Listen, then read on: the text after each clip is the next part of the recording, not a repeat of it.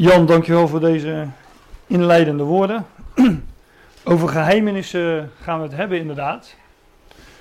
Wat specifieker over, uh, over de geheimenissen van het Koninkrijk der Hemelen, of het Koninkrijk van de Hemelen, of het Koninkrijk zoals u uh, ziet op deze dia.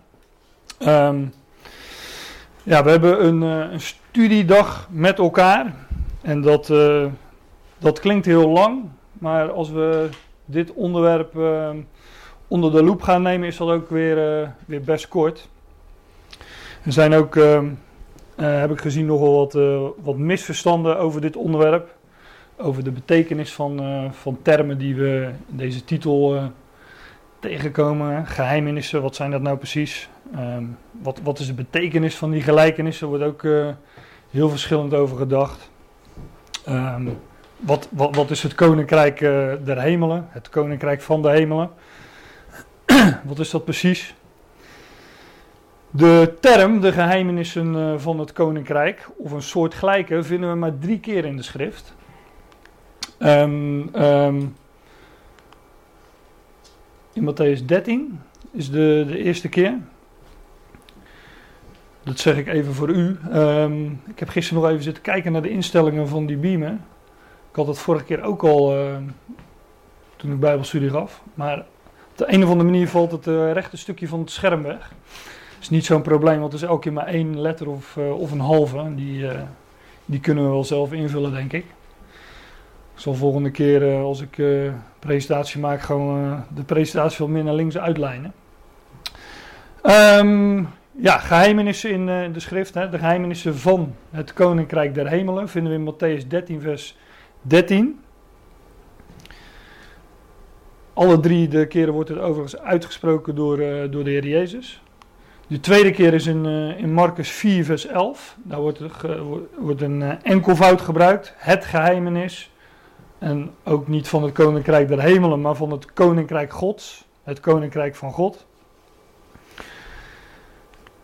En in Lucas 8, vers 10. De geheimenissen dus hier weer wel meervoud van geheimenissen van het koninkrijk van God. Vandaag uh, ga ik me hoofdzakelijk beperken tot, uh, tot Matthäus 13. Dat zijn uh, eh, 52 versen, dacht ik, 53 die we, die we door gaan nemen. Ik zei al, dat, ja, dat is best veel het voert me echt te ver om, uh, ja, om uh, ook Marcus uh, eh, 4 en Lucas 8 daar veel bij te betrekken. Um, zo, zo, zijdelings zal ik wel een keer een, een, tekst daarbij, daarbij noemen uit, uit die parallelgedeelten. De eerste vraag die ik wil beantwoorden um, vanuit schrift is deze. Wat is het koninkrijk van de hemelen? Want ik... ik, ik heb gemerkt dat daar echt heel verschillend over gedacht wordt. Wordt uh, in commentaren gezegd dat het Koninkrijk der Hemelen uh, de kerk is. Of uh, de duizend jaar, dus het, het geopenbaarde Koninkrijk van de Messias. Messiaanse Rijk. Ik heb, uh, werd pas geconfronteerd met een idee dat het een periode zou zijn die voorafgaat aan het, uh, aan het koninkrijk, dus aan de duizend jaar, aan het geopenbaarde koninkrijk. Nou ja, nogal wat, uh, wat, verschillende meningen daarover. Als we in Matthäus 13 aankomen, hebben we daarvoor twaalf hoofdstukken in Matthäus al gehad. En in de Matthäus-evangelie er dan sowieso al geen nieuwe term meer, dat koninkrijk van de hemelen. Um, Johannes de Doper bijvoorbeeld in Matthäus 3 um, staat in die dagen trad Johannes de Doper op en hij predikte in de woestijn van Judea en zeide bekeert u, metanoia staat daar, bezint u, want het koninkrijk der hemelen, het koninkrijk van de hemelen is nabijgekomen. Hij toch is het van wie door de profeet Jezaja gesproken werd toen hij zeide de stem van een die roept in de woestijn, bereid de weg des Heren, maakt recht zijn paden. Johannes de Doper was de, de, de wegbereider, dat, zo vinden we dat ook in de, in de profetie die, uh, die hij hier aanhaalt uh, uit, uit Isaiah. Johannes de Doper was de wegbereider van de komende koning, van de komende Messias. Jezus Christus, die, ehm, eh, ja, die aanspraak maken op die troon. Hij was de, degene die voor hem de weg uh, bereidde. En vandaar ook zijn oproep om, uh, om tot bezinning te komen, tot bekering. Omdat het koninkrijk der hemelen nabij was gekomen. Door in die tijd, volgens mij gebeurt dat nog steeds. Bij de komst van een koning wordt, wordt dit voorzegd. Hè? Dan worden alle straten schoongemaakt. de, de, de, de, ja, in Jezaja lezen dat ook, dat, dat de bergen vlak gemaakt worden en de dalen afgevlakt die weg wordt bereid. Nou, ook de Heer Jezus uh, predikte die boodschap. Matthäus 4 bijvoorbeeld. Uh, van toen aan begon Jezus te prediken en te zeggen: Bekeert u, bezint u, want het koninkrijk der hemelen is nabijgekomen. Overigens, um, die, die context in, in Matthäus 4, daar wil ik wel even naartoe gaan uh, met u die is veelzeggend over dat onderwerp. Misschien als ik het uitleg, zegt het, zegt het u nog niet zoveel. Maar dan uh, zijn er wellicht uh, kwartjes die, uh, die later vallen. Um, in Matthäus 4 lezen we in vers 12. Kijk, ik heb hier vers 17 ge, ge, geprojecteerd. Maar in vers 12 lezen we: Als nu Jezus gehoord had dat Johannes overgeleverd was, is hij wedergekeerd naar Galilea. Johannes, kan ik verder niet uitleggen, maar dat zult u zo even voor me aan moeten nemen. Johannes de doper was een type van Jezus van Nazareth, Jezus als mens. En op het moment dat, Johannes de doper, ik verspreek me bijna, maar dat Johannes de doper verworpen wordt en afgewezen wordt hè, en overgeleverd wordt, op dat moment lezen we dat de Heer zich keert naar Galilea. En dat Galilea, dat wordt in vers 15 Galilea der volken genoemd. Galilea der heidenen, vinden we, zo vinden we dat ook in de schrift. Galilea van de natie. Dus op het moment dat Johannes de Doper afgewezen wordt en verworpen wordt als beeld van onze Heer, die zou worden afgewezen en verworpen, op dat moment gaat het, zien we al dat het heil van, uh, van Israël verdwijnt naar de heidenen, de natie. In beeld. En Nazareth verlaten hebbende, vers 13, is komen wonen te Capernaum, gelegen aan de zee. De Volkerenzee. Ik kom daar in Matthäus 13 ook nog wel op terug. In de landpalen van Zebulon en Naphtali. Opdat vervuld zou worden hetgeen gesproken is door Jezaja de profeet.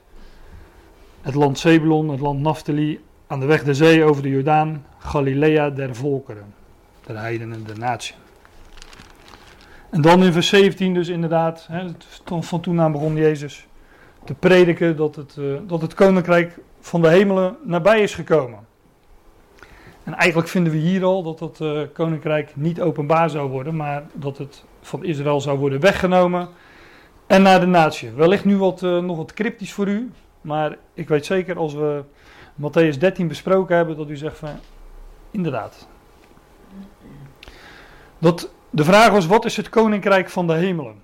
die, die vraag wilde ik eerst beantwoorden. Nou, um, God beloofde aan David dat hij zijn troon, de troon van David, um, zou bevestigen voor de eeuwen, voor de Ionen. En we vinden dat het hele uh, Oude Testament, vind, vinden we dat door. Hè? Uit David zou de beloofde Messias voortkomen. Die Messias zou zijn koninkrijk oprichten en vaststellen. Nou, we vinden dit het hele Oude Testament door. Um, bijvoorbeeld in dit vers in Jezaja. Groot zal de heerschappij zijn en eindeloos de vrede op de troon van David. En over zijn koninkrijk, doordat hij het sticht en grondvest met recht en gerechtigheid van nu aan tot in eeuwigheid. En ik zet het elke keer maar bij, van nu tot in de Aion. Um, ja, u vindt het bijvoorbeeld ook, dat zeg ik voor degenen die, uh, die meeschrijven. Uh, in 2 Samuel 7 wordt dit, uh, wordt dit gezegd, 2 Samuel 7, vers 12 tot 14. psalm 89, de hele psalm, met name ook vers, vers 29. Ezekiel 37, vers 25. En bijvoorbeeld in Lucas 1, vers 32. ik kan dat niet allemaal naar voren brengen en in een dia zetten, want dat wordt het echt, wordt het echt te veel.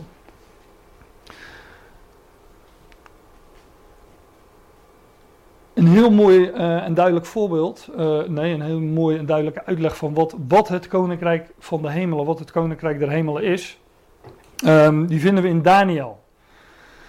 En uh, nou ja, ik val hier binnen vers 44 van, uh, van Daniel 2. Daniel 2 is een, uh, een hoofdstuk waarin Daniel een droom van Nebukadnezar uitlegt. Um, we vinden overigens in dit hoofdstuk maar liefst acht keer het, het woord verborgenheid of, of verborgenheden. Daniel legt dus in dit hoofdstuk ook, hij legt, ook hij legt in dit hoofdstuk verborgenheden uit geheimenissen. Eh, verborgenheden, dat zeg ik er even bij. Dat is het woord wat in de Statenvertaling meestal gebruikt wordt. Geheimenissen uh, is het woord dat in de NBG-vertaling gebruikt wordt voor, dat, uh, voor datzelfde woord. In het Nieuwe Testament. Um, voor mij hebben nieuwe vertaling zoiets als, uh, als geheimen. Um, ja, Daniel zegt ook dat menselijke wijsheid deze verborgenheden, deze geheimenissen niet kan onthullen, maar dat het God in de hemel is die uh, verborgenheden openbaart. Dat zegt hij eerder in uh, vers 27 en 28 van dit hoofdstuk. In de dagen van die koningen. Nou, in de dagen van die koningen, het gaat over een, een droom van Nebuchadnezzar. Hij droomde van een beeld. U kent, u kent waarschijnlijk uh, de droom wel.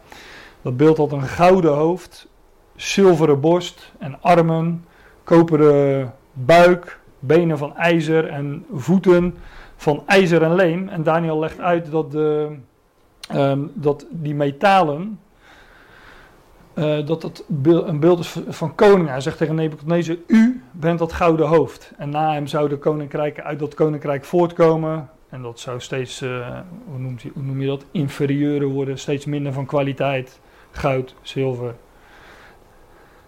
koper enzovoorts.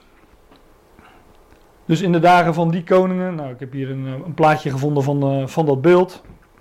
En Daniel legt dus uit wat dat goud, dat zilver, koper, ijzer en wat het allemaal uitbeeldt. En uh, die metalen zijn dus de opvolgende wereldrijken. En dat gaat inderdaad van boven naar beneden. Dat wordt minder. En in de dagen van die koningen. Um, vers 44 is het slot van de, van de uitleg. Hè, Daniel legt de droom uit. Daniel, vers 44 is het slot van de uitleg die Daniel geeft over de droom. En hij legt uit dat er uh, van een berg zonder handen een steen wordt afgehouden, gehouden, uh, afgescheiden. Dus, dus geen mensenwerk. En die steen verpulvert heel dat beeld.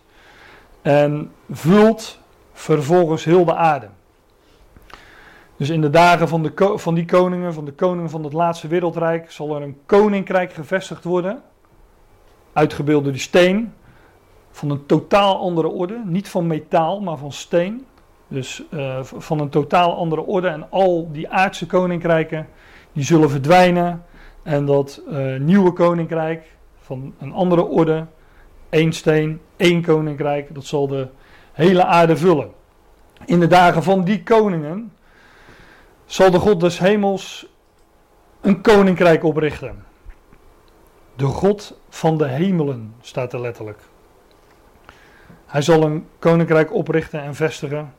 Nou, hoe heet een koninkrijk dat opgericht wordt door de God van de hemel? Dat heet het koninkrijk van de hemelen. Daar gaat het dus over. Een koning, eh, een koninkrijk met een koning, uh, niet zoals wij dat kennen, maar een koning die uh, absolute macht heeft uh, over zijn onderdanen. Ik zeg altijd de koning sowieso, ik zeg niks lelijks over het koningshuis, maar de koning zoals wij die kennen in Nederland. Die, dat was heel wat anders bijvoorbeeld alweer dan koning Nebukadnezar, waar we het zojuist over hadden. Die deze droom gedroomd heeft. Die, die had absolute macht over, over zijn koninkrijk. Die, mocht alles, die kon alles doen wat hij wilde. En volgens mij is onze koning de enige in het land die uh, niet kan uh, doen wat hij wil. Hij mag, niet, hij mag niet zeggen wat hij wil. Hij uh, ja, moet overal toestemming voor hebben. Dus dit, is een, dit, dit, gaat over wat andere koninkrijken. Nou, het koninkrijk van de, van, de, van de hemelen dus. Ehm, nou, dat heeft, dat hoef ik u denk ik niet uit te leggen, niet per se met, met grondgebied te maken. Als voorbeeld uh, daarvan geef ik altijd het, wij, wij zijn ook, wij delen ook in een koninkrijk, namelijk het koninkrijk van de zoon van zijn liefde uit. Colossense 1 vers 13.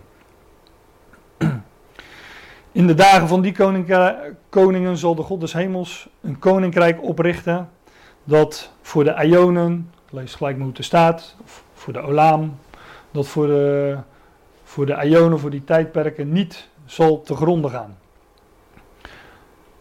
De toekomende eeuwen, de toekomende Ionen waarin Christus zal regeren vanaf de troon, vanaf zijn vader David, zoals dat beloofd is in, uh, in de oud-testamentische geschriften, zoals we dat net bijvoorbeeld zagen in Jesaja. Dit koninkrijk zal dus gevestigd en bevestigd worden voor de Ionen. En daarna zal Christus dat koninkrijk overdragen aan de Vader. En dat is weer uh, Paulus in, in 1 Korinthe 15. Um, ja, de zoon van David zal dus vervullen wat, uh, wat, wat, wat aan David uh, beloofd was. Ik kan natuurlijk nog verder teruggaan, want we zouden ook naar Abraham kunnen gaan of naar, naar Adam. Maar dat, uh, um, dat, lijkt, dat, dat, is wat, dat voert wat te ver voor, voor vandaag. En waarvan de heerschappij op geen ander volk meer zal overgaan. Hè, het zal een, um, een, een, een Israëlitisch koninkrijk zijn. Dus geen koninkrijk vanuit Babel, maar een koninkrijk vanuit Israël. Een Israëlitisch wereldrijk met een, uh, met, met een Messias aan het hoofd. De Messias zal dan regeren vanaf de troon in Jeruzalem. Het zal al die koninkrijken verbrijzelen en daaraan een einde maken, maar zelf zal het staan, bestaan voor de Ionen, voor, de, voor die tijdperken. Nou, dat volgende vers, wat, wat ik, heb ik niet afgedrukt, dat vervolgt dan met... Uh, Daarom heeft u gezien dat uit de berg een steen afgehouden is, die het beeld vermaalt. En die steen is natuurlijk een beeld van de rots die wij kennen, van Christus. En van zijn koninkrijk, uit de berg afgehouden zonder handen. Een ander voorbeeld uit, uh, uit Daniel, uit Daniel 7. Daar staat, en het, vers 27, en het koningschap de macht en de grootheid der koninkrijken onder de ganse hemel. En dan stop ik even, hè, een koninkrijk onder heel de hemelen. Zien we hier in de Engelse interlineaire die ik afgedrukt heb. Een koninkrijk onder heel de hemelen. Staat er letterlijk. Tja, nou, nogmaals de vraag: hoe heet een koninkrijk onder heel de hemelen? Sorry, dat heet het koninkrijk, uh, het koninkrijk van de hemel. Een koninkrijk onder de macht en majesteit um, van het volk, van de, van de heiligen van de Allerhoogste, zoals het, uh, zoals het vervolg van het, van het vers zegt.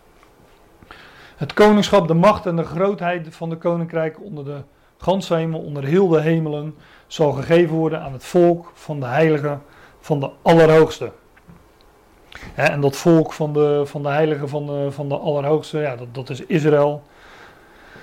Zoals uh, het volk heilig uh, wordt genoemd, um, omdat het Gods volk is. En ook de stad Jeruzalem wordt heilig genoemd, ook in Daniel overigens. De, de profetie van de 70 weken van Daniel, waaronder die uh, bekend is. 70 weken zijn bepaald, bestemd over uw volk en over uw heilige stad. En denk ook aan, uh, aan bekende schriftplaatsen als Exodus 19. Gij zult mij een koninkrijk van priesters zijn. En een heilig volk.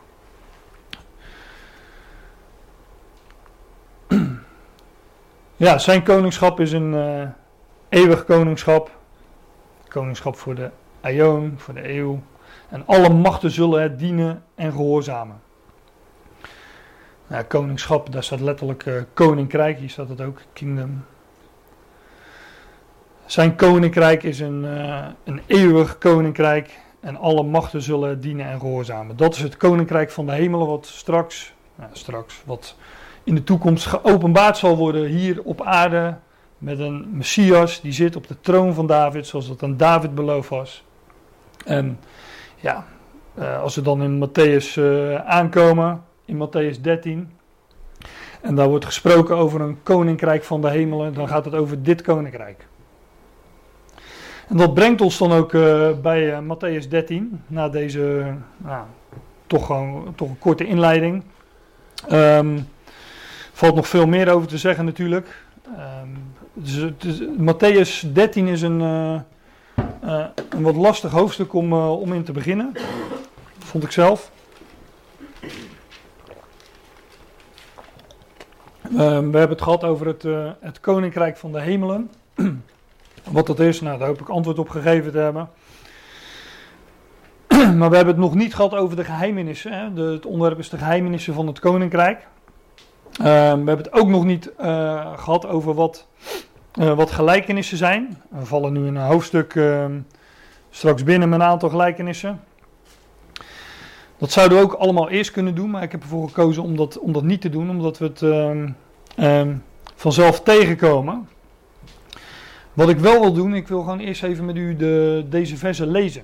Niet omdat ik uh, denk dat u ze niet kent of dat u ze nog nooit eerder gelezen hebt, maar gewoon om, uh, om even bepaald te worden bij die context. Um, ik projecteer de, de versen in de MBG-vertaling, maar ik heb zelf mijn, uh, mijn Bijbelstatenvertaling meegenomen. Dat heb ik ook niet per ongeluk gedaan. Dat heb ik expres gedaan omdat bepaalde termen in de Statenvertaling net wat beter elke keer terugkomen. En in de MBG is dat niet altijd het geval, maar ik zal er nog wel op wijzen. We gaan nu voor nu even, nou even die 23 versen lezen. Ik begin in vers 1. En te dien dagen Jezus uit het huis gegaan zijnde zat bij de zee. En tot hem vergaderden vele scharen, zodat hij in een schip ging en nederzat en al de scharen stond op de oever. En hij sprak tot hen vele dingen door gelijkenissen, zeggende... Ziet, de zaaier ging uit om te zaaien. En als zij zaaiden, viel een deel van het zaad bij de weg, en de vogelen kwamen en aten dat zelf op. En een ander deel viel op steenachtige plaatsen, waar het niet veel aarde had, en het ging terstond op, omdat het geen diepte van aarde had. Maar als de zon opgegaan was, zo is het verbrand geworden, en omdat het geen wortel had, is het verdord. En een ander deel viel in de doornen, en de doornen wiesen op en verstikten hetzelfde. En een ander deel viel in de goede aarde, gaf vrucht, het 100, het ander 60, het ander 30 fout. Wie oren heeft om te horen, die horen. En de discipelen tot hem komende zeiden tot hem: Waarom spreekt gij tot hen door gelijkenissen? En hij antwoordende zeide tot hem: Omdat het u gegeven is de verborgenheden van het koninkrijk der hemelen te weten. Maar dien is het niet gegeven. Want wie heeft, dien zal gegeven worden en hij zal overvloedig hebben. Maar wie niet heeft, van die zal genomen worden, ook dat hij heeft. Daarom spreek ik tot hen door gelijkenissen, omdat zij ziende niet zien en horende niet horen, nog ook verstaan. En in hen wordt de profetie van Jezaja vervuld die zegt, met het gehoor zult gij horen en geen zins verstaan, en ziende zult gij zien en geen zins bemerken. Want het hart deze volks is dik geworden en ze hebben met de oren zwaarlijk gehoord. En hun ogen hebben zij toegedaan, omdat zij niet de enige tijd met de ogen zouden zien en met de oren horen en met het hart verstaan en zich bekeren en ik hen genezen. Doch uw ogen zijn zalig omdat zij zien en uw oren omdat zij horen. Want voorwaar zeg ik u dat vele profeten en rechtvaardigen hebben begeerd te zien de dingen die gij ziet en hebben ze niet gezien. En te horen de dingen die gij hoort en hebben ze niet gehoord. Gij dan hoort de gelijkenis van de zaaier. Als iemand dat woord des koninkrijks hoort en niet verstaat, zo komt de boze en rukt weg hetgeen in zijn hart gezaaid was. Deze is degene die bij de weg bezaaid is. Maar, de in steenachtige plaatsen, maar die in steenachtige plaatsen gezaaid is, deze is degene die het woord hoort en dat de stond met vreugde ontvangt. Doch hij heeft geen wortel in zichzelf, maar is voor een tijd. En als verdrukking of vervolging komt om des woords wil, zo wordt hij terstond geërgerd. En die in de doornen bezaaid is, deze is degene die het woord hoort. En de zorgvuldigheid deze wereld en de verleiding des rijkdoms verstikt het woord. En het wordt onvruchtbaar. Die nu in de goede aarde bezaaid is, deze is degene die het woord hoort en verstaat. Die ook vrucht draagt en voortbrengt. De een 100, de ander 60 en de ander 30 fout. ja, tot zover uh, uh, dit gedeelte. En dit hoop ik ook verder in, uh, in deze studie uh, te behandelen. Wat we zien in dit gedeelte is de gelijkenis van, van de zaaien. en vervolgens komt daar een, um, een onderbreking in die gelijkenis. Overigens de vraag natuurlijk... Ehm, die, we, die, die we ons zouden stellen. Wat is nu precies een, een gelijkenis? En als je daar de commentaren op naslaat, dan dan zegt men meestal, ja, dat is een, eh, een, een verhaal uit het, die de Heer Jezus vertelde uit het dagelijks leven om, om iets duidelijk te maken. Zo staat dat, ook, ik heb een aantal kinderbijbels thuis staan. Um, zo staat dat ook in die kinderbijbels. Ik ben ooit, um, toen ik, zat ik in een evangelische gemeente, dat is, dat is lang geleden. Maar toen ben ik meegegaan als leiding van een kinderkamp. En was het thema was ook gelijkenissen. En wat wij de kinderen wijs moesten maken was dat uh, gelijkenissen um, werden verteld om iets duidelijk te maken. Maar dan is de vraag natuurlijk, waarom zei de Heer het niet gewoon in, in duidelijke taal? Uh, er wordt ook gezegd dat dat, echt, dat dat een gewoonte is in het, in het Midden-Oosten om dingen op die manier duidelijk te maken. En dat is natuurlijk vreemd, want we hebben net gelezen dat die discipelen, in die onderbreking van de gelijkenissen, die komen naar hem toe en die vragen, ja, waarom spreekt u door, waarom spreekt u, door of in gelijkenissen? die wisten dus blijkbaar niet dat het dat duidelijk maakte. Die wisten ook niet dat het een, een gewoonte was in die kontrij om dat uh, op die manier te doen. Dat was, voor hen, was voor hen echt een raadsel waarom de Heer dat deed. En um, nou, het antwoord van de Heer Jezus, waarom hij in gelijkenissen spreekt, is omdat het jullie, gegeven is, de, namelijk de discipelen, om de geheimenissen, de verborgenheden van het koninkrijk der hemelen te weten, te kennen. Maar aan dien, aan hen, tot wie hij sprak, hebben we net gelezen, aan hen is het niet gegeven. Conclusie. Waarom gelijkenissen? Nou, het is jullie gegeven die geheimenissen van het koninkrijk te kennen. Conclusie: geheim, gelijkenissen gaan in ieder geval over de geheimenissen van het koninkrijk. Verborgenheden van het koninkrijk. Dus blijkbaar is er iets in die uh, gelijkenissen uh, verborgen. En, en, en, daarom sprak de Heer tot hen dus in gelijkenissen. Zodat zij het, in zodat degene die het hoorden, het niet zouden weten. Um, nou, een tweede antwoord wat de Heer overigens geeft is heel simpel om de profetie van Jezaja te vervullen. Want ook dat zegt hij in uh, vers 13, 14. Daarom spreek ik tot hen door gelijkenissen, omdat zij ziende niet zien, horende niet horen. En in hem wordt de profetie van Jezaja vervuld. Wat we dus lezen um, in dit gedeelte is in ieder geval dat eh, die gelijkenissen niet gaan over een geopenbaard koninkrijk. Ze gaan niet over de duizend jaar, over dat millennium, dat geopenbaarde koninkrijk. Maar ze gaan juist over de verborgenheden van het koninkrijk. De, zal het gelijk zo zeggen, de periode uh, dat het koninkrijk verborgen is. En vervolgens krijgen we de uitleg van de gelijkenis van de zaaien. nou, als, uh, als een gelijkenis gegeven is om iets te verduidelijken, dan is de vraag natuurlijk waarom moet het dan uitgelegd worden? ik, uh, um, ik haak eerst even inderdaad in, in, die, uh, in die onderbreking van Matthäus 13, waar de discipelen tot de Heer komen en uh, aan hem vragen waarom spreekt gij tot hen in gelijkenissen. Nogmaals, de discipelen die hadden daar dus blijkbaar geen, uh, geen flauw idee van waarom de Heer dat deed. En dat bewijst ook meteen dat er door gelijkenissen te vertellen niets verduidelijkt werd. En dat bewijst ook, hè, maar dat is mijn mening, dat dit blijkbaar geen gewoonte was uh, in die dagen, in die, uh, in die omgeving. In ieder geval niet bij de Heer.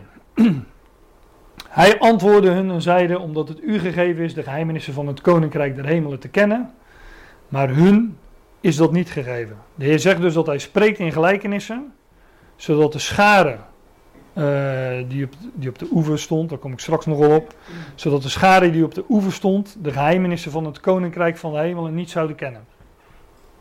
Dat is zijn antwoord. Zij zouden namelijk geen deel hebben aan het koninkrijk. Wat zij verwachten was een geopenbaard koninkrijk. Dat was ook beloofd. Alleen het koninkrijk zou verborgen worden. En daar gaan dus uh, de gelijkenissen over, over de geheimenissen van het koninkrijk, de verborgenheden van het koninkrijk, het verborgen koninkrijk. En dat verborgen koninkrijk is niet voor hen bestemd. Zij, hadden een andere verwachting. Ja, zij zouden dus geen deel hebben aan, aan dat koninkrijk. Nou, ik, maak, uh, ik, ik pak er even een parallelvers van, uit Marcus 4, een parallelgedeelte waar dus dezelfde gelijkenissen worden verteld. Hè? En er staat ongeveer hetzelfde. Hij zeide tot hen: U is het gegeven, het geheimenis van het koninkrijk van God. Koninkrijk Gods. Maar tot hen die buiten staan, komt alles in gelijkenis. Buiten staan, het gaat over het koninkrijk van God. Zij staan buiten dat koninkrijk. Dus hen is het niet gegeven om de verborgenheden van het koninkrijk te kennen. Want zij staan buiten. En daardoor, daarom sprak de Heer tot hen in gelijkenis.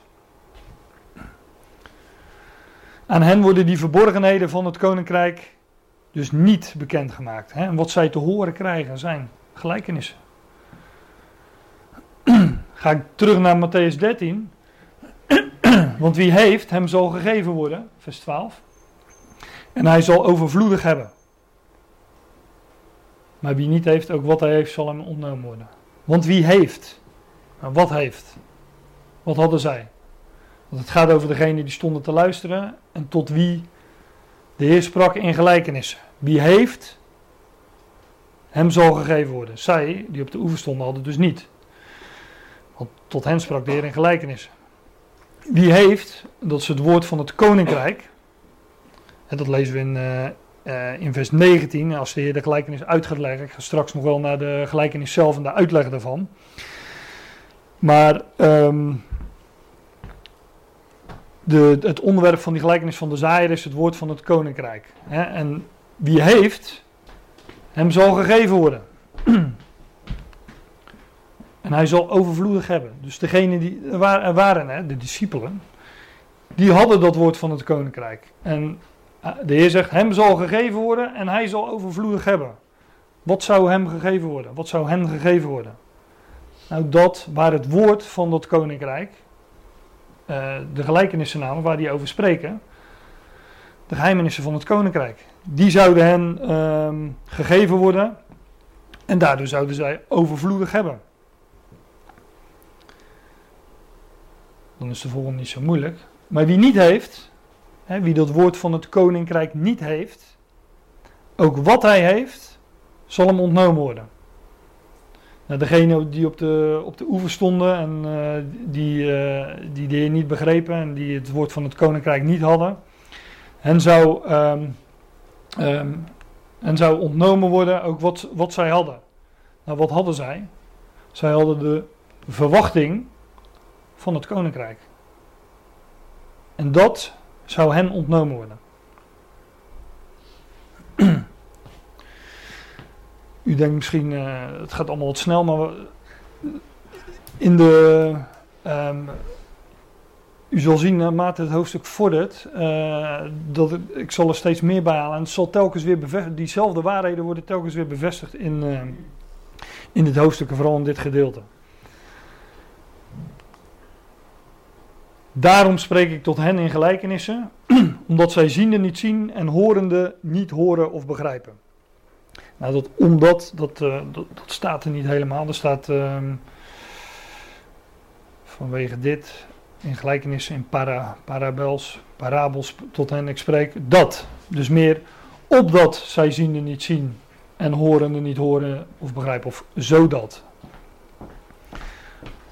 De Heer sprak dus niet in gelijkenissen tot hen omdat, maar opdat zij ziende niet zien en horende niet horen of begrijpen. He, en opdat de profetie van Jezaja vervuld zou worden, zegt hij, uh, zegt hij in, uh, in het volgende vers. Zij hoorden een gelijkenis. De gelijkenis van de zaaier, die hebben we net gelezen. Maar ze zagen het, ze, nou dat zien en niet zien, daar kom ik nog wel op terug. Maar ze, hoor, ze, horen, ze hoorden een gelijkenis, maar toch hoorden ze niet. Ze begrepen het ook niet. En je kunt ergens uh, naar luisteren en dan hoor je het, je hoort het geluid. Maar wat er gezegd wordt, dat, uh, dat begrijp of versta je niet. Ik hoop, nu, ik hoop niet dat u denkt, nou dat heb ik nu ook.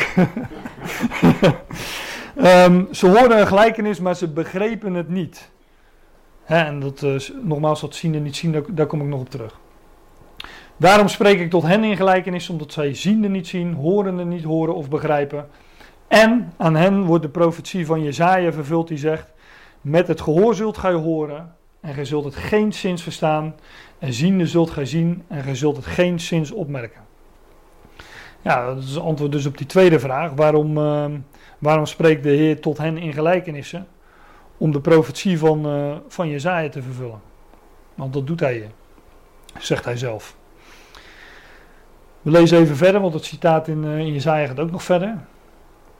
Want het hart van dit volk is vet geworden.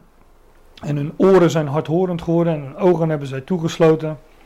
Opdat zij niet zien met hun ogen en met hun oren niet horen, met hun hart niet verstaan.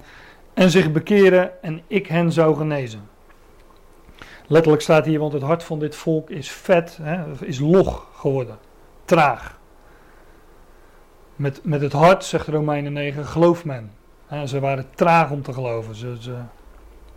Met de oren hebben zij uh, zwaarlijk gehoord, zegt de Statenvertaling.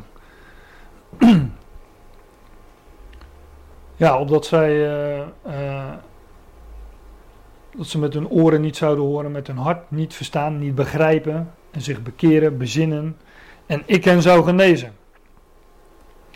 We vinden overigens dit. Uh,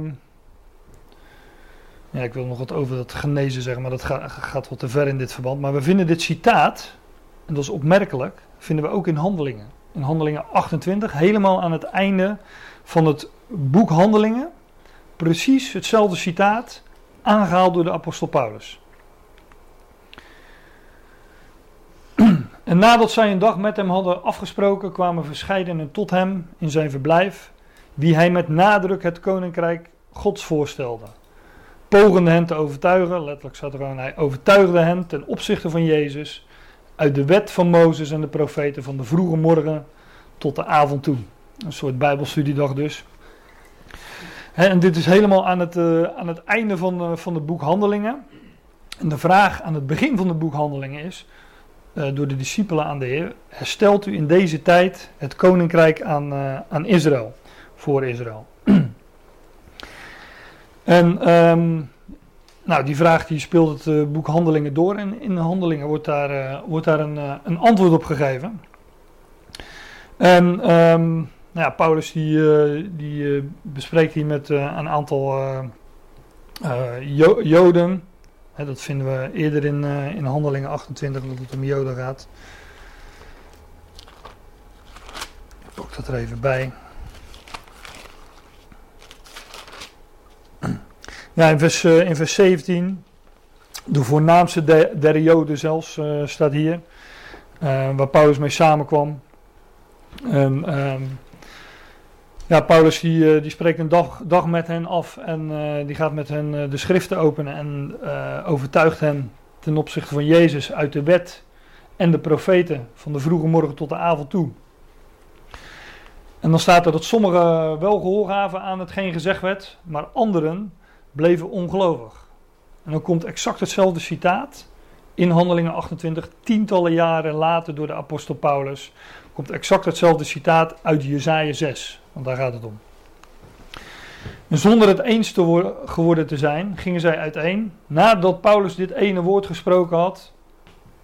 Paulus gaat hier gewoon de schrift citeren en dan worden ze boos. Terecht heeft de Heilige Geest door de profeet Jezaja tot uw vader gesproken. Zeggende, ga heen tot dit volk en zeg, met het gehoor zult gij horen, gij zult het geen zins verstaan, Ziende zult gij zien en gij zult het geen zins opmerken. Want het hart van dit volk is vet, log, traag geworden en hun oren zijn hardhorend geworden. Hun ogen hebben zij toegesloten, opdat zij niet zien met hun ogen en met hun oren niet horen en met hun hart niet verstaan. En zij zich bekeren en ik hen genezen.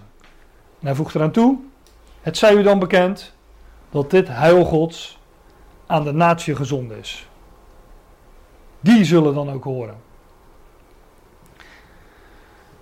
Wat Paulus uh, hier zegt is dat het heil naar de natie ging. Wanneer dan ook, of dat nou uh, in handelingen 28 was of, um, of dat het eerder was, omdat er staat dat het heil naar de natie werd gezonden, werd afgevaardigd. dat is nu even niet het punt. Het heil, redding, zou naar de natie gaan. Uh, en het, het volk Israël zou niet horen. Wat zij hadden, zou van hen worden afgenomen. Daarom sprak de Heer uh, tot hen in, uh, in en door gelijkenissen. En de Heer, um, ik zei net, een van de redenen dat, um, dat de Heer tot hen spreekt in gelijkenissen, is, dat zegt Matthäus 13 ook, is om die profetie van Jezaja te vervullen. Want Kijk, Paulus haalde tientallen jaren later aan, als het duidelijk is dat het koninkrijk niet meer openbaar zou worden. Maar wat nu, als de Heer niet in gelijkenissen had gesproken, het is natuurlijk super hypothetisch, maar wat nu als de Heer niet in gelijkenissen had gesproken en ze hadden hem aangenomen als hun Messias, dat had niet gekund, want de profetie van Jezaja 6 was nog niet vervuld. Dus daarom spreekt hij ook tot hen in gelijkenissen. En wij zijn westerse mensen, wij denken van nou, eh, wat, wat heeft dat voor nut? Hè? En wij denken technisch en in, vormen van uh, het moet economisch wat opleveren en het moet nuttig zijn, maar ja, de, in de Bijbel ligt het soms wat anders. De Heer sprak tot hen in gelijkenissen, ook om de profetie van Jezaja te vervullen. En uh, die vervulde hij door het spreken van gelijkenissen en pas later zien we dat bij de apostel Paulus het heil naar de natie werd, werd gezonden. Paulus zegt het bijvoorbeeld ook in, uh, in Romeinen 11.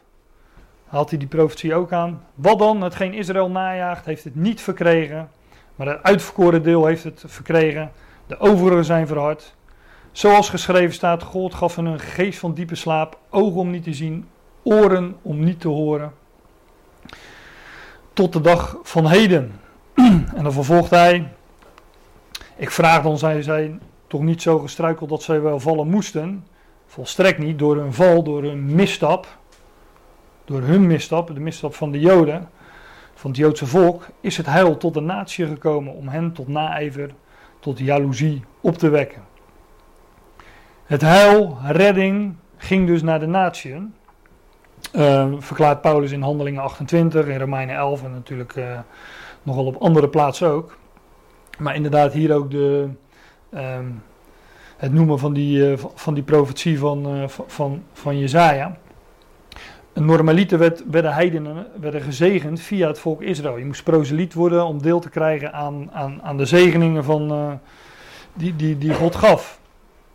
En, um, en werd ook het woord van God, hun zijn de woorden Gods toebetrouwd, zegt Paulus in Romeinen 3. Er werd het woord van God werd gesproken vanuit Israël tot de natie is belangrijk. Dat zou ook de normale gang van zaken zijn. Joden waren het uitverkoren volk, hè, een heilig volk hebben we net gezien. Um, een apart gezet volk door God. En vanuit, hun zijn de woorden Gods toevertrouwd, vanuit dat volk, uh, als ze tot heidenen gesproken werd, um, uh, als het woord van God tot heidenen gesproken werd, was dat via Israël. Hun zijn de woorden van God toevertrouwd. En redding, nu zien we dat redding naar de natie gaat. Betekent nu een vol rijkdom voor de wereld en een tekort rijkdom voor de natie, voor de heidenen. Hoeveel te meer hun volheid. He, hun misstap betekent dus rijkdom voor de natie. De verzoening der wereld, zegt Paulus een paar verder, versen verder. En Paulus zegt vervolgens: Ik spreek tot u, heidenen, juist omdat ik apostel der heidenen ben, acht ik dit de heerlijkheid van mijn bediening.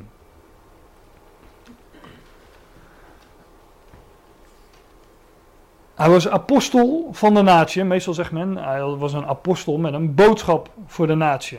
Maar dat, dat is ook zo. Is, is ook zo. Ik moet de klemtoon goed leggen. Maar wat, wat zegt Paulus hier? Hij zegt, ik spreek tot u, heidenen. Juist omdat ik apostel van de heidenen, van de natie ben. Juist daarom acht ik dit de heerlijkheid van mijn bediening. Dat ik zo mogelijk de naijver, de jaloezie van mijn vlees, en bloed staat er niet, staat ook tussen haakjes in de MRG, dat ik zo mogelijk de naijverde jaloezie van mijn vlees mocht opwekken en enigen uit hen behouden mocht, staat er geloof ik achter in de Statenvertaling. Maar wat Paulus de heerlijkheid achter van zijn bediening was niet om als uh, heidens apostel, als apostel van de natieën te spreken tot, tot de natieën, maar als apostel van de natieën, als heidens apostel, te, te spreken tot het Joodse volk en enigen uit hen te behouden. Dus precies andersom, zoals het juist ooit was. Dat, het was ooit zo vanuit Israël werd het woord van God gesproken tot, natie, tot de natie, tot heidenen. En Paulus zegt, de heerlijkheid van mijn bediening is dat ik het precies andersom doe. Ik ben apostel uit de natie, ik ben een heidensapostel en ik, ik, de heerlijkheid van mijn bediening is om enigen uit hen te behouden.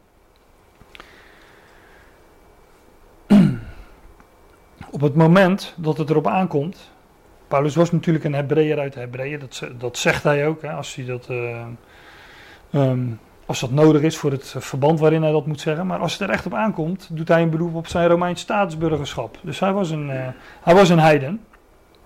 En hier zegt hij dat hij apostel is van, uh, van de natieën.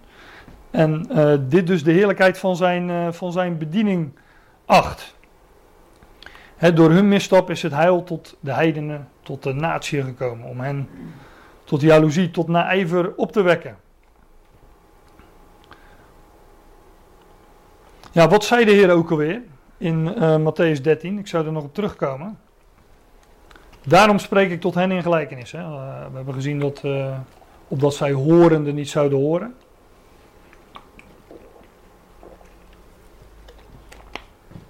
Sprak tot hen door gelijkenissen die ze niet begrepen, opdat zij horende niet zouden horen. Ze begrepen niet wat, wat, wat hij zei. Wat hij naar voren bracht in die gelijkenissen. Maar ze ook. Daarom spreek ik tot hen in gelijkenissen, opdat zij ziende niet zien. En wat zagen die mensen? Wat, wat zag de schade? In 13 vers 1, Matthäus 13 vers 1 staat op die dag. Hè, dat, dat, maakt het ook weer wat lastig om, uh, om, een, uh, om een begin te maken in zo'n hoofdstuk. Die dag, um, dat kan ik wel even snel noemen, was een, een, een, een, een dag. Ja, dat verwijst natuurlijk naar het voorgaande. In wat er in uh, Matthäus 12 beschreven wordt. In Matthäus 12 lezen we namelijk dat die dag een dag was waarop de Heer werd afgewezen door de leidslieden van, van het volk, het Joodse volk, de schriftgeleerden. En we lezen dat bijvoorbeeld in deze verse. Ik lees alleen uh, even, ik ga, geen, uh, ga verder niet op in. Uh, Matthäus 12, vers 14. En de fariseeën uitgegaan zijnde hielden tezamen raad tegen hem hoe zij hem doden mochten. Nou, dat is een, uh, een terugkerend refrein in de, in de evangelie. Vers 22. Toen werd tot hem gebracht een van de duivel bezeten die blind en stom was. En hij genas hem, alzo dat de blinde en stomme beide sprak en zag. Een van de tekenen dus die de Heer deed. Van de wonderen tekenen. En al de scharen ontzetten zich en zeiden, is niet deze de zoon van David? Maar de fariseeën dit gehoord hebben zeiden, deze werpt de duivelen, letterlijk staat de demonen. Deze werpt de demonen niet uit dan door Beelzebul, de overste der demonen. Ze deed een teken, die genas iemand. En zij zeggen van ja, dat, dat doet hij door de duivel. Nou, daar gaat de Heer vervolgens op in. Um, maar in ieder geval, hij wordt hier afgewezen. En dat lezen we ook weer in, uh, ja, in vers 38. Toen antwoordden sommige de schriftgeleerden en fariseeën zeggende... Meester, wij willen van u wel een teken zien. Ze hadden zojuist een teken gezien. Dus dat is nogal een, uh, een absurde vraag.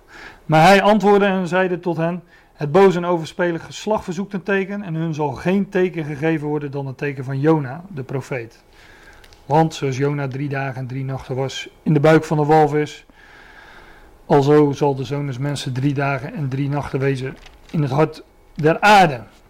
En dat is dus de dag, hè, op die dag, waarop de Heer Jezus um, deze gelijkenissen ging spreken. Die zij horende niet hoorden en niet begrepen. Maar waarvan zij ook uh, ziende niet werkelijk zagen wat ze zagen. Dus Matthäus 12 maakt bekend wat de oorzaak was dat de Heer Jezus um, tot hen sprak. Zoals hij in Matthäus 13 spreekt, namelijk in gelijkenissen. De boodschap, wordt, ja, de boodschap werd versluierd. De heer, de heer gaf hun een boodschap, maar die was versluierd, die was bedekt. Die konden ze niet begrijpen. En, en Matthäus um, 12 maakt ook duidelijk wat de Heer Jezus hier doet, wat hij laat zien. Op die dag ging Jezus het huis uit. en hij zat bij de zee. En daarom heb ik ook net die hele, ehm, voor u wel echt een lange inleiding gegeven, ehm, waarin ook uh, Paulus, uh, waarin ik ook de profetie uh, van Jezaja, door hoe Paulus die aanhaalde naar voren bracht, namelijk dat het, dat het heil naar de natie werd gezonden. Want dat is hetgeen wat hier uitgebeeld wordt. Het huis is het huis van Israël. Zo wordt dat in de schrift genoemd.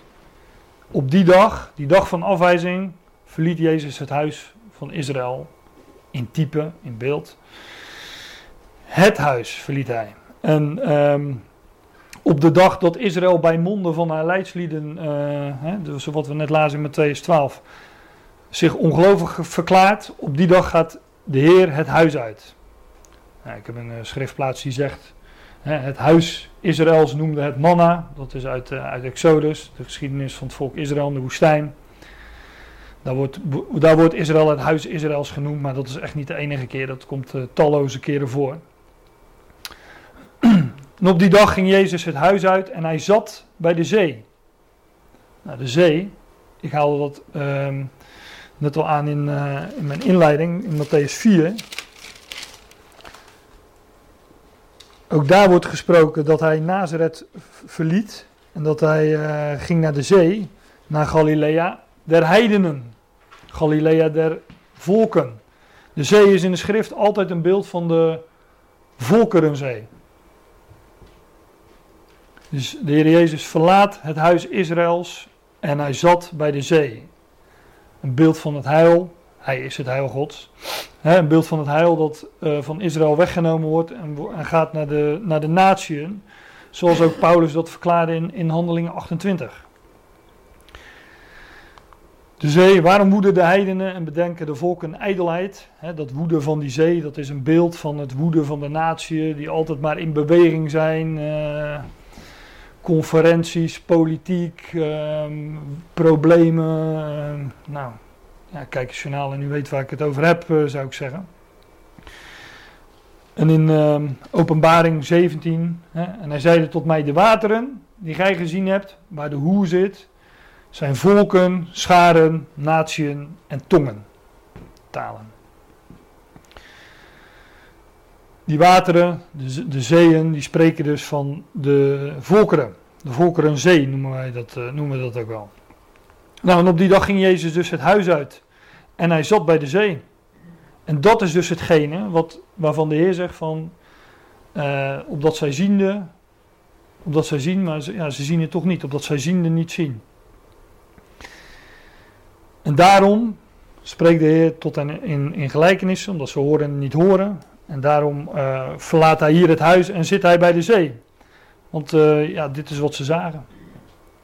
Iemand op een bootje in, uh, in de zee, die spreekt tot de scharen op de oever. En dat is een beeld van onze huidige tijd, waarin, waarin het heil vanuit de natie wordt gesproken tot het Joodse volk.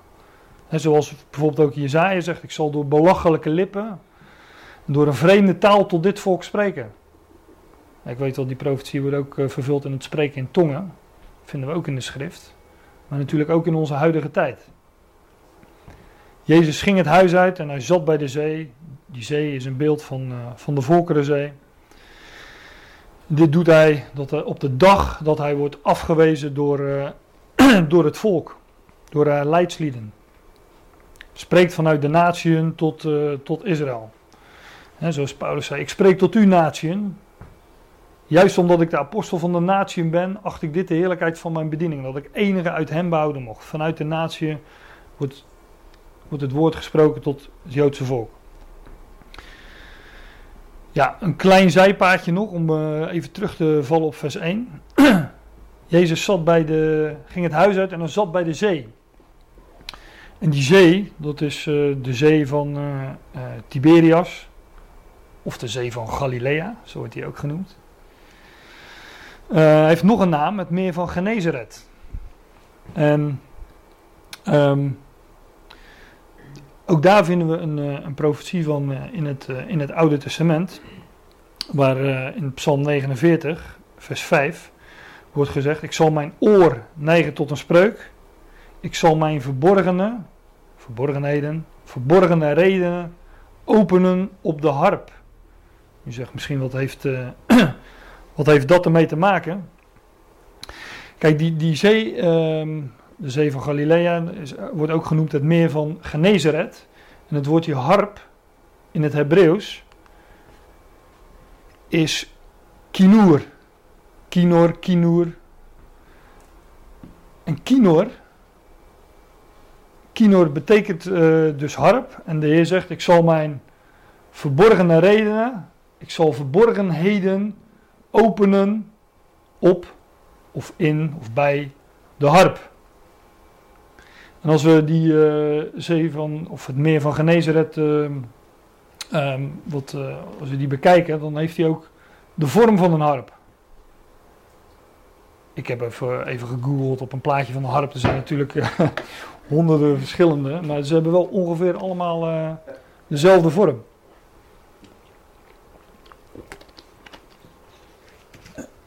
Is ook wel een raadselachtig instrument, zo'n harp. een beetje tokkelen. wat doet het nou eigenlijk precies? Het op meer van Genezeret heeft de vorm van een harp. Kinoor is harp. Kinneret, dat is allemaal van diezelfde stam afkomstig, is, uh, is, gene, is Genezeret. Het meer van Genezeret. We vinden dat bijvoorbeeld in, uh, in dit vers in Jozua 13. Tot aan het uiteinde van het meer van Kinneret dat meer van de, ja, van, van de harp. Het heeft te maken met de harp. Bij, de, bij of in of. Ja. Daar zou, bij de harp zouden verborgenheden, geheimenissen geopenbaard worden. Raadselen zouden geopend worden. Ja, en dat gaat de Heer dan ook doen in, uh, in Matthäus 13. Hij gaat uh, gelijkenissen vertellen. verborgenheden. Een verborgene reden, zoals dat in, uh, in die Psalm 49 genoemd wordt. Vanaf de zee spreekt de Heer verborgenheden. Vanaf de zee spreekt de Heer geheimenissen. Vanuit de natie wordt, het, wordt tot Israël, dat, hè, de, de, de schaar op het land, als beeld van Israël, het land Israël. Vanuit de natie wordt tot Israël, dat vanaf de zee wordt tot Israël uh, het woord gesproken. En dan komt ook die gelijkenis van, uh, van de zaaien. Dan staat er, en hij sprak tot hen vele dingen in gelijkenissen. En hij zeide, ziet, een zaaier ging uit om te zaaien. Nou, de gelijkenis die, uh, die nu komt, die gaat dus uh, over het volk, het huis, hè, dat, dat het woord van het koninkrijk uh, niet accepteert. Letterlijk staat er overigens niet een zaaien, dat staat volgens mij wel in alle vertalingen zo'n beetje, maar de zaaien. Nou, als ik denk aan de zaaier, en, uh, dan, dan denk ik aan, uh, ja, aan de zaaier met een hoofdletter Z dan, hè, de, de Heer Jezus Christus. Hij is degene die dat, dat woord zaait.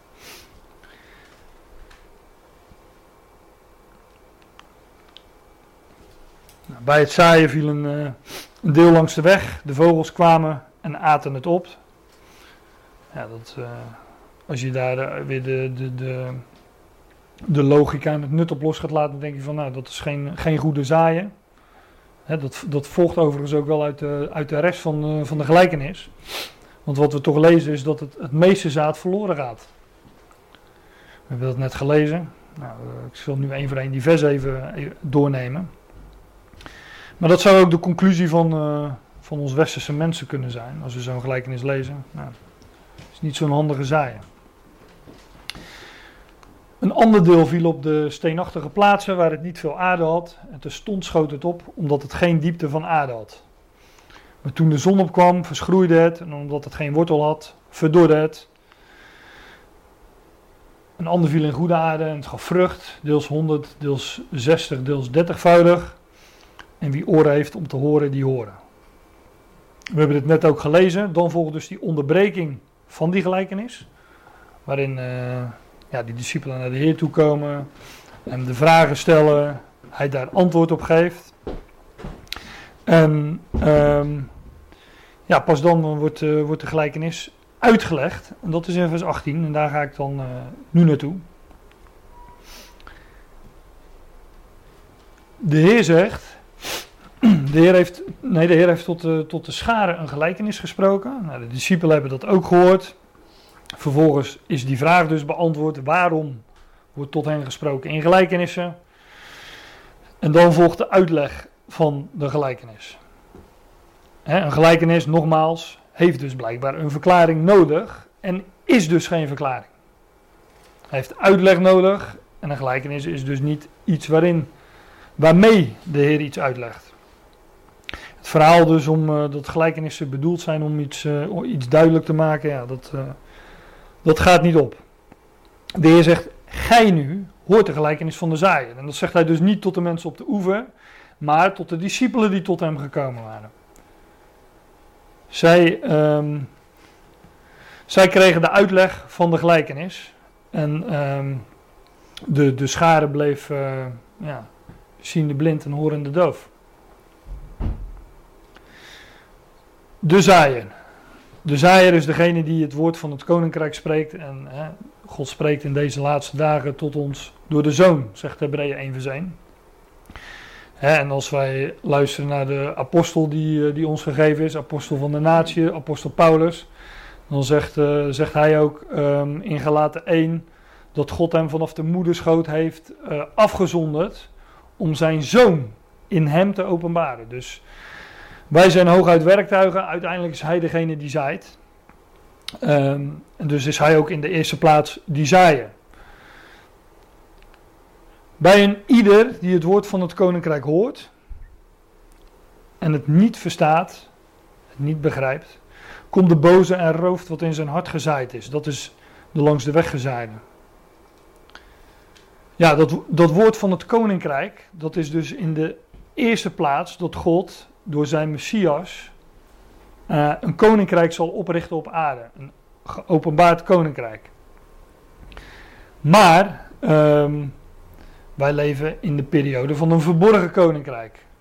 Hè, een, uh, een, een, periode waarin, uh, als het goed is, een verborgen koninkrijk wordt gepredikt. Het koninkrijk van de zoon van zijn liefde. Uit Colossense 1. Wij zijn, wij zijn ook onderdeel van het koninkrijk, van, namelijk van een verborgen koninkrijk. Dus het woord van het koninkrijk, ja, dat, dat, dat, is, uh, dat, dat, is wat breder dan het wellicht uh, in eerste instantie lijkt. En als ik daar de uh, parallelgedeelte in Marcus en, en, en, Lucas bij pak, dan wordt daar gewoon gezegd het woord in Marcus en in Lucas het woord van God. Nou, mijn conclusie die, die ik hieruit trek. Um, is dat het, uh, dat, ja, dat het wel een, een redelijk uh, uh, algemeen principe is, de, wat geldt voor het woord van God.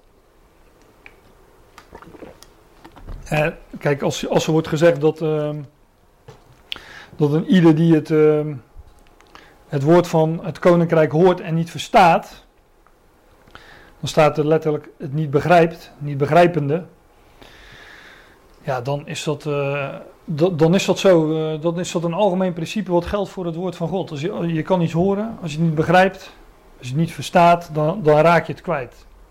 Het is zelfs niet zo, uh, dat is niet alleen voor het woord van God, van God, dat is volgens mij met woord in het algemeen. Als iemand mij iets uitlegt en ik begrijp het niet, dan ben ik, dan ben ik het snel weer vergeten. Maar als, als je het begrijpt, ja, dan, dan hou je dat vast. En zeker met het woord van God, als dat vanuit het, uh, vanuit het kennen, vanuit het weten neerdaalt tot in het hart en het besef wordt, dat het bewustzijn wordt, ja, dan, uh, dan raak je het niet meer kwijt.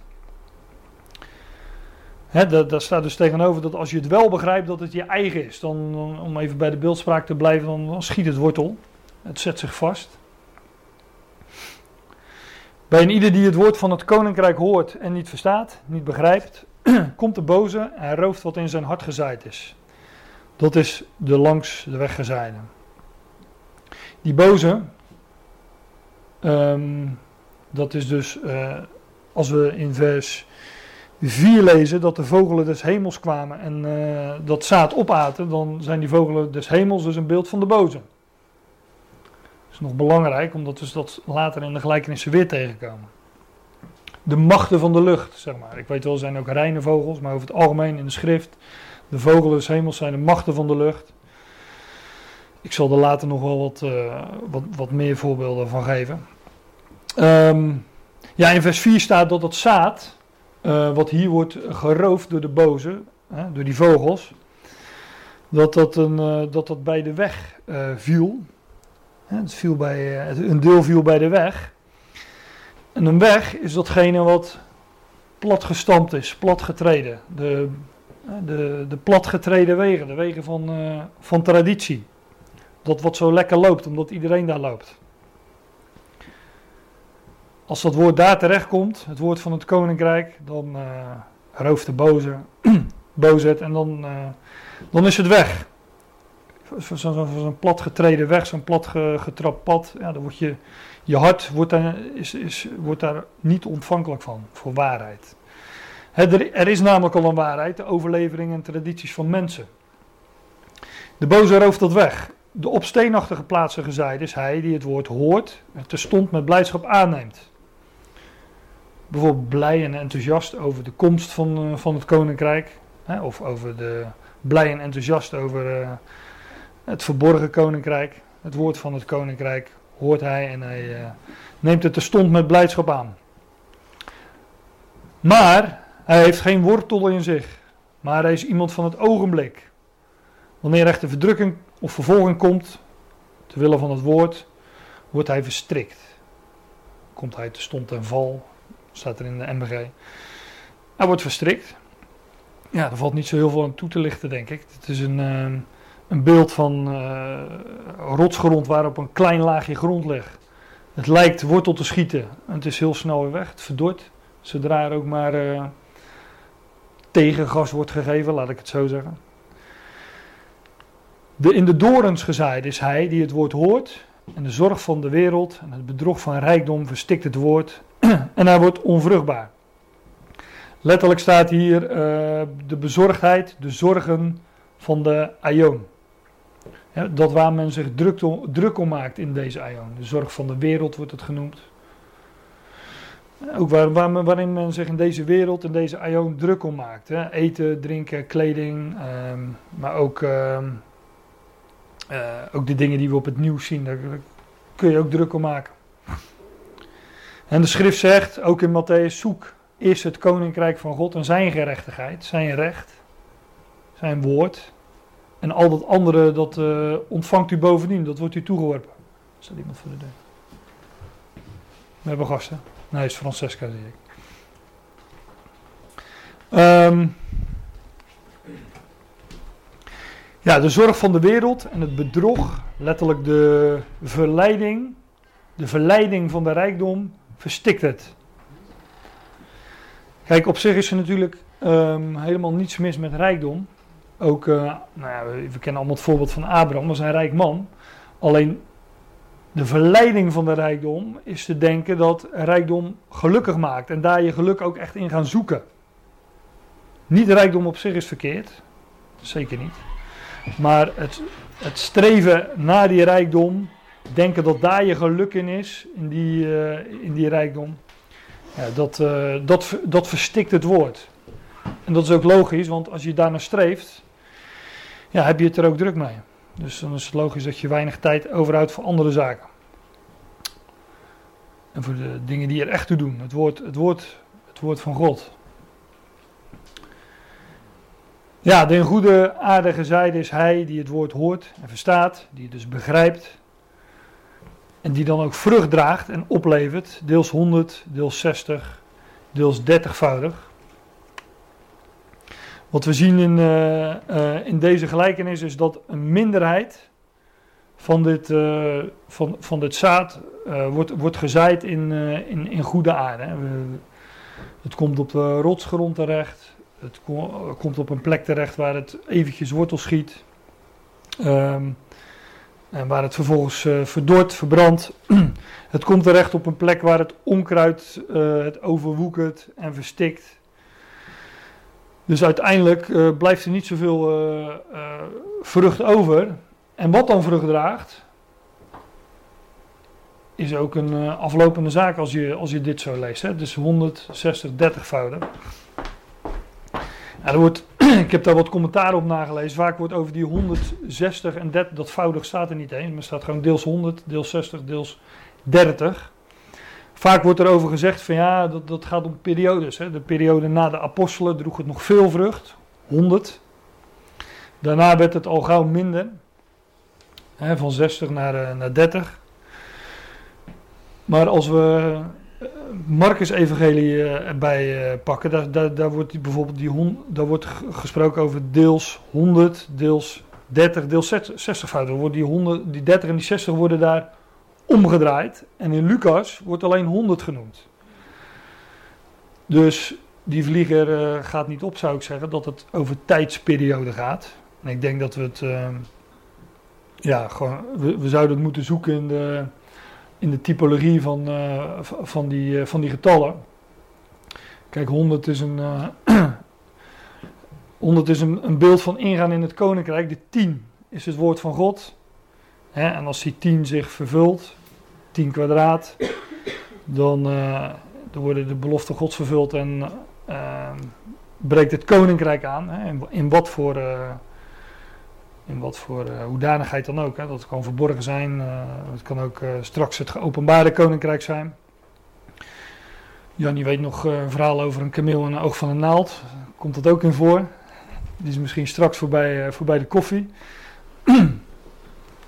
De 30, ja, ik wil niet heel uitgebreid gaan. Ik wil uit, heel uitgebreid op ingaan. Ik wil gewoon even een paar dingen noemen. Als we naar die 30 gaan. De 3 is sowieso een beeld van de belofte. Hè. Op de derde dag worden beloften vervuld. Um, nou, pak maar eens een concordantie en kijk wat er allemaal op, op een derde of een derde dag, of in ieder geval een derde of op een drie in de schrift gebeurt. Het gaat over de belofte.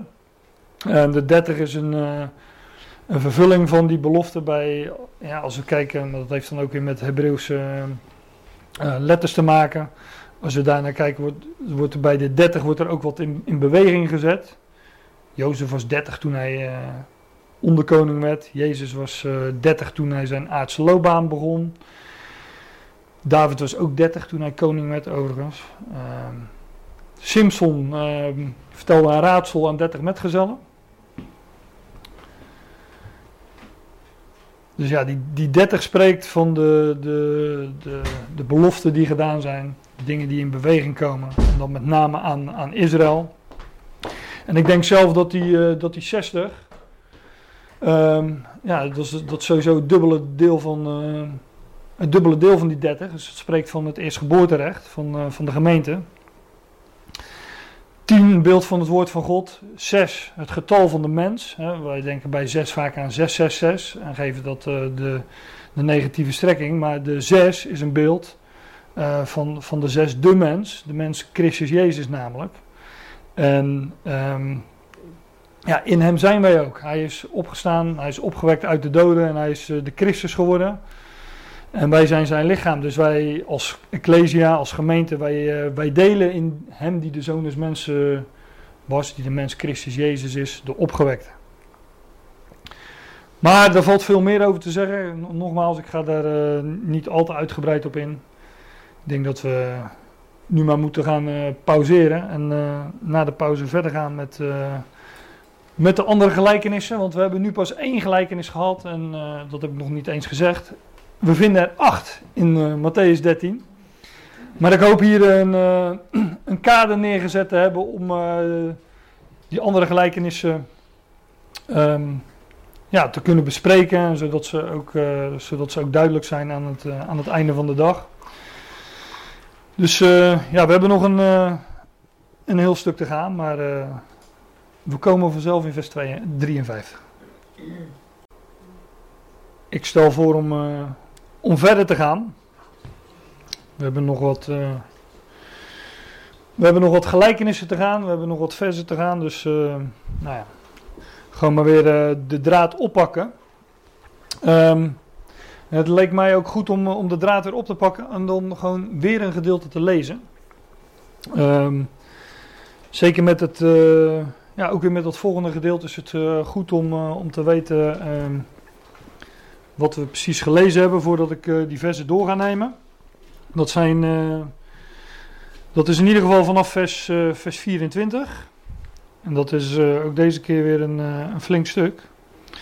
Tot vers 43.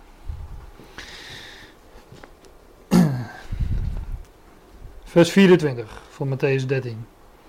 Een andere gelijkenis heeft hij hun voorgesteld, zeggende: Het koninkrijk der hemelen is gelijk aan een mens die goed zaad zaaide in zijn akker. En als de mensen sliepen, kwam zijn vijand en zaaide onkruid midden in de tarwe en ging weg. Toen het nu tot kruid opgeschoten was en vrucht voortbracht, toen openbaarde zich ook het onkruid. En de dienstknechten van de heer des huizes gingen en zeiden tot hem: Heere, hebt gij niet goed zaad in uw akker gezaaid? Van waar heeft gij dan dit onkruid? En hij zeide tot hem: Een vijandig mens heeft dat gedaan.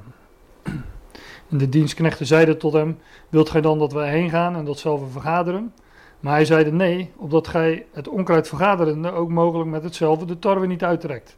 Laat ze beide tezamen opwassen tot de oogst. En in de tijd des oogstes zal ik tot de maaiers zeggen: Vergaat het eerst dat onkruid, bind het in bussel om hetzelfde te verbranden, maar brengt de tarwe samen in mijn schuur. Een andere gelijkenis heeft hij hem voorgesteld, zeggende: Het koninkrijk der hemel is gelijk aan het mosterdzaad, het welke mens heeft genomen en in zijn akker gezaaid. Het welk wel het minste is onder al de zaden, maar wanneer het opgewassen is, dan is het het meeste van de moeskruiden. En het wordt een boom, alzo dat de vogelen des hemels komen en nestelen in zijn takken. een andere gelijkenis sprak hij tot hen, zeggende: Het koninkrijk der hemelen is gelijk aan een zuurdesem, welke een vrouw nam en verborgen drie maten meels, totdat het geheel gezuurd was. Al deze dingen heeft Jezus tot de schade gesproken door gelijkenissen. En zonder gelijkenis sprak hij tot hen niet, opdat vervuld zou worden wat gesproken is door de profeet, zeggende: Ik zal mijn mond open doen door gelijkenissen, ik zal voortbrengen dingen die verborgen waren van de grondlegging der wereld.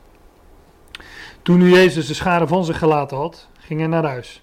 En zijn discipelen kwamen tot hem, zeggende: Verklaar ons de gelijkenis van het onkruid des akkers. En hij, antwoordende, zeide tot hem: Die het goede zaad zaait, is de zoon des mensen, en de akker is de wereld. En het goede zaad zijn de kinderen des koninkrijks, en het onkruid zijn de kinderen des bozen. En de vijand die hetzelfde gezaaid heeft is de duivel. De oogst is de voleinding der wereld. En de maaiers zijn de engelen. Gelijkerwijs dan het onkruid vergadert en met vuur verbrand wordt, alzo zal het ook zijn in de voleinding deze wereld. De zoon des mensen zal zijn engelen uitzenden en zij zullen uit zijn koninkrijk vergaderen al de ergernissen en degenen die de ongerechtigheid doen. En ze zullen dezelfde in de vurige overwerpen, daar zal wening zijn en knessing der tanden. Dan zullen de rechtvaardigen blinken gelijk de zon in het koninkrijk huns vaders. Die oren heeft om te horen, die horen. nou, we vinden dus uh, in dit gedeelte uh, vinden we drie gelijkenissen.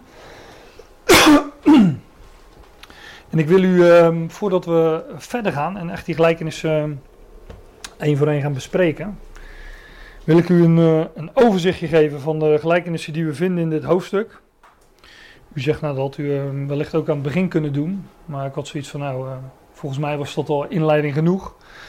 En we hebben nog maar één gelijkenis echt besproken, dus goed moment om, om even, even een overzichtje te maken van, van, wat er, van wat we vinden in dit hoofdstuk.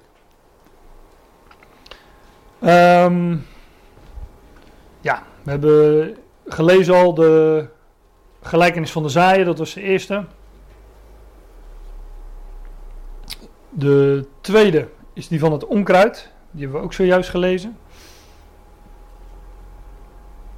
De derde is die van het mosterdzaad, die hebben we dus ook gelezen.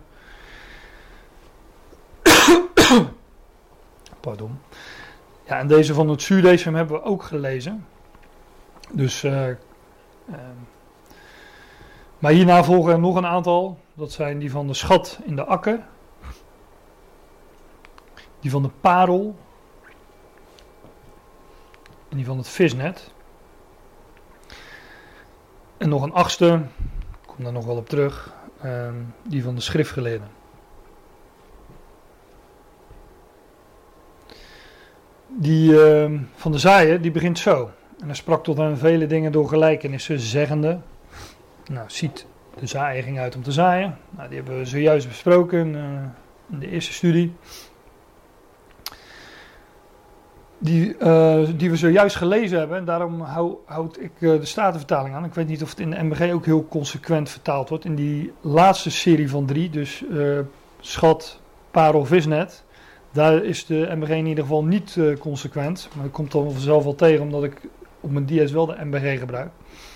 Maar in de Statenvertaling beginnen deze drie, onkruid, mosterdzaad en zuurdesem, die beginnen met een andere gelijkenis. En dan heeft hij hen voorgesteld, of heeft hij tot hen gesproken. En vervolgens het koninkrijk der hemelen is gelijk aan. Um, we vinden dat in vers 24, vers 31 en 33.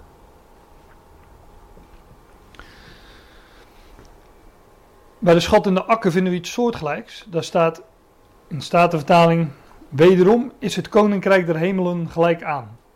Volgens mij staat in de MBG zoiets als evenzo. Dat zijn de versen 44, 45 en 47. En die laatste, die van de schriftgeleerden, die begint met daarom. Daarom, in verband met het voorgaande, Kijk, en wat. Uh,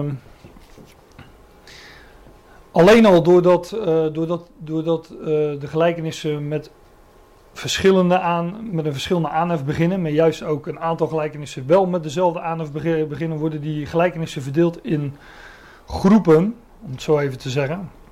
Worden ze geclusterd. En dat betekent ook dat de gelijkenissen die binnen zo'n groep of cluster ehm, gegeven worden, ook een uh, soortgelijke strekking hebben. Ze hebben een, uh, een eensduidende betekenis. Komt daar zo nog wel op natuurlijk, want we gaan gewoon die, uh, die gelijkenissen langs. Maar doordat diezelfde termen, hè, wederom is het koninkrijk er helemaal gelijk aan, doordat die termen telkens terugkeren, ja, daardoor, daardoor worden ook ehm, die gelijkenissen in, in, in groepen verdeeld. Wat overigens ook een argument is om, het, om de gelijkenissen die, um, um, die we zojuist gelezen hebben, dus onkruid, mosterdzaad en zuurdesem,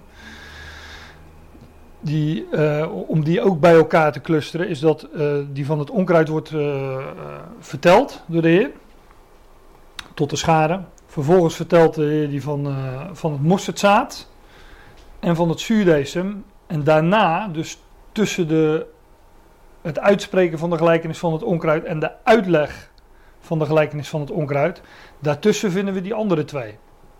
Dus dat ja, brengt ze bij elkaar. Dat, uh, dat laat ook zien dat ze bij elkaar horen. Dat zijn dus gelijkenissen die over hetzelfde onderwerp gaan, telkens terugkeren en dat, ja, dat woordgebruik uh, bevestigt dat. We kunnen dat nog wat verder structureren ik heb dat ook wel gedaan. Het zou ook nog op, op wat andere manieren kunnen. Dus ik geef door voor wat het waard is. Maar we hebben dus weer die gelijkenissen. Um, die eerste, die van de zaaier, is redelijk algemeen, neutraal. De volgende drie hebben een negatieve strekking. Die vertellen ons wat er, uh, ja, wat er misgaat met het, uh, mis, tussen aanhalingstekens zeg ik dan altijd maar. We kennen een God die, eh, die alles plaatst en die alles in zijn hand heeft en met alles tot zijn doel komt. Dus uiteindelijk gaat er niets mis.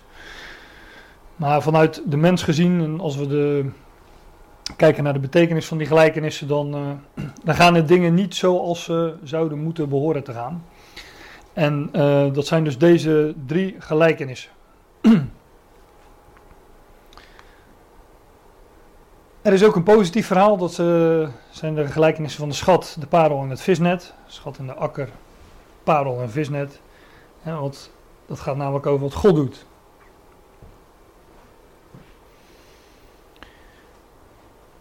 Ja, en die laatste, die uh, van de schriftgeleerden, heeft ook weer ja, een algemeen neutrale betekenis. Je zou ook nog kunnen zeggen dat de eerste vier negatief zijn, want zo positief is die eerste nou ook weer niet. Hè?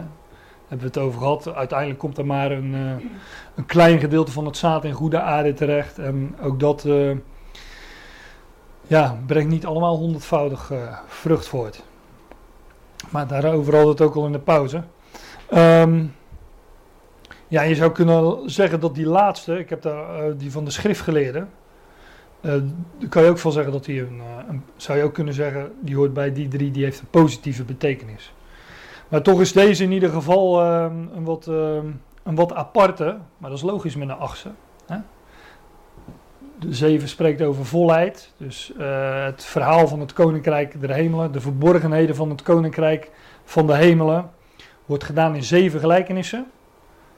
Dat is logisch, want zeven spreekt van de volheid. Het geeft ons een, een totaal overzicht van wat er zou gebeuren met het koninkrijk van de hemelen in zijn uh, verborgen vorm. En die, um, die van de schriftgeleerden, die begint dan ook met daarom, dus naar aanleiding van al het voorgaande van die zeven, daarom is het koninkrijk, nou, enzovoorts. Maar daar komen, we, daar komen we natuurlijk vanzelf op. Maar uh, dat is helemaal, uh, helemaal aan het einde, dus moeten we nog even geduld hebben. Vaak wordt deze uit, overigens ook niet gezien als een, uh, als een gelijkenis. Er zijn heel veel commentaren die spreken over zeven gelijkenissen in Matthäus 13. ja, ik, ik, ik vind het vrij duidelijk, maar in de bespreking van deze gelijkenis dan uh, zal ik wel uh, aangeven waarom ik, hem, waarom ik deze gelijkenis dus wel zie als een gelijkenis. Ja, we hebben dus weer die groepen. Bij andere gelijkenissen in de schrift, dat is ook belangrijk om, om te noemen, wordt er niet meer over gesproken dat het over de verborgenheden of de geheimenissen van het koninkrijk gaat. Er wordt er niet meer bij gezegd. En um, ja, ik heb gisteren een blogje geschreven over de sleutel hangt bij de deur. De eerste keer dat het begrip voorkomt, is dus zeer belangrijk. En de Heer zegt ook, daarom spreek ik tot hen uh, in gelijkenissen. Omdat het jullie gegeven is de verborgenheden van het koninkrijk te kennen, te kennen discipelen. Jullie is dat gegeven. Maar aan hen, de ongelovige schade is het niet gegeven. En daarom, uh, en, we lazen ook later in, uh, in vers 34, zojuist, dat de Heer al deze dingen heeft gesproken door gelijkenis en zonder gelijkenis sprak hij tot hen niet. Nou, als we dan verderop in de schrift, ook in het Matthäus-evangelie, gelijkenissen vinden, dan gaan die gelijkenissen dus ook over het verborgen koninkrijk de geheimenissen, de verborgen, verborgenheden van het koninkrijk. De sleutel hangt hier bij de deur, hier wordt het erbij vermeld, later niet meer. nou, ik heb al een aantal keren gezegd dat gelijkenissen over de verborgenheden, de geheimenissen van het uh, koninkrijk uh, gaan. De verborgenheid, uh, maar, maar wat is dat nu precies? Wat voor periode hebben we het over? ik heb daar een, een van gemaakt pijl zien we nog net gelukkig. Um, er is dus een periode, die is ooit begonnen, blijkbaar. Elke periode begint ergens. Er is dus een periode dat het koninkrijk verborgen is. En waarop de verborgenheden, de geheimenissen van het koninkrijk dus van toepassing zijn. Er komt ook een periode dat het koninkrijk geopenbaard wordt. dat het zich hier zichtbaar manifesteert op aarde. En we hebben dat gelezen in, uh, in Jezaja. Volgens mij was dat een vers uit Jezaja wat ik naar voren haalde. De troon van David. Daarop zou de Messias um, zijn koninkrijk regeren vanuit, vanuit Jeruzalem. Vanaf de troon van zijn vader David. Maar ooit, um, kijk, deze, deze periode is, uh, is, is, is de periode van de verborgenheden de geheimenissen van het koninkrijk van de hemelen. Ja, dat is, dat is ooit ergens begonnen. En uh, ik heb daar deze tekst maar bij gezegd, gezet. Handelingen 2 vers 36. God heeft uh, de Heer Jezus Christus opgewekt uit de doden. En heeft hem tot Heer en tot Christus uh, gemaakt. Hè, dan zegt Petrus in Handelingen 2 tegen het volk Israël. Deze Jezus die jullie gekruisigd hebben. Het is mij om het even hoor, of u of u deze periode rekent vanaf zijn opstanding, of uh, nou, eergisteren was het uh, Hemelvaartsdag. vanaf zijn hemelvaart vind ik ook prima als u, als u zegt. ik, ik reken dat vanaf zijn hemelvaart, dat maakt me niet zoveel uit. maar dat geheimenis, de, de, de verborgenheid, die duurt al, in ieder geval totdat dat koninkrijk geopenbaard wordt hier op aarde. Totdat het een geopenbaard koninkrijk is. De, de duizend jaar. Het Messiaanse Rijk zal hier op aarde aanbreken. Nou, de periode dat het koninkrijk verborgen is, dat is het geheimenis van het koninkrijk. En dat is pas ten einde, zoals we daarover lezen in, uh, in Openbaring 10, vers 7. In de dagen van de stem van de zevende engel, wanneer hij bezuinen zal, is ook voleindigd het geheimenis van God. Of de verborgenheid van God, zegt de Statenvertaling. Ja, daar hoort ook onze huidige tijd bij. De periode van, uh, van de gemeente, van de Ecclesia, het lichaam van Christus. Die valt binnen deze periode. Um, um, maar er zal een periode ook zijn dat, um, dat het lichaam van Christus die kant op zal gaan. Naar boven. En er dus op aarde geen lichaam van Christus meer aanwezig is. En dan duurt deze periode in ieder geval nog voort. Dus dan is de verborgenheid, het geheimenis van God, is nog niet voleindigd. Dat is pas wanneer het koninkrijk geopenbaard zal zijn hier op aarde. Ik begrijp wel dat ik het nu allemaal even heel snel zeg. En um, dat dat misschien wel uh, onderwerp is voor een uh, volgende Bijbelstudie of Bijbelstudiedag. maar ik wil het toch even zo, uh, zo neerzetten. Um, ja, dus die, die periode van verborgenheid, wij, wij leven in die periode. Ik zeg niet dat alle gelijkenissen specifiek over de gemeente of de, de Ecclesia gaan. Dat, dat zeg ik ook niet, maar het, het gaat in ieder geval over deze periode, over het verborgen koninkrijk. En vandaar de verborgenheden van het koninkrijk. Nou, dat gezegd hebbende, um, ga ik naar de, de, gelijkenis van het onkruid. Die hebben we zojuist uh, gelezen. Dus ik, um, wat, ik, wat ik wil doen is um, meteen naar de, naar de uitleg gaan. Dan pakken we gewoon elke keer even de, de, het, ja, de, de, verhaal, de verhaling van de, van de gelijkenis er wel bij. Ja, hier lezen we dat, uh, dat de Heer de scharen, uh, toen liet hij de scharen gaan en ging naar huis. Zijn discipelen komen dan bij hem en, die, en zeiden, maak ons de gelijkenis van het onkruid in de akker duidelijk. ja, letterlijk staat hier ook uh, in het huis en um, ik, um, Jezus laat dus die schade laat, laat hij gaan. Die mensen die daar uh, stonden, waar, waarvan hij in de, tegen de discipelen zei dat, zij, dat hij tot hen in gelijkenissen sprak, opdat zij horende niet horen en ziende niet zien. Um, en dan gaat hij uh, vervolgens uh, het huis in en verklaart in het huis aan de discipelen de gelijkenis van, van het onkruid. En ook de gelijkenissen van de schat in de akker, de parel en het visnet, en die van de schriftgeleerden, die worden alleen tot de, tot de discipelen gesproken, niet meer tot, uh, tot de schade. Ik denk zelf um, dat, dat het huis hier een beeld is van, uh, van de gemeente, van de Ecclesia.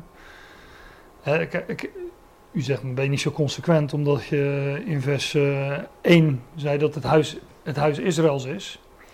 Maar hier gaat hij, de, in vers 1 stond het huis tegenover de zee.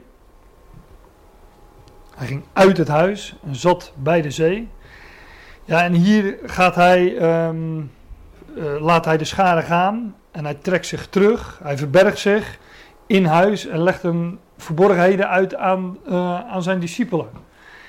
Ja, ik zie hier, ik zie hier een beeld in van, van, van de gemeente van de Ecclesia. En die wordt immers in, in, in Efeze 2 ook een woonstede gods in de geest genoemd. Dus ook, ja, wij zijn huisgenoten van God, zegt dat, datzelfde gedeelte. En wij zijn een woonstede gods in de geest. Dus ook die gemeente wordt, uh, wordt wel een huis genoemd. Hè?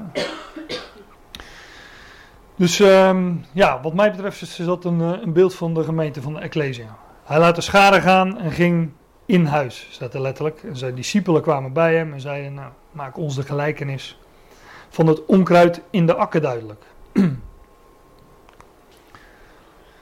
ik had, oh, dat was ik even vergeten, ik had, uh, ik had het uh, ook afgedrukt als uh, Efeze 2 inderdaad. Zo zijt gij dan geen vreemdelingen en bijwoners meer, maar medeburgers der heiligen en huisgenoten van God. De discipelen gingen met hem het huis in en zij werden huisgenoten van, van de Heer. Zo zijn wij huisgenoten van God. En in wie gij ook medegebouwd wordt tot een woonstede, een woonstede Gods in de geest. Een woonhuis van God. Hij woont in ons met zijn geest en wij zijn, uh, ja, wij, delen in dat huis. Efeze 2 spreekt over, ook over het lichaam van Christus. Hè? Over het verschil tussen Jood en Heiden, dat is weggevallen. En uh, nou, dit, uh, deze versen die, die sluiten daarop aan. Toen liet hij de schade gaan en ging in huis. En zijn discipelen kwamen bij hem en zeiden: Maak ons de gelijkenis van het onkruid in de akker duidelijk. Dat uh, onkruid, heeft hij de, de interlineair heeft giftig onkruid. en dat Griekse woord is zanion. dat uh, is bij ons bekend in Nederland, voor zover bekend, maar het is bij ons bekend onder de naam dolik. Um, u kunt dat gewoon thuis opzoeken op, uh, op Wikipedia. Dat is gewoon uh, een bekend plantje. Het is een plantje dat heel erg veel op tarwe lijkt. En het is ook giftig. Als je, als je, als je, als je het eet, schijn je er uh, slaperig van te worden. Of erger. Dus als u slaapproblemen heeft, misschien een optie om dat. maar dat is ook giftig, dus, dat is ook giftig, dus ik zou, dan, uh, ik zou het toch niet uitproberen, denk ik. Maar, nee, maar Wikipedia, uh, gaf ik al aan, Wikipedia en andere encyclopedieën, die, die geven best wel wat, wat informatie over dat dolik. En het is een, een, een, een, valse tarwe, het is een, een, een wilde tarwe, een tarwe wat geen, wat geen echte vrucht voortbrengt. En dat principe van een wilde, van een wilde plant of een wilde boom, dat zien we wel vaker in de schrift. We kennen uit de Romeinen 11 de wilde olijfboom. In. Um, ja. Wilde tarwe, die giftige onkruid, dan niet een, ja, een mutant van de tarwe? Ja, ik heb geen verstand van, uh, van het muteren van tarwe. Nee, nee, nee, maar een wilde tarwe, als het een wilde tarwesoort is, wat geen tarwe is, Mm -hmm. en komt het dan toch uit die tarwekorrel die is gezaaid? Nee. Of niet? Nee, nee, het is echt een ander zaadje. Een ander zaad. Ja. Ja, tenminste volgens de encyclopedieën. In de schrift hebben we wilde olijfbomen, um, een wilde wijnstok. Ik weet niet, kent u het verhaal uit, um, um, is bekend onder de naam de dood in de pot. Waar, waar vanaf een wilde wijnstok, uh, daar, daar groeien coloquinten aan, heet dat dan. Die, uh, die, za die, zag men aan voor, uh, voor de vruchten van zo'n wijnstok. En die, die, die, wilde men dus gaan eten. En, de, en, toen vond men de dood in de pot, omdat het giftig spul was. Twee koningen vier, lees je die geschiedenis. Maar ook van de vijgenboom leren we dat, lezen we dat, uh, wordt dan niet per se een wilde vijgenboom genoemd voor zover ik weet, maar wel vijgenbomen die geen, geen vrucht dragen. Ook die vinden we in de schrift. Bijvoorbeeld in Matthäus 21. Ja, dat zijn allemaal beelden van, van zaken. Hier is dat, dat, dat onkruid, die, die wilde tarwe, dat valse tarwe, is ook een een beeld van, van iets. Het is, het is dus een, een tarwe zonder vrucht. En dat, dat zullen we straks ook lezen. Dat op het moment dat de tarwe vrucht gaat dragen, pas dan wordt het openbaar dat het, dat het valse tarwe is. Nou, de Heer gaat die gelijkenis uh, uitleggen. En hij antwoordde en zeide: Die het goede zaad zaait, is de zoon des mensen. Weet u ook meteen. Um, ik heb dat vers net niet dit vers net niet aangehaald. Maar bij de gelijkenis van de zaaier is dus degene die het zaad zaait, is de zoon des mensen. Ik heb dat in de eerste studie ook aangegeven, maar nou, hier dan alsnog uh, zwart op wit het, uh, het bewijsje erbij. Is wel mooi, want in, deze, uh, in, in dit hoofdstuk vinden we telkens weer diezelfde begrippen terug. En dat maakt het ook steeds makkelijker om inhoud te geven aan, aan die gelijkenis. Een akker, zaad, tarwe enzovoort. Ja, die, uh, die zei uit vers 3 was de zoon des mensen, dat is hij hier ook. God spreekt in deze laatste dagen door de zoon. En dat goede zaad, um, dat was het woord van het koninkrijk. Dat lazen we al in, uh, in vers 19. Als iemand het woord van het koninkrijk hoort en niet begrijpt, enzovoorts. Die het goede zaad zaait is de zoon des mensen. En de akker is de wereld. Ook in de vorige gelijkenis was de akker de wereld waarin het zaad gezaaid wordt. Nou, ook in de volgende serie gelijkenissen komen ook weer een akker tegen. Ik zei al, dat maakt het wat makkelijker om, uh, om die gelijkenis uh, één voor één te verklaren. In die andere akker bevindt zich namelijk een schat. De akker is de wereld. Het goede zaad, dat zijn de kinderen van het koninkrijk. dat goede zaad, dat staat hier tegenover um, het onkruid.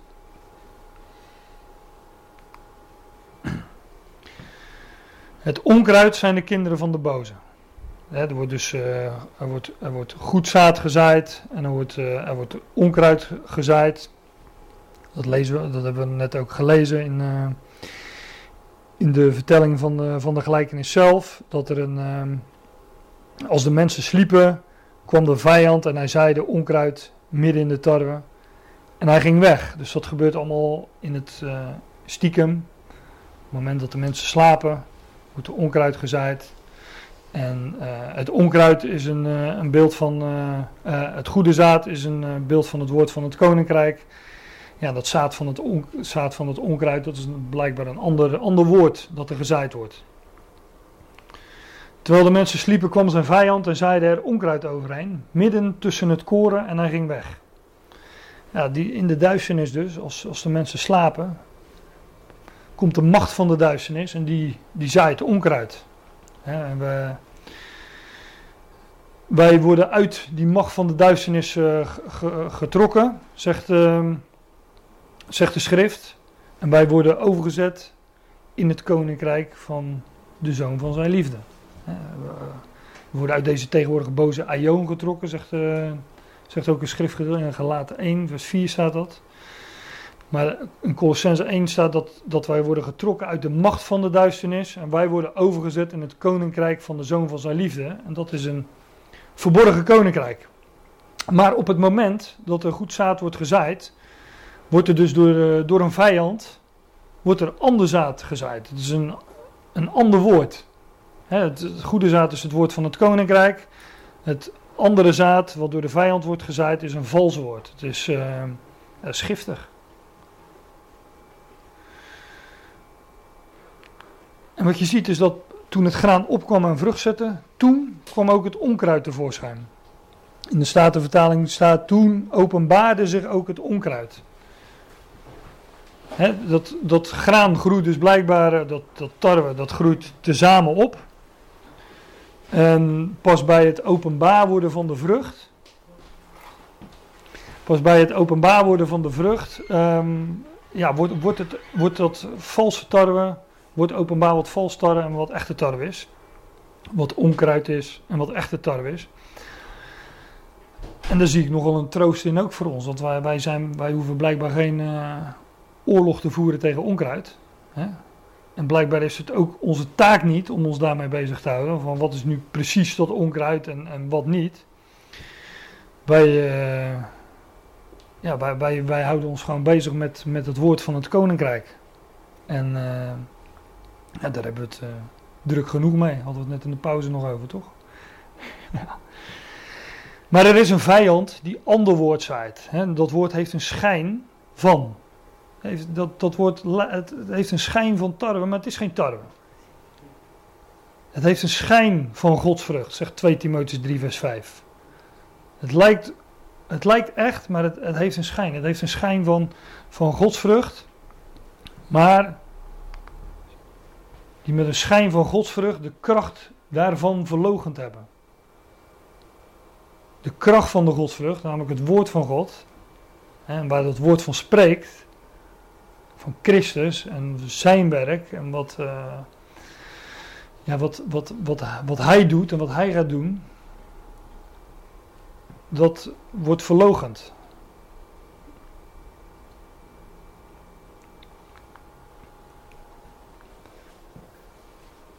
De vijand die het gezaaid heeft, is, is de duivel. De oogst is de voleinding der wereld, de maaiers zijn de engelen. nou, die vijand is uh, de diabolos, hij die alles door elkaar uh, gooit. Dia doorheen, doorheen en bolos is gooien, werpen, door elkaar werpen. Hij die ander woord door het goede woord uh, werpt en zo verwarring brengt, die het mengt, hè, wet met genade, de soevereiniteit van God met de eigen vrije wil. Um, maar over dat, over dat andere woord gaan, gaan ook de volgende gelijkenissen. Dat zullen we straks nog wel zien. Um, ja, de vijand die het gezaaid heeft, is de, de, de, de verdachtmaker, heeft de interlineaire. Dat vind ik ook wel een mooie. Want als wij de waarheid brengen, dat wat God um, openbaart in zijn woord, nou, ja, noem maar een paar dingen, de verzoening der wereld, de redding van alle, rechtvaardiging van alle mensen, nou, dan ja, wordt dat natuurlijk ook aan alle kanten, dan ben je een alverzoener, dus dan, uh, dan wordt dat verdacht gemaakt, want dat klinkt heel verdacht als je een alverzoener bent. En dat klinkt ook eng, dus uh, dan moet je maar ver vandaan blijven, maar verdacht maken en hij die alles door elkaar gooit.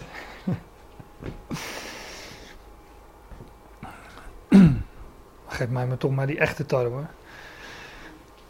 De oogst is de voleinding van de wereld, staat er weer. Maar dat is weer gewoon de voltooiing of voleinding van de aion, van de eeuw.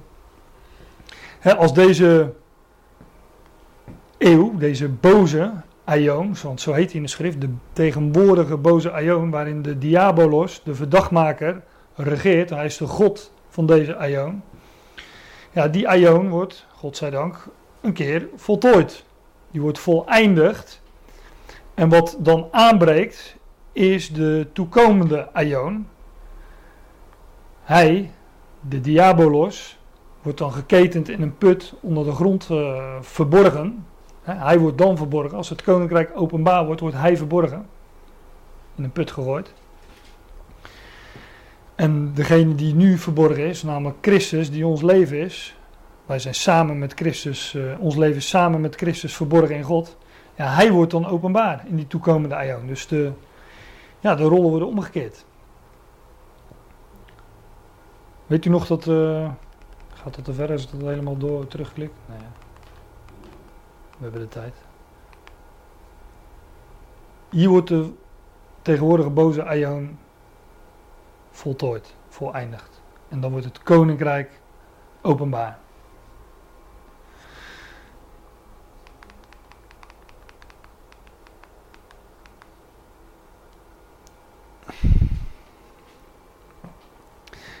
Overigens is de, um, de openbaring van het koninkrijk, kijk, de, de, de oogst is de voleinding van de aion.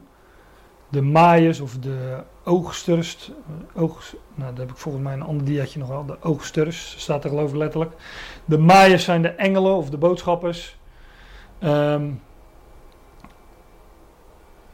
en wat we verderop straks in de gelijkenis zullen lezen is dat, uh, dat de tarwe die, uh, die wordt verzameld in de schuur. En hier in de gelijkenis is de, de openbaring van het, van het koninkrijk, dus het openbaar worden van het koninkrijk, dat wordt vergeleken met, uh, met, met die schuur. Ja, en de, de, de, de oogst, daar, ja, daar valt ook heel veel over te zeggen. Dat vinden we ook heel vaak in, uh, in de schrift. De oogst, de tarweoogst, bijvoorbeeld in uh, Leviticus 23, als het gaat over de, de hoogtijden van, van Yahweh die feestdagen van Die hoogtijden van Yahweh zijn gecentreerd rond een aantal oogstmomenten. Dus deze oogst is niet de enige oogst, maar er zullen nog wel een eh, aantal volgen. Deze oogst is de voleinding uh, van de aion, de voleinding van de eeuw. En de maaiers zijn de engelen. Zoals nu het onkruid verzameld wordt en met vuur verbrandt, zo zal het gaan bij de voleinding van de aion. Deze tegenwoordige boze aion komt ten einde. En uh, dus ook aan het regeren van Satan komt een einde. Dat onkruid dat wordt bij de oogst verzameld en met vuur verbrand.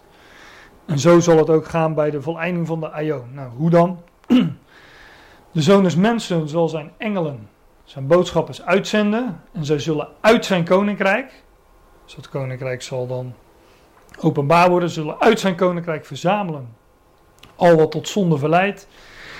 En hen die de ongerechtigheid bedrijven.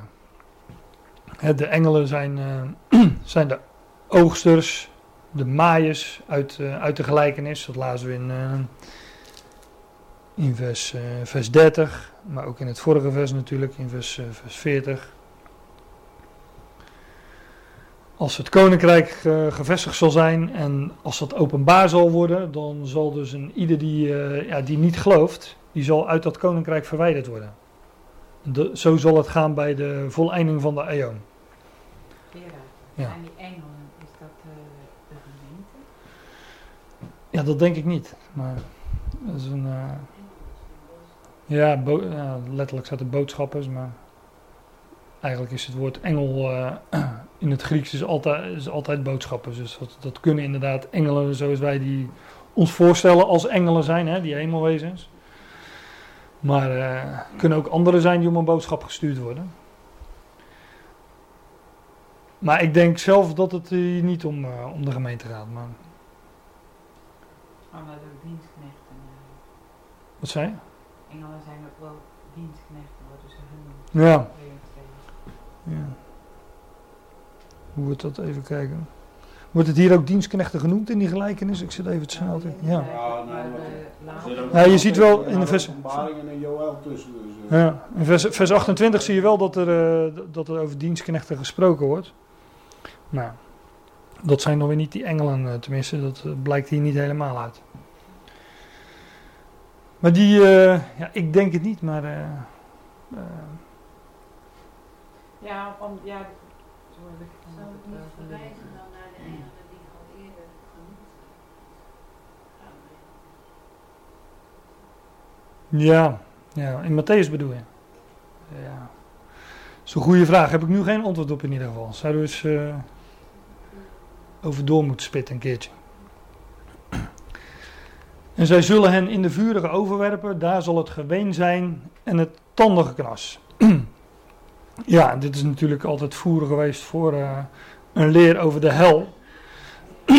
um, alleen het, ja, dat, uh, dat moet je er dan wel uh, inleggen. Die term geween en tandengeknas. In de Statenvertaling is dat volgens mij wening en, knessing, ja, wening en knessing de tanden. Die komen we vaker tegen in, in gelijkenissen. Volgens mij ook alleen maar in gelijkenissen. Dus slechts in de gelijkenissen en daarbuiten niet. Geen openbaring. Ja? Oké. Okay. Dat zou goed kunnen. En zij, uh, zij die niet het koninkrijk uh, zullen ingaan, die zullen buiten zijn. Ze zullen buiten het koninkrijk zijn. En hier heet dat, uh, hier heet dat de vurige oven. Um, ja, omdat de gelijkenis gaat over, over onkruid dat verbrand wordt. In Matthäus 8 vinden we ook, vinden we ook een gelijkenis. In, um,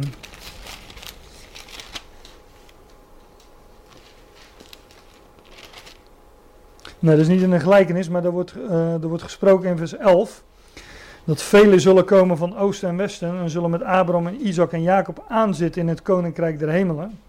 En de kinderen van het koninkrijk zullen uitgeworpen worden in de buitenste duisternis. Daar, al daar zal zijn uh, wening en knessing de tanden. Dus daar wordt die term ook gebruikt en daar wordt ook weer gesproken over... Uh, ja, daar, heet het buitenste duisternis. Dus niet de vurige over, maar weer de buitenste, maar de buitenste duisternis. Nou, daar zal wening zijn en knessing de tanden. En ook in, nou, zoek het niet op, maar ook in Matthäus 22, vers, uh, vers 13 is dat. Daar vinden we ook weer die term uh, de buitenste duisternis in verband met wening en knessing van tanden.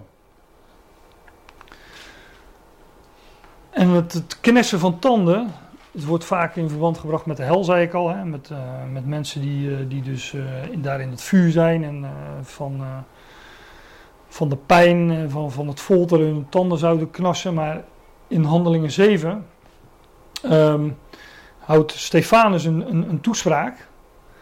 En tot, tot ja, ook weer schriftgeleerden en ehm, Joodse leidslieden. En dan uh, staat er dat vervolgens toen zij dit hoorden, sneed het hun door het hart. En zij knersten de tanden tegen hem. Dat knessen van tanden, ja, er staat ook, als zij nu dit hoorden, lees ik in de Statenvertaling, bersten hun harten. En zij knersten de tanden tegen hem van boosheid. He, de, Stefanus had zojuist een, eh, een redenvoering gehad, gehouden.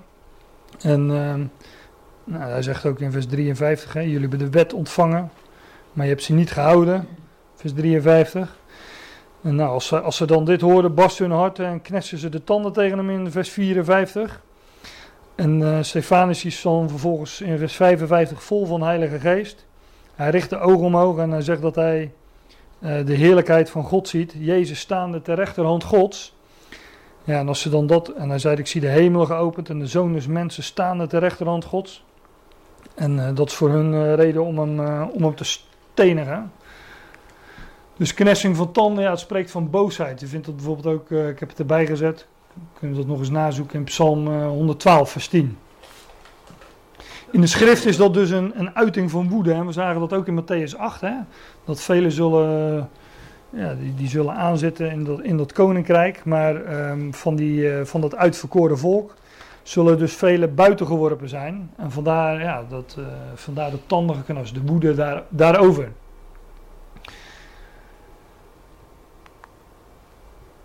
Maar was toch jij de vorige jaar bij die vurige ogen?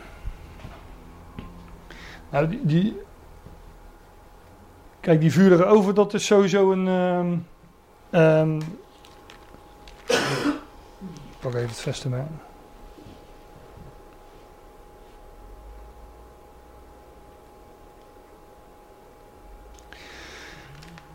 Ja, die vurige oven. Kijk, de, de vergelijking zie je sowieso met het onkruid natuurlijk wat, uh, wat verbrand wordt.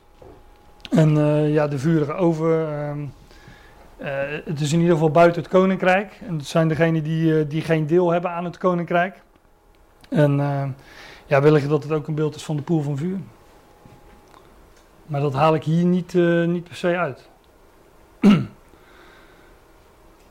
dit niet de plek dan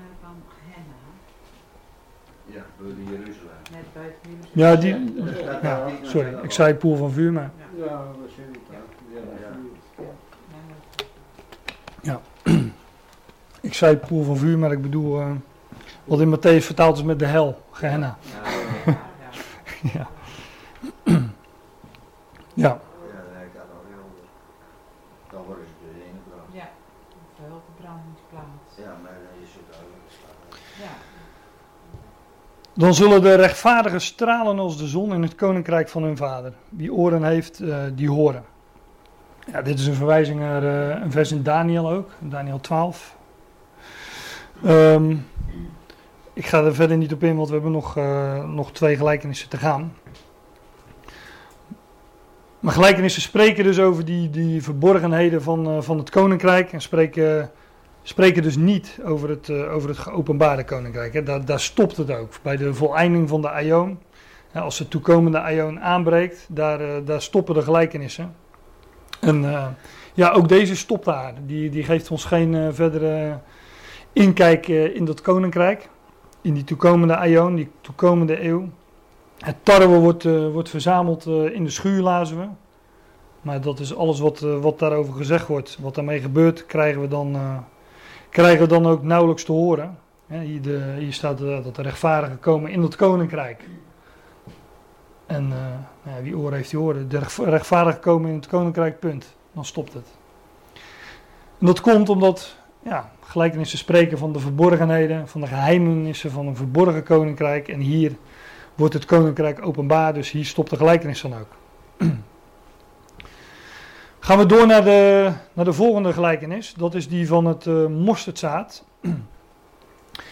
En die, uh, de volgende twee gelijkenissen die volgen, die van het uh, mosterdzaad en die van, van het zuurdesem, die zijn erg kort. En het zijn, het zijn misschien, het zijn wel de gelijkenissen waarover misschien wel de grootste misverstanden bestaan. Ze krijgen namelijk altijd een, een tegenovergestelde betekenis van wat het, wat het daadwerkelijk betekent. Maar deze gelijkenissen zijn een eenheid van die, uh, van die 8, hè? nou beter nog van die 7 plus 1. Um, en deze betekenis van de gelijkenis is, is dus in overeenstemming met, uh, met, met die voorgaande, met die van het onkruid en met, de, met die uh, hierna komt, die van het zuurdesem. En dat betekent dus ook dat de gelijkenis van de mosterdzaad, die zal niet in tegenspraak zijn met de gelijkenis van het onkruid of met de gelijkenis van het zuurdesem. Die hebben eenzelfde strekking. En die begint dan uh, in de MBG weliswaar met uh, nog een gelijkenis, hield hij hem voor. En hij zeide, de Statenvertaling is dat een, uh, een andere gelijkenis, hield hij hem voor. Dat vinden we dus ook in vers 24 en 33. De gelijkenis van het onkruid, de gelijkenis van het zuurdesem. Kijk, deze, deze gelijkenis, die, um, we, we, hebben net de gelijkenis gelezen van, van, van, die, van het onkruid en, en die hebben we besproken. Daar, waar de, daar waar de akker dan nog wel uh, vrucht draagt, daar groeit blijkbaar ook nog eens heel veel onkruid. Um, uh, deze gelijkenis kan dan ook nooit gaan over, over de ecclesia, het lichaam van Christus of iets dergelijks, dat heel klein begint en en grote proporties aanneemt. Want die uitleg wordt er vaak aan gegeven. Het, Koninkrijk der Hemel is gelijk een mosterdzaad. Nou, dat is een, een kerk die, uh, die klein begonnen is. Maar door de geweldige groei van het geloof in Christus uh, heeft, het, uh, heeft de kerk enorme vormen aangenomen. Dat laatste is wel waar, maar dat eerste niet. Maar ik kom er vanzelf wel op, want we gaan gewoon die, die gelijkenis Nog een gelijkenis hield hij hem voor en zeide: Het koninkrijk der hemelen is gelijk aan een mosterdzaadje.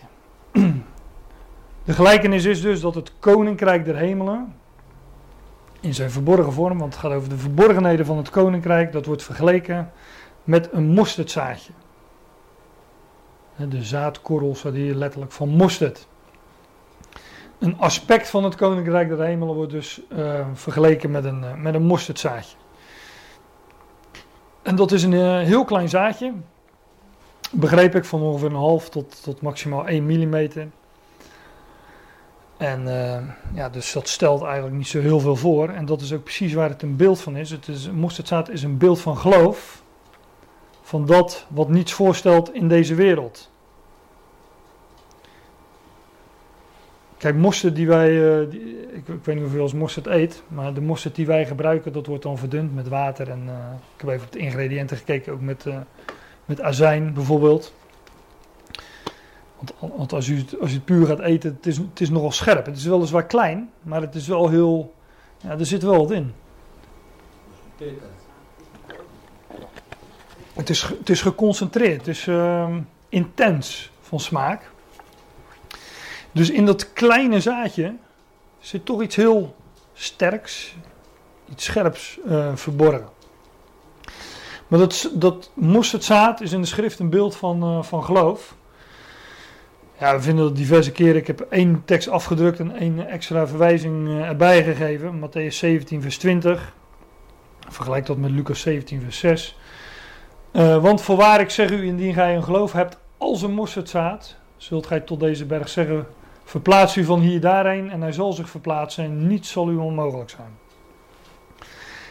En mosterdzaad uh, is dus een beeld van dat wat uh, niets voorstelt in, in deze wereld. Hè. Dus het is meestal uh, ook helemaal niet zichtbaar voor deze wereld. Of, of nauwelijks zichtbaar voor deze wereld.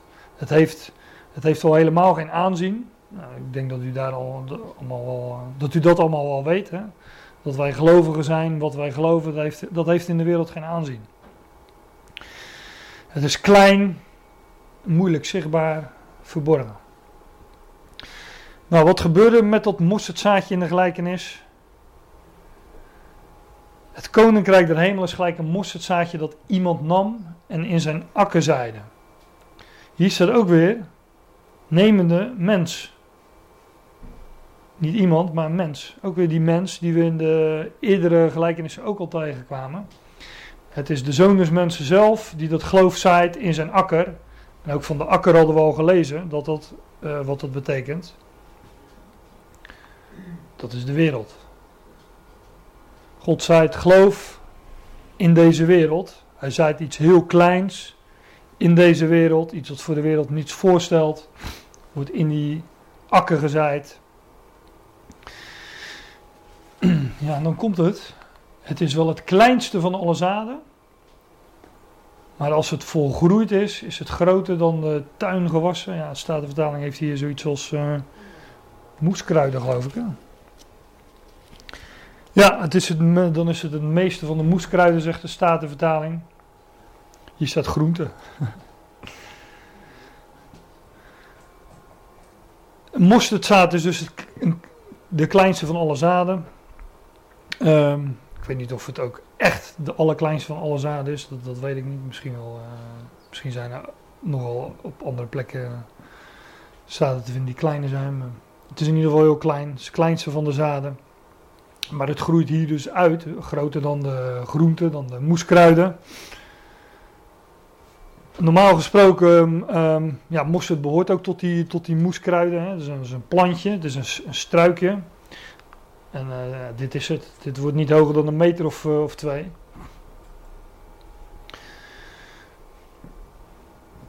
En uh, nou ja, dus een struikje, een, een plantje. Ik heb uh, hele mooie foto's op internet gezien van velden met, met, met mosterd.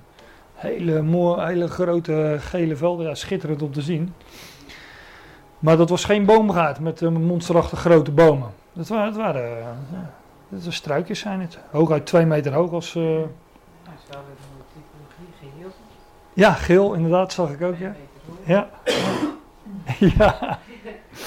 Ja. Ja. Ja, met een kroontje op het hoofd. Ja, van, van goud. Mooi hè? Ja. Nou, wat gaat er gebeuren met deze kleine mosterdplant, met deze kleine mosterdstruik. Dat wordt een boom. En dat, dat kijk, de, wat, wat de schrift hier doet is geen biologieles geven. Maar um, ze, het koninkrijk der hemelen, het koninkrijk van de hemel ergens mee vergelijken. Met hoe, hoe dat zich blijkbaar van een onaanzienlijk klein zaadje zou ontwikkelen tot een grote boom. En we moeten ons wel bewust blijven dat hier een, eh, een, gelijkenis wordt verteld en dat het geen biologische verhandeling is hoe, uh, hoe een mosterdzaad zich hoort te ontwikkelen.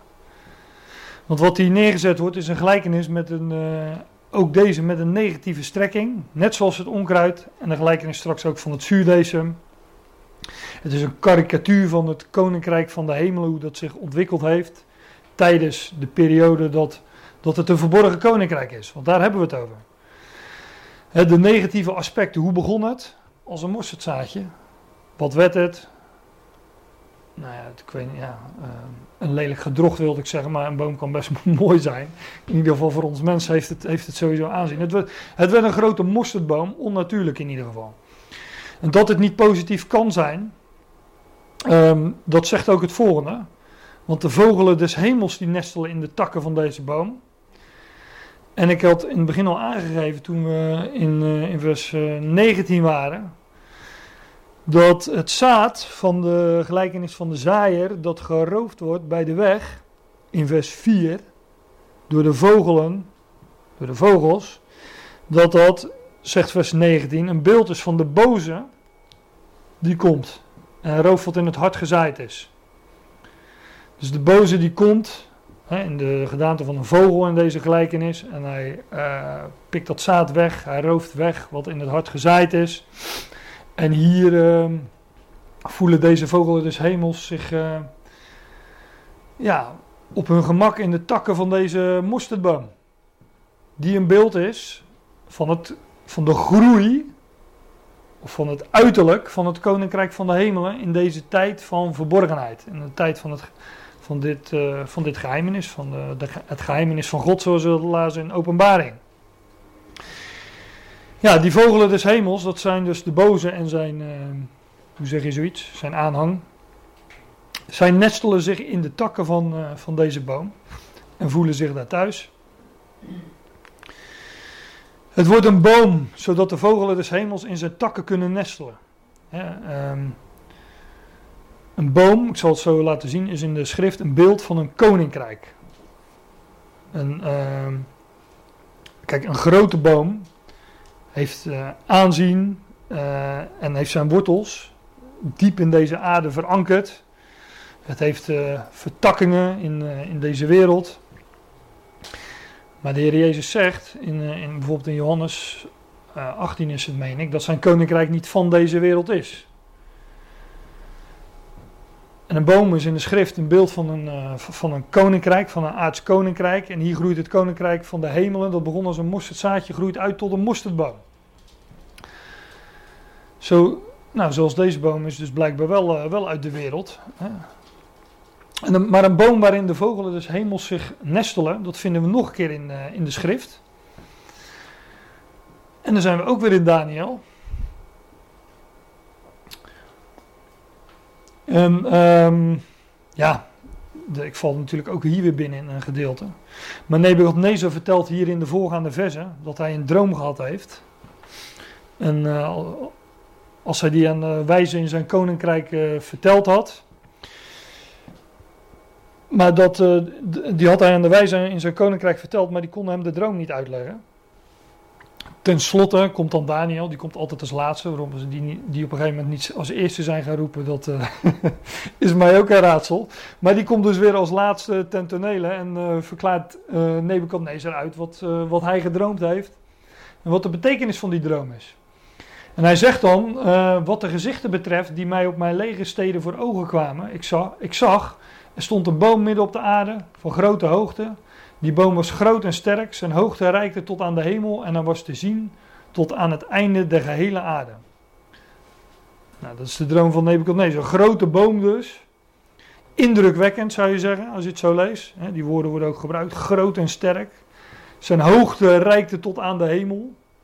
We lezen dat ook weer meer van. De toren van Babel inderdaad. Ook Babel. Hè? Ook Babel. Hier gaat het ook over Babel. Over uh, koning Nebukadnezar. Nee, geen kerktoren.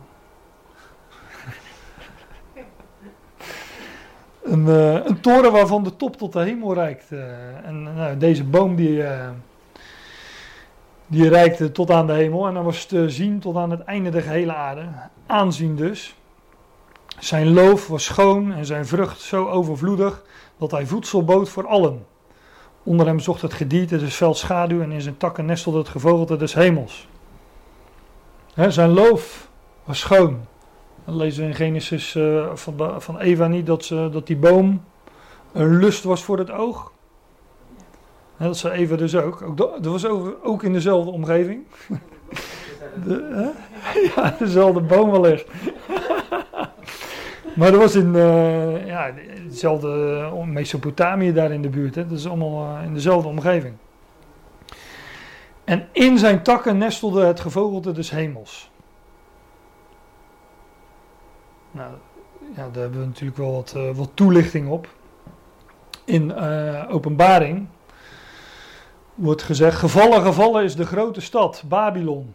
Zij is geworden een woonplaats van demonen, duivelen een schuilplaats van alle onreine geesten en een schuilplaats van alle onrein en verfoeid gevogelte. Hier in, uh, in openbaring, oh, ik heb het vers, uh, versnummer niet afgedrukt, maar volgens mij is het vers, uh, het zal vers 4 zijn of zo. We zoeken het gewoon even op. We hebben de tijd. nou, dit is vers 1, nee 2.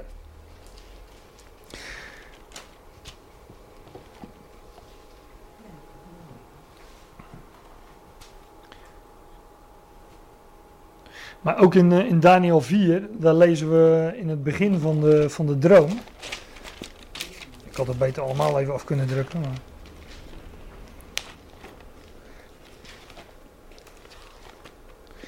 In Daniel 4.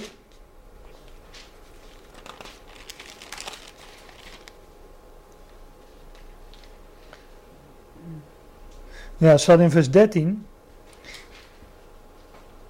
Ik zag verder in de gezichten mijns hoofds op mijn leger en ziet een wachter, namelijk een heilige, kwam af van de hemel. Roepende met kracht en aldus zeggen, houd die boom af en kap zijn tak af, stroop zijn loof af en verstrooit zijn vruchten en de, enzovoorts en de vogelen van zijn takken. Ehm, er wordt in de openbaring 18, wordt er ook gesproken in vers 1. Uh, na deze zag ik een uh, andere engel afkomen uit de hemel. Dus ook hier een, uh, een engel, en wat in Daniel 4 een, een heilige wordt genoemd. Ook hier een, een engel die afkomt van de hemel. Enzovoorts. En die dan zegt, zij is gevallen, zij is gevallen, het grote Babylon. Zijn woonsteden van demonen, een bewaarplaats van alle onreine geesten. En voor allerlei onrein en verfoeid, of in de vertaling staat hatelijk gevogelte. Dus dat die vogelen des hemels zijn een beeld van onrein en verfoeid uh, gevogelte. On, ja, onreine geesten dus. Uh, zoals, dat er ook, uh, zoals dat er ook staat. Onreine geesten.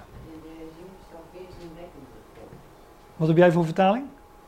Herzien. Oké. Ja, ja oké. Nou ja als je alles bij elkaar op een hoop gooit, dan weet je waar het over gaat in ieder geval. het klinkt niet goed. Het, het, het, klinkt niet positief. Nee, maar dat uh, Daniel legt, legt aan, uh, aan Nebuchadnezzar, uh, legt hij vervolgens ook uit. Daniel legt, in Daniel 4 legt hij uit wat die boom is. Dat die model staat voor het, het koninkrijk van Babel. Hè. En ik las al net dat die boom omgehakt moest worden. Dat wordt, tot, dat wordt gezegd. En dat, dat, dat moest een, eh, band van, ook van twee metalen omheen. Koper en ijzer was het geloof ik. Ik weet het niet, niet uit het hoofd. Maar die boom moest omgehakt worden. En dat, die boom is een beeld, staat er, van het koninkrijk van Nebuchadnezzar. Dat koninkrijk zou van hem afgenomen worden. Die boom werd omgehakt. Overigens tijdelijk. Hij zou gras eten als, als, als de dieren. Maar mijn punt wat ik hier wil maken is dat die boom ook in Daniel een beeld is van, van, van, een, uh, van een aards koninkrijk. En ook daar hebben die, die vogelen des hemels een, eh, een rol in. En openbaring uh, ja, vult dat nog wat verder aan. Met onreine geesten en onrein en verfoeid. Of hoe het er ook staat in wat voor vertaling dan ook. Onrein en verfoeid gevogelte. Die vogelen des hemels staan dus voor de machten van de lucht, zoals de schrift uh, dat ook noemt. En de boom staat voor macht en invloed in deze wereld. Hè? En uh, ja, zo ook in Matthäus 13 zou ik zeggen. Het is al, dat mosterdzaad is het, had God gezaaid in zijn akker. Het is het kleinste van alle zaden, maar als het volgroeid is, is het groter dan de tuingewassen, de moeskrui. En het wordt een boom, zodat de vogelen des hemels in zijn takken kunnen nestelen. Nou, ik ken nogal het voorbeeld, wat er net in de pauze al even over, over de vogelen des hemels. Ik ken nogal wat voorbeelden daarvan toevallig thuis in de kinderbijbel met de kinderen over Jozef aan het lezen. Um, die, uh, die openbaarde ook uh, verborgenheden. Namelijk in, uh, in de gevangenis maakte hij dromen bekend. Nou, de schenker had een positieve droom. maar de bakker droomde dat hij rondliep met drie korven op zijn hoofd. En de vogels kwamen en die aten uit die bovenste korf, aten zij daaruit. En de uitleg die Jozef daaraan geeft, is dat hij, uh, dat hij na drie dagen opgehangen zou worden en zijn vlees zou gegeten worden door de vogelen des hemels. Of in ieder geval door de vogels. Of het des, des hemels bij staat, weet ik niet uit het hoofd. Maar ook daar dus weer een negatieve strekking. Het begon goed met het koninkrijk der hemelen. Gezaaid in de akker, het mosterdzaadje. Het begon met geloof, maar wat het koninkrijk van de hemel zou moeten representeren. Hè? De kerk met een grote boom, met wortels diep in deze wereld, diep in deze aarde. Met geld, met invloed, met macht, met vertakkingen in politiek. Nou ja, dat, is nog steeds zo. Kijk naar. Uh, maakt me niet uit wel, over welke kerk het gaat overigens, maar Neem bijvoorbeeld de Rooms-Katholieke Kerk. De, regelmatig terug te zien op ons journaal. Dus blijkbaar eh, heeft dat invloed. Als er daar wat, wat gezegd wordt of eh, gedaan wordt, dan, dan heeft dat ehm, zijn, eh, zijn invloed op, op, op deze wereld en in deze maatschappij. Ja, en dat is ehm, onnatuurlijk, zo hoort het niet. We zouden geloven is een mosterdzaadje. Maar nu heeft het, is het een boom geworden met invloed en macht. En de vogelen des hemels, de machten van de boze, die voelen zich daar prima thuis. Dit soort zaadjes, daar gaat het om, die uh, zijn uitgegroeid tot een, tot een grote boom. De, deze gelijkenis die gaat erover dat het koninkrijk van de hemelen in deze tijd van verborgenheid, de verborgen, het geheimenis van het koninkrijk, uh, dat het uitgegroeid is tot een, tot een grote boom, groot van vorm, weinig inhoud, maar daar gaat de volgende gelijkenis meer, uh, meer over. En de enige andere uitleg die ik ken van deze gelijkenis, ik weet niet of u wel eens eerder uh, een uitleg erover gehoord hebt, maar de enige uh, andere uitleg die ik ken, die illustreert precies dat het waar is wat ik hier zeg. Want uh, meestal zegt men, wat ik net ook al aangaf, dat de kerk klein begonnen is als een mosterdzaadje. En dat het uitgroeit tot iets groots en tot iets moois en uh, iets groots in deze wereld. Hè, met, met inderdaad met aanzien en met invloed in de wereld. Maar als een kerk kennen met, met invloed en, macht in deze wereld. Maar met middel van God en zijn zoon Christus Jezus wil men niets mee te maken hebben. Ja, dan zegt dat toch wat over die kerk zou je zeggen. Over die boom. Die boom is onnatuurlijk. is niet zoals het zou moeten. Hoewel het er wel uh, mooi uitziet, zo'n boom. Het heeft wel aanzien. Kijk, in het begin van het christendom. Ja, dat, dat kun je gewoon terugvinden, ook, ook uh, ik noem maar wat Wikipedia. In het begin van het christendom waren christenen een minderheid. Ze werden vervolgd, hè, dat lezen we ook in de schrift. Ik heb uh, een tijdje terug nog wel eens een artikel geschreven hoe de apostelen de toekomst van het christendom zagen. En die zagen al dat het erg snel heel erg mis zou gaan. Maar christenen was ook een soort scheldnaam. Hè. Christenen werden vervolgd, ze werden uh, te dood gebracht. Maar op een gegeven moment uh, was er een, uh, een, in, de, in, de, vierde eeuw uh, was dat ongeveer, was er een, Romeinse keizer die zich bekeerde tot het christendom. Keizer Constantijn was dat. Hm? Heel veel ellende aan te danken. Ja, daar hebben we heel veel ellende aan te danken, ja. En, uh, maar wat deed wel eens met? Nou, dat ging meer onder het motto: if you can't, uh, if you can't beat them, join them. Als je ze niet kan verslaan, ja. infiltreer dan. dan daar komt het eigenlijk op neer. Maar die, dat christendom, dat werd een systeem. En um, ja, daarnaast ook nog eens alle heidense gebruiken en uh, rieten werden gewoon via de achterdeur naar binnen gebracht. Daarom heeft men in het Rooms-Katholicisme heiligen. Hè? Want je moet toch meerdere goden hebben, dus um, noemen die maar heiligen. Um, ja, nou, zo, ja, daar is natuurlijk heel veel over te zeggen, maar lijkt me niet zo heel erg belangrijk als we Bijbelstudie doen. Constantijn de Grote wordt overigens, uh, die Constantijn wordt de Grote genoemd vanwege zijn bijdrage aan het christendom. Nou, daar, daar, staat hij, de Grote, hè, de grote boom. Maar ondergrondse, ondergrondse samenkomsten, die waren niet meer nodig. Hè, er werden grote kerken en kathedralen gebouwd en het christendom kreeg aanzien. Dat zaadje werd een, uh, een grote boom. Gelukkig zijn er nog wat schaapjes. ja. Goed. Nou, de, we hebben nog één gelijkenis in deze, nou niet in deze serie, maar in deze groep, zo moet ik het zeggen. Dat is die van het uh. Ik zei net al um, over het christendom dat het um, groot van vorm zou zijn met weinig inhoud. Is dat de telefoon, Jannie? Ja. De, dat is dus de laatste gelijkenis in, um, ja, in, in deze groep. En die van, de, die van de gelijkenis van het mosterdzaad, daar ligt de nadruk op de buitenkant. En in deze gelijkenis ligt, ligt de nadruk op de, op, op de binnenkant van, uh, van het christendom. Dus een uitwendige kijk in, de eerste, in, die, in die gelijkenis van het mosterdzaad. En een inwendige blik in die van het, uh, van het zuurdesem. En die vangt aan met nog een gelijkenis sprak hij tot hen. En ik zeg het maar weer, ik word er niet moe van om het te zeggen. Maar in de Statenvertaling is dat ook weer een andere gelijkenis. Sprak hij tot hen. Nou, we komen dus bij die derde gelijkenis in die groep van drie. Ik heb dat plaatje nog een keer afgebeeld. Deze horen bij elkaar zoals die bij elkaar hoorden. Eh, sorry, deze horen bij elkaar zoals die bij elkaar horen. En dus zijn we nu bij Sudesem, de laatste in, in deze groep.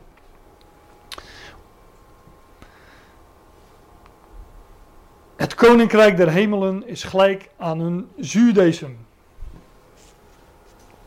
Nou, U zou nu eigenlijk van uw stoel moeten vallen want, of, of heel hard moeten schrikken. Want als er iets in de Bijbel niet goed is, dan is het wel uh, zuurdesem. En zuurdesem is in de Bijbel altijd negatief. Tenminste, er zijn uitzonderingen waarover te praten valt. Hè. Bijvoorbeeld in de, in de Office wordt heel een enkele keer zuurdesem toegevoegd. Maar dan uh, um, heeft het dus weer een, een, een, bepaalde strekking inderdaad. Oude en nieuwe mensen. Ja, ja. Maar um, nou hier, uh, hier wordt gesproken dat het koninkrijk van de hemelen gelijk aan een zuurdesem is. Zuurdesem staat voor bederf.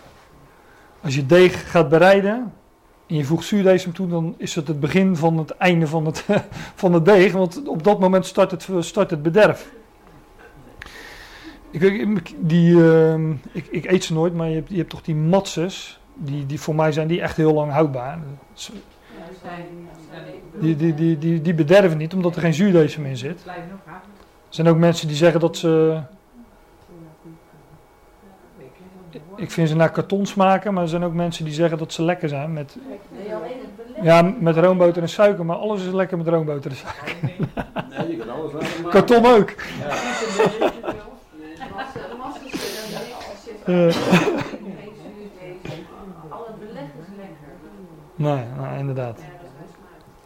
Maar in die matses daar zit dus geen, geen zuurdesem in, dus dat bederft niet of, of nauwelijks. Hè. Uiteindelijk gaat hier alles uh, verderf, maar um, zuurdesem.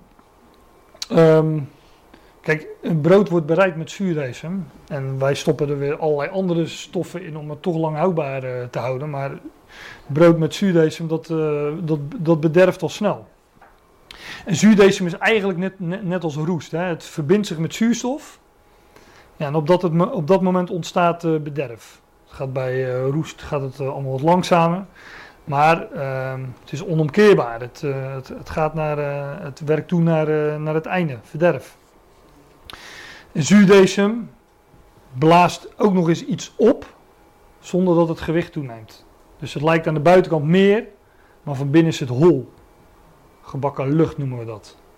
Of lucht. Hoeft niet per se gebakken te zijn, maar het is in ieder geval lucht.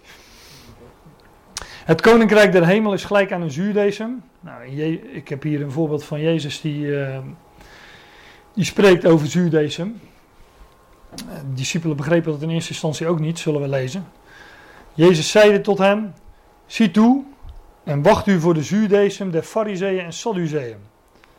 Zij bespraken dit onder elkaar en zeiden, dat is omdat wij geen brood meegenomen hebben, geen broden meegenomen hebben. Nou, dan sla ik uh, wat versen over. Hoe begrijpt gij niet dat ik u niet van de broden sprak? He, ik sprak dus helemaal niet van brood, maar wacht u voor de zuurdesem, de fariseeën en sadduceeën. De heer spreekt dus over zuurdesem van fariseeën en sadduceeën en hij gaat zelf uh, daar de, de uitleg uh, aan geven en uh, nou, die is niet positief. Toen zagen zij in dat hij hun niet gezegd had zich te wachten voor, uit te kijken voor, voor het zuurdesem van de broden, maar voor de leer van de fariseeën en de sadduceeën. De zuurdesem der fariseeën is de leer van de fariseeën en de sadduceeën. En nogmaals, dat is geen compliment. Dat is niet positief.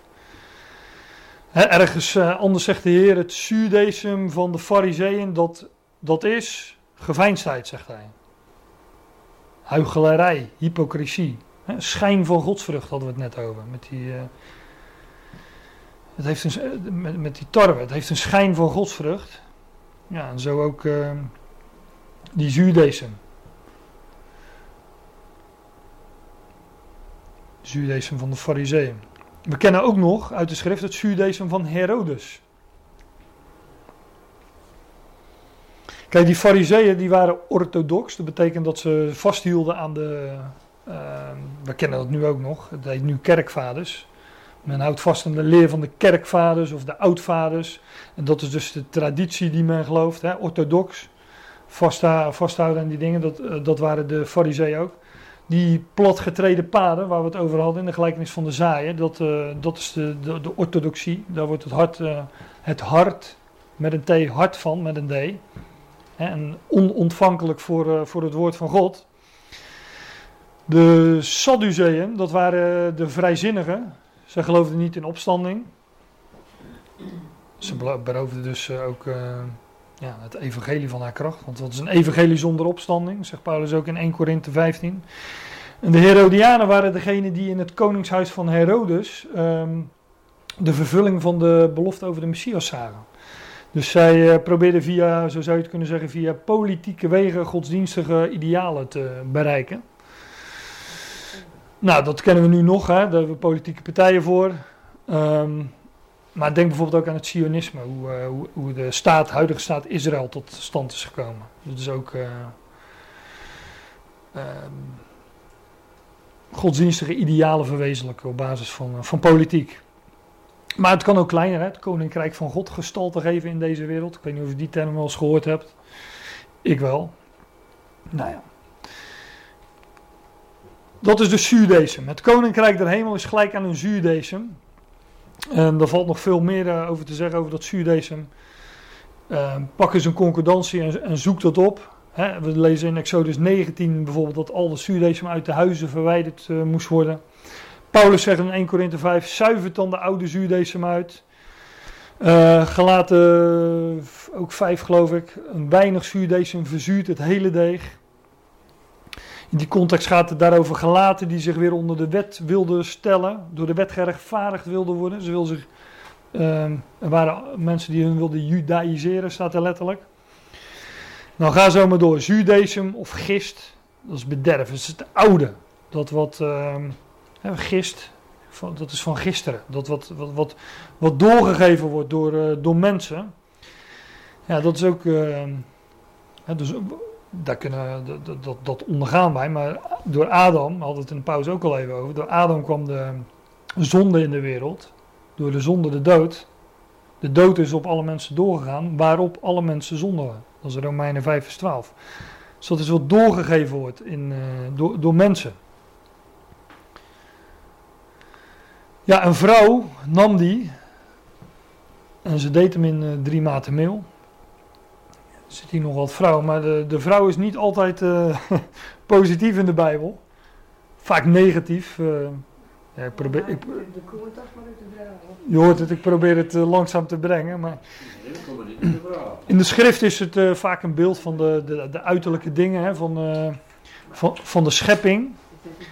En vaak ook van, van Israël. Maar de vrouw, we kennen ook een vrouw in openbaring, dus een hoer die Babel voorstelt. Ook hier weer Babel. En ook Israël wordt vaak voorgesteld als, uh, als hoer. Komen we, nog, komen we trouwens ook nog op. Um, welke een vrouw nam. Nou, nam. Uh, en in drie maten meel deed. Nee, zij nam het en ze verborg het in de meel. Meel met dubbel E. Dus uh, ze, ze, verborg zuurdesem in mail. Dus het, het gebeurt ook stiekem. Het gebeurt niet openlijk, het, het gebeurt vooral stiekem. Nou, hier staat de vrouw natuurlijk voor uh, degene die uh, die het woord van God vervalsen, die daar een, een, een, een, component in toevoegen die het hele deeg doorzuurt. En zij die het verzuren met valse leer, met het zuurdesem van, uh, nou ja, puntje, puntje, puntje. En vul, maar, vul het maar in op de puntjes. We hebben net een paar voorbeelden gezien. Fariseeën, Sadduceeën en uh, Herodianen. Ongezonde woorden dus. Het woord wordt ook beter verteerbaar gemaakt voor de massa. Want dat is ook, wij vinden brood lekker, waar, uh, met, met wat, wat gegist is. wij vinden dat lekker, en dat- omdat wij mensen zijn en dat maalt eh, lekker makkelijk weg. Maar zo gebeurt het met het woord ook. Dat wordt beter verteerbaar gemaakt. eh, laagdrempelig noemt men dat. Laagdrempelige bijeenkomsten.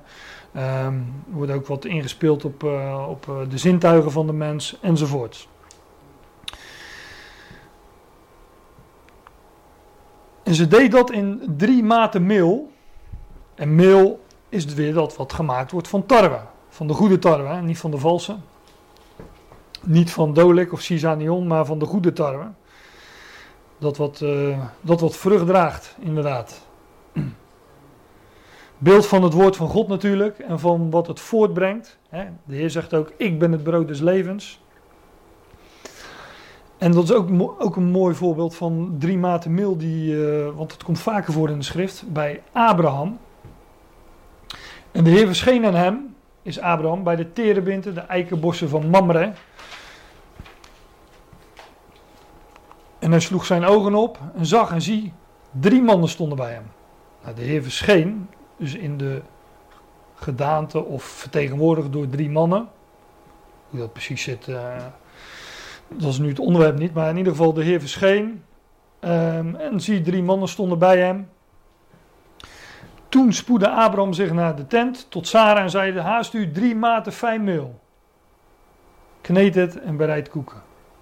Nou, drie maten fijn meel.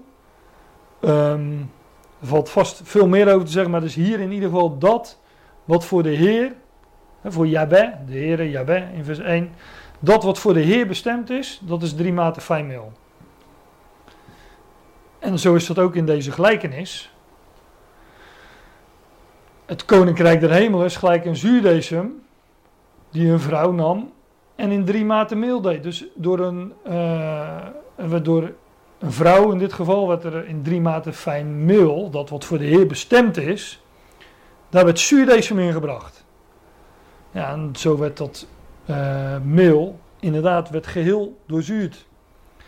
Dat hele wat, wat nu ehm, in deze tijd van, van de verborgenheid van het geheimenis, wat nu het koninkrijk der hemelen is en wat, wat, eh, hoe dat zich zichtbaar manifesteert op aarde, dat is geheel doorzuurd met zuurdesem.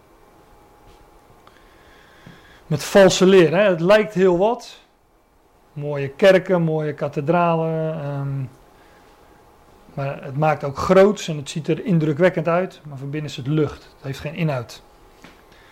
Het heeft een schijn van godsvrucht. Zo ziet het er ook uit. Hè? Men gebruikt de woorden, men gebruikt de Bijbel zelfs. Men gebruikt woorden als genade. ehm, nou, neem een woord als genade, maar het is van, van, van, van haar kracht beroofd. Wat het precies is, weet, eh, weet niemand meer. Dus men gebruikt die woorden wel. Het heeft allemaal schijn van godsvrucht. Trekt er nog mooie gewaden bij aan ook. Maar de kracht van die godsvrucht, die wordt, die wordt verlogend. En nou, er, wordt, er is valse, valse leer, eh, want dat koudt lekker makkelijk weg. Is in, eh, in dat koninkrijk der hemel gebracht. En ook deze gelijkenis is ook de enige andere uitleg die, eh, die ik ken, is dat het eh, eh, dat, ja, is precies zelf wordt, die, wordt precies hetzelfde uitgelegd als de gelijkenis van het mosterdzaad, namelijk dat het klein begint en een grote mooie kerk wordt, die ehm, ja, dat, met invloed en, en, en macht in de wereld. Grote kerken met grote torens en veel geld. Dit alles zeide Jezus in gelijkenissen tot de scharen. En zonder gelijkenis zei hij niets tot hen. Hè. Voor die scharen blijft dit verborgen. En daarom spreekt de Heer tot hen in gelijkenissen. Nu is dat nog, nog steeds. Hè, want voor de, de meeste mensen, eh, dat heb ik gelezen in de commentaren, voor de, voor de meerderheid geldt dat men echt geen flauw idee heeft van de betekenis van deze gelijkenis. Soms heeft men wel een idee van. Ik heb een commentaar waarin wordt gezegd van ja, sommige uitleggers zeggen dat. En dan geven, geven zij globaal de uitleg die, eh, die ik hier naar voren breng. En dan zeggen ze ja, maar dat kan niet waar zijn. dus inderdaad, dat, ehm, ehm, het blijven gelijkenissen voor ze, het blijft verborgen. En eh, dat, dat, geldt, eh, dat geldt overigens ook voor de drie gelijkenissen die hierna nog gaan, gaan komen. Ehm, opdat vervuld zou worden het woord gesproken door de profeet toen hij zeide... Ik zal mijn mond open doen met gelijkenissen. Ik zal verkondigen wat sinds de grondlegging, nederwerping, derde wereld verborgen is gebleven. Dus een citaat uit Psalm eh, 78. Nou ja, wat, eh, ik ga op deze verse verder niet in. Volgens mij hebben we het al eh, lang genoeg gemaakt als ik het zo zie. Ehm, wat hierna volgt in eh, Matthäus 13 is de uitleg van de gelijkenis van de, van de zaaien. Die hebben we al besproken. Dus in de volgende studie gaan we door met, eh, met de volgende serie gelijkenissen. Dat zijn die van de schat, parel, visnet en de schriftgeleerde. Dus we hebben nog wel, eh, nog wel nog een paar te gaan. Dan eh, zijn we toegekomen aan de laatste studie van deze dag en van dit gedeelte. van Matthäus 13. Nou, we hebben gezien hoe die. eh, we hebben nog vier gelijkenissen te gaan. En we hebben in de eerste vier gelijkenissen gezien. eh, hoe het koninkrijk van de hemelen. ehm, zich ehm, in deze verborgenheid, deze tijd van verborgenheid. eh, uitdrukt. Hier op aarde, hoe het zich manifesteert. De volgende drie gelijkenissen. die laten zien wat ehm, God in dat koninkrijk. Dus in dat koninkrijk dat eh, ehm, zich zichtbaar manifesteerde als een, eh, als een boom, terwijl het gezaaid was als een mosterdzaad. En dat, ehm, eh, dat eh, zich zichtbaar manifesteerde als een, een, een in een, in een groot de, in, in een deeg en drie maten meel. Dat hebben we gezien. ehm, ook het onkruid, hoe dat zich tussen de, de tarwe bevindt, dat daar gezaaid is. En eh, we gaan nu zien wat, eh, wat God zelf in dat koninkrijk eh, verborgen heeft. En dat gaan we zien in, in deze gelijkenissen, deze drie. Schat in de akker, parel en visnet. En dan tenslotte komen we nog bij die, bij die laatste gelijkenis. Nou, weer even dat overzichtje dus, om het geheugen op te frissen. Ehm, ik stel voor dat we, dat we het laatste gedeelte ook even, ook even lezen waar deze gelijkenissen in staan. Dat is een, eh, een, eh, het kortste gedeelte nog, wat we nog hebben te gaan. Dat is vanaf vers 44. Eh, daar lezen we wederom is het koninkrijk der hemel gelijk aan een schat in de akker verborgen, welke een mens gevonden hebbende verborg dien. En van blijdschap over dezelfde gaat hij heen en verkoopt al wat hij heeft en koopt diezelfde akker. Wederom is het koninkrijk der hemelen gelijk aan een koopman die schone parelen zoekt. De welke hebben een parel van grote waarde gevonden ging heen en verkocht al wat hij had en kocht dezelfde. Wederom is het koninkrijk der hemelen gelijk aan een net geworpen in de zee dat allerlei soorten van vissen samenbrengt. Het welk wanneer het vol geworden is, de vissers aan de oever optrekken en nederzittende lezen het goede uit in hun vaten, maar het kwade werpen zij weg. Alzo zal het in de volleinding der eeuwen wezen. De engelen zullen uitgaan en de boze uit het midden der rechtvaardigen afscheiden. En dezelfde zullen, en zullen dezelfde in de vurige overwerpen, daar zal zijn wening en knessing der tanden. En Jezus zei tot hen, hebt gij dit alles verstaan? Ze zeiden tot hem, ja heren. En hij zeide tot hem, daarom, in ieder schriftgeleerde in het koninkrijk der hemel onderwezen, is gelijk aan een heer des huizes, die uit zijn schat nieuwe en oude dingen voortbrengt. En het is geschied als Jezus deze gelijkenissen geëindigd had, vertrok hij vandaan. Tot zover. Ehm, nou, we gaan dus naar de, de, de gelijkenis van de schat en de akker als eerste. Daarna volgt hij van de parel en, en het visnet. Ook hier weer die groep van, eh, een groep van drie gelijkenissen. De schriftgeleerde hebben we zojuist ook gelezen. Dat is een aparte, die begint, eh, die begint in eh, ook wat anders. Dat hadden we ook al gezien. En eh, die wordt vaak niet als gelijkenis erkend. Maar nogmaals, daar kom ik op. De gelijkenis van de schat in de akker. Het beste wordt eh, in, eh, in Matthäus 13 voor het laatst bewaard. De drie gelijkenissen met wat, wat goed gaat. Gods werk, wat God doet. En er wordt dan gezegd: het koninkrijk der hemelen is gelijk aan. Ehm, en dit is dus eh, een van de plaatsen waarop eh, de MBG niet zo consequent is. In de Statenvertaling staat wederom is het koninkrijk der hemelen gelijk aan. En dat is ook wat we, eh, wat we hier zagen. In alle drie deze gelijkenissen is dat, het, is dat hetzelfde. In ieder geval in de, in de Statenvertaling. In de MBG dus niet, maar dat, daarom heb ik ook even de Statenvertaling erbij gepakt. De, ja, laat ik eens beginnen deze keer met de gangbare uitleg van deze gelijkenis. Die is dat wij die man zijn. die die schat ontdekken op de een of andere manier. Die schat zou dan Christus zijn, of het evangelie. En ehm, nou, wij moeten dan alles opofferen om, eh, om die schat te verkrijgen. Dat is een redelijk gangbare verklaring. Maar ja, wij, leven uit genade. Moeten wij alles opofferen om, eh, om die schat te verkrijgen? Kun je wel je, je vraagtekens uh, bij zetten. Dat doe ik bij deze dan ook. Hè? Kijk, men leest de schrift vaak alsof het een, een, een wetboek is, maar ook alsof het gaat over ons. Hè? En dan denken ze, het koninkrijk der hemel is gelijk aan een eh, schat verborgen in akker die een mens. Ja, die mens, dat moeten wij wel zijn. maar de schrift spreekt niet primair over ons. De schrift spreekt primair over Christus, over God en hoe hij zijn plan volvoert in zijn zoon Christus Jezus. Die mensen hebben we overigens al eerder gezien in de, in de gelijkenissen. Dus als we hier dan aangekomen zijn, weten we ook wel uh, wie die mens is. Maar daar kom ik, zo, uh, kom ik zo natuurlijk op, want daar ben ik nog niet. In deze gelijkenis, eigenlijk is, eigenlijk is het heel simpel. In deze gelijkenis komen drie aspecten voor waar we van moeten weten wat het uitbeeldt. Dat is een schat, een akker en een mens. En als we weten wat die schat, die akker en die mens is, dan weten we wat, uh, dan, dan, weten we wat, die, uh, wat, die, wat die gelijkenis uh, uitbeeldt.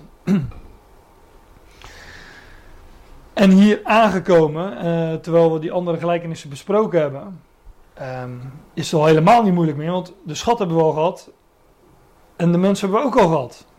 dus we uh, ik bedoel, de akker hebben we gehad en de mensen hebben we al gehad. Zei ik dat? Of, uh, in ieder geval, de schat, die hebben we nog niet gehad. Dus uh, kijk, die, die andere twee betekenissen van de akker en de mens, die, die hebben we al leren kennen uit, uit de andere gelijkenissen. Dus we hoeven alleen nog eventjes te onderzoeken wat die schat is. En de betekenis ligt voor het oprapen. Het koninkrijk der hemelen is gelijk aan een schat verborgen in een akker die een mens ontdekte. Het koninkrijk der hemelen wordt dus vergeleken met een schat. En de akker is de wereld, zagen we in vers 38. De mens, nou, hebben we al meerdere keren gezien, is degene die het zaad zaait. Um, het, het, goede zaad zaait, inderdaad. De tarwe, um, ja, die, uh, die zijn we al eerder tegengekomen wordt ook uh, gezegd in, welk vers was dat ook weer, dat hij uh, de zoon des mensen is. Ja, vers 37, die het goede zaad zei, dat was de zoon des mensen, dat was die mens. Maar hier is het koninkrijk dat hemel gelijk aan een schat, verborgen in, in een akker in de wereld, die een mens ontdekte.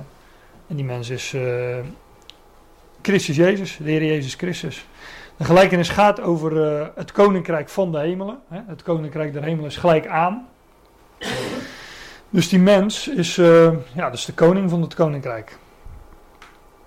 Hij wordt er, uh, we zien dat hij die, uh, die akker straks gaat kopen. Dus hij wordt eigenaar van, van die akker. Hij wordt dus de eigenaar van de wereld. En dus heer. Hij wordt heer. Um, ja, die schat is Israël. En dat vinden we diverse keren in, in het Oude Testament. Dat Israël een een schat wordt genoemd of een speciaal eigendom. Ik heb voor mij dit vers al eerder aangehaald uit Exodus 19. Waar staat, dan zult gij, overigens staat, is de MBG is het vers 5 en staat de vertaling volgens mij vers 6 of 7. Dat loopt soms niet helemaal synchroon. Um, dan zult gij uit alle volken mij ten eigendom zijn, want de ganse aarde behoort mij toe. Dat woord eigendom is in het Hebreeuws het woord segula. En dat betekent, ja, je ziet dus staan in de concurrent version, staat er special. Dat gaat over een, over een uh, speciaal bezit, een speciaal eigendom. En met betrekking tot Israël wordt het uh, nog in een aantal andere teksten gezegd. Ik ga die teksten, um, voor degenen die meeschrijven, geef ik er een aantal. Maar ik ga ze niet allemaal projecteren, omdat dat echt te ver voert. Ehm, Deuteronomium 7, vers 6 is zo'n schriftgedeelte, allemaal in het Oude Testament. Uh, Deuteronomium 7, vers 6, 14, vers 2, 26, vers 18, Psalm 135, vers 4 en Malachi 3, vers 17. Daar wordt gesproken over Israël als een uh, ja, als spe speciaal, uh, speciaal eigendom, een schat.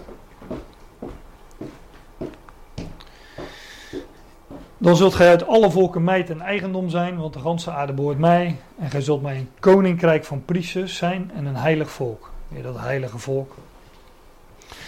Nou, dat Hebreeuwse woord, dat zei ik al, dat is uh, segula. En uh, ik heb een uh, serie uh, studiebijbels. Misschien kent u die wel. Daar ja, er wordt ook veel uitleg bijgegeven bij de Hebreeuwse tekst. Van wat betekenen woorden nu precies. En zij um, geven aan dat segula, of hoe je het ook zegt. Segula wordt in het Oude Testament gebruikt om die bijzondere bezitting van de koning mee aan te geven. Zoals goud, zilver of kroonjuwelen. Dus waar het hier over gaat, dat woord segula, um, dat is het bezit, de schat van een koning. En net als in die gelijkenis, de, uh, de mens die, uh, ja, die, die die schat vindt, beeld van, van de Heer die die schat vindt in, in de wereld, vindt Israël in de wereld, als beeld van het, van het koninkrijk van de hemel. David gaat het hier over. Die uh, staat in 1 Kronieken 29, vers 3. Maar nu schenk ik nog bovendien uit liefde voor het huis van mijn God, van wat ik zelf aan goud en zilver bezit. Aan het, aan het huis van mijn God. Ook hier dat woord segula. Wat ik aan goud en zilver bezit. Zijn, zijn schat, die David had als koning. Hij bouwde zelf die tempel niet, dat weet u. Maar hij gaf daar wel goud en zilver uh, voor. Stelde hij ter beschikking voor de bouw van de tempel. Dus de, de, de, de schat, dat, dat, dat woordje segula, um, duidt op goud, het goud en zilver van, van een koning. Het speciaal eigendom, de speciale schat van een koning. En het is uh, dit woord wat ook gebruikt wordt voor Israël als er gezegd wordt in Exodus 19 vers 6 dat het... Uh, ik zal die tekst even terughalen. Dan zult gij uit alle volken mij ten eigendom speciaal bezit, speciale schat zijn, want de ganse aarde behoort mij toe. Hier ook, de ganse aarde, de akker. De akker behoort hem toe. En in die akker vinden we uit alle volken zijn segula, zijn speciaal eigendom, zijn schat.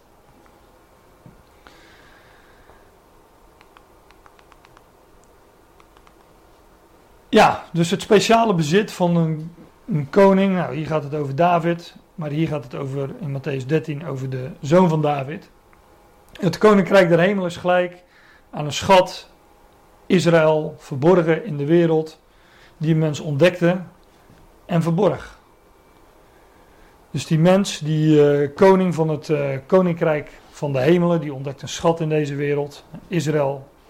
Hij verbergt die schat en hij verkoopt wat hij heeft en uh, hij koopt die, die akker. En hij verlaat ook die akker en verkoopt alles wat hij, wat hij heeft. Die koning die raakt blijkbaar ook iets kwijt, hè, want hij ver, ver, verkoopt al wat hij heeft. En... Um, zelf dacht ik eerst dat het over, over, over de kruisiging ging, maar ik, ik, denk dat dat niet het geval is.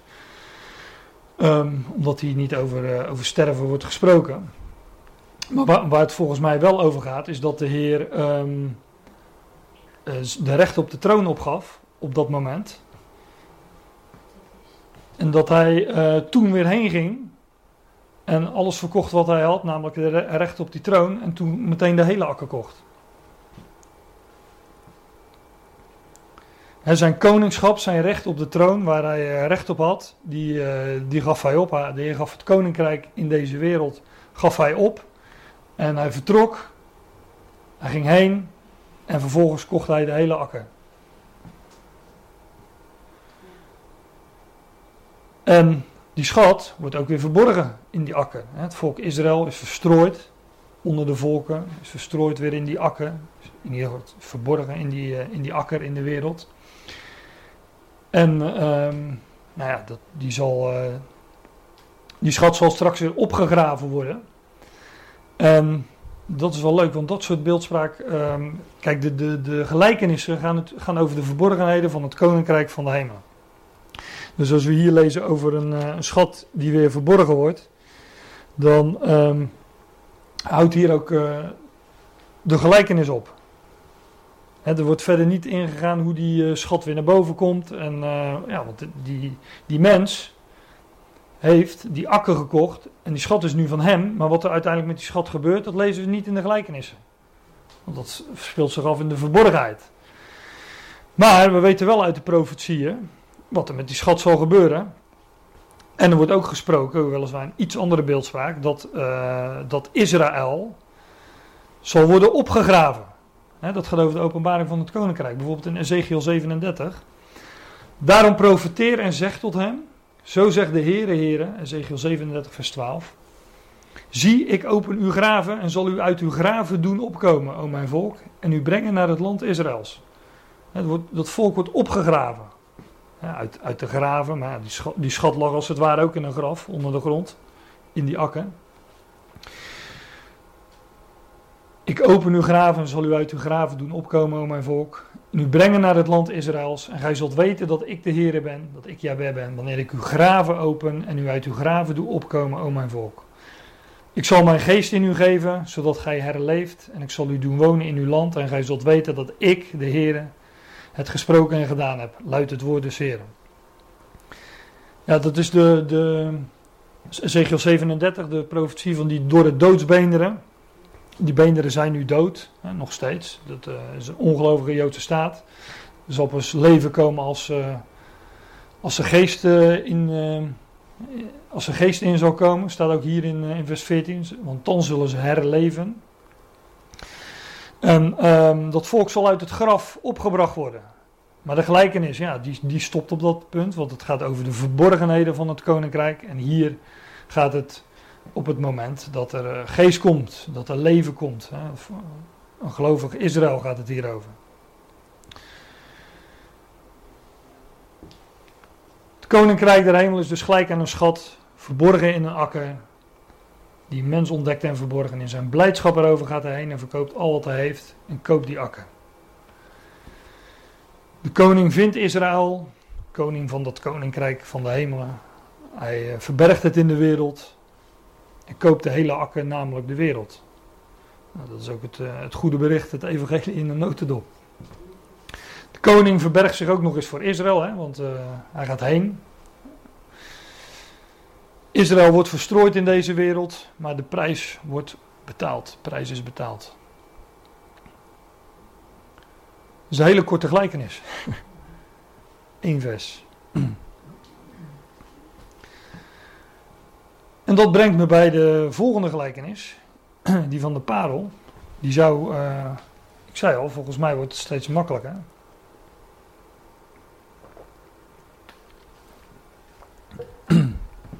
Evenzo, zegt de, de MBG-vertaling daar geloof ik. Evenzo is het koninkrijk der hemelen. Gelijk aan een koopman. Ook hier weer in de Statenvertaling wederom is het koninkrijk der hemelen gelijk aan. Een koopman, ja, ook die koopman ehm, is weer een mens. Het koninkrijk van de hemelen lijkt op, eh, is lijkend op mens, namelijk koopman.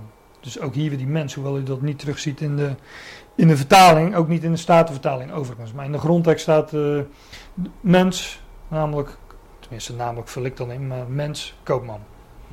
Dus die koopman is ook weer eh, die mens. En diezelfde mens als in de vorige gelijkenis. eh, dezelfde mens als eh, die het goede zaad zaait. Dezelfde mens als. ehm, nou ja, noem het maar op. Elke keer dat de mens, eh, over de mens gesproken wordt. Die mens is Christus. Zoals dat in, in al die gelijkenissen het geval is.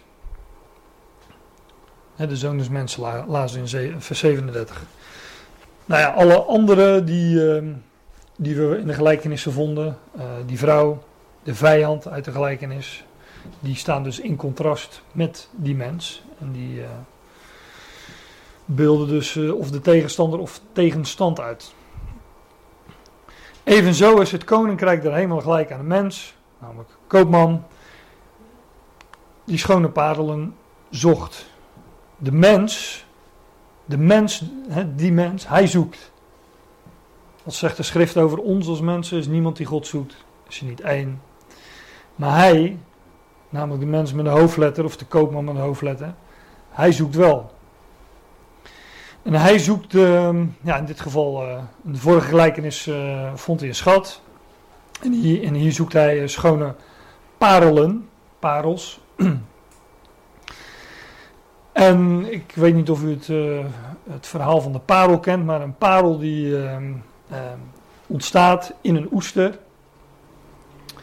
Um, en die vormt een parel doordat hij om een indringend uh, iets wat zijn schelp binnendringt, of is het haarschelp, dat weet ik niet eens, maar die de schelp binnendringt, bijvoorbeeld een zandkorreltje, daar maakt hij een laagje parelmoer, noemen ze dat, maakt hij daaromheen om zich uh, daartegen te beschermen.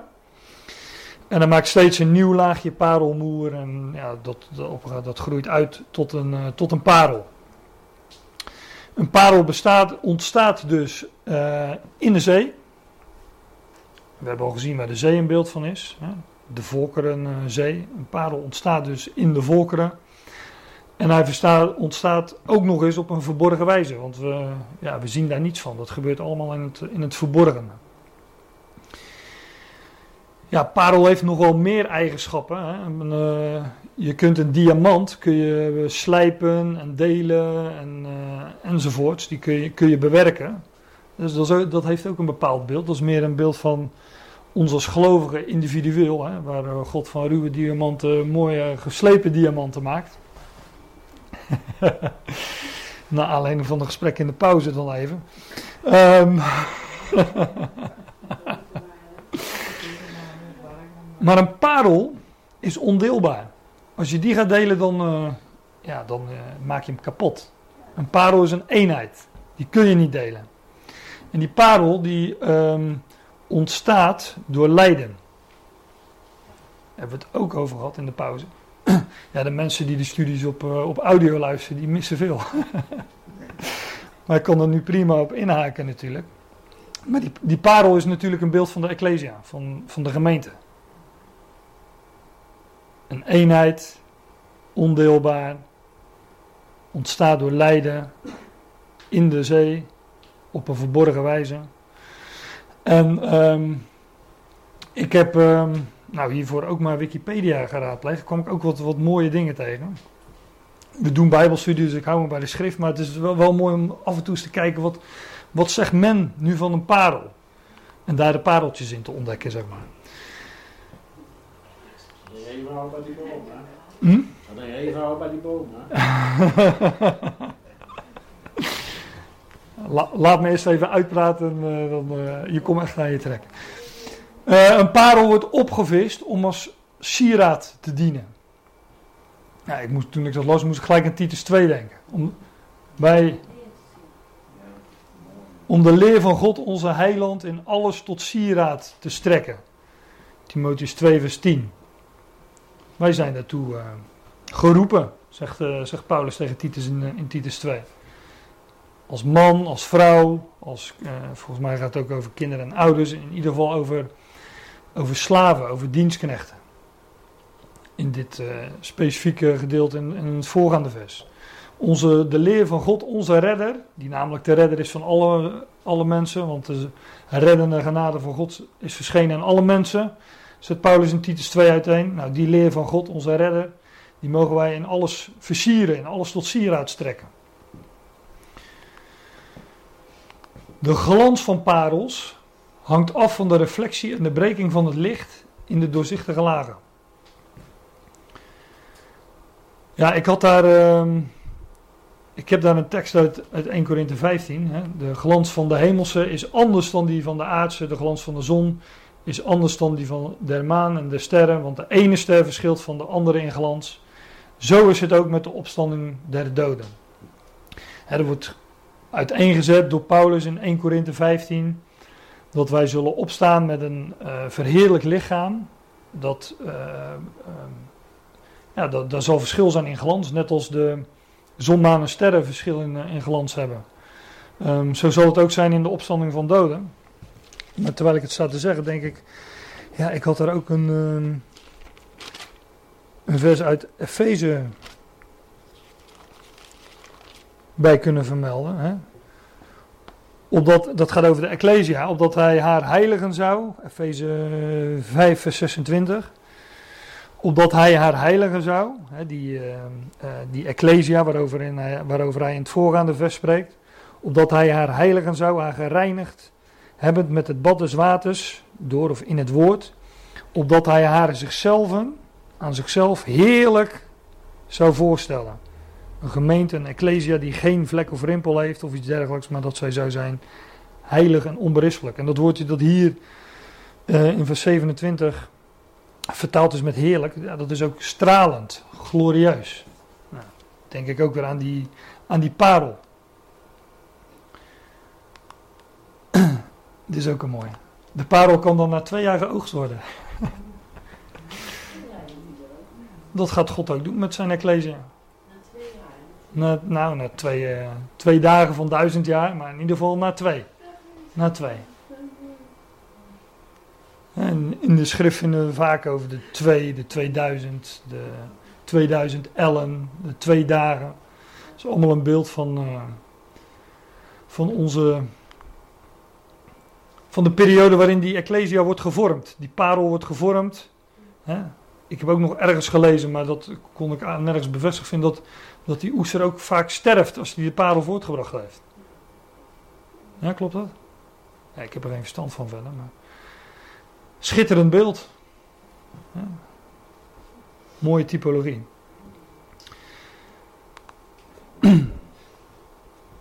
Evenzo is het koninkrijk der hemelen gelijk aan een koopman die schone parelen zocht.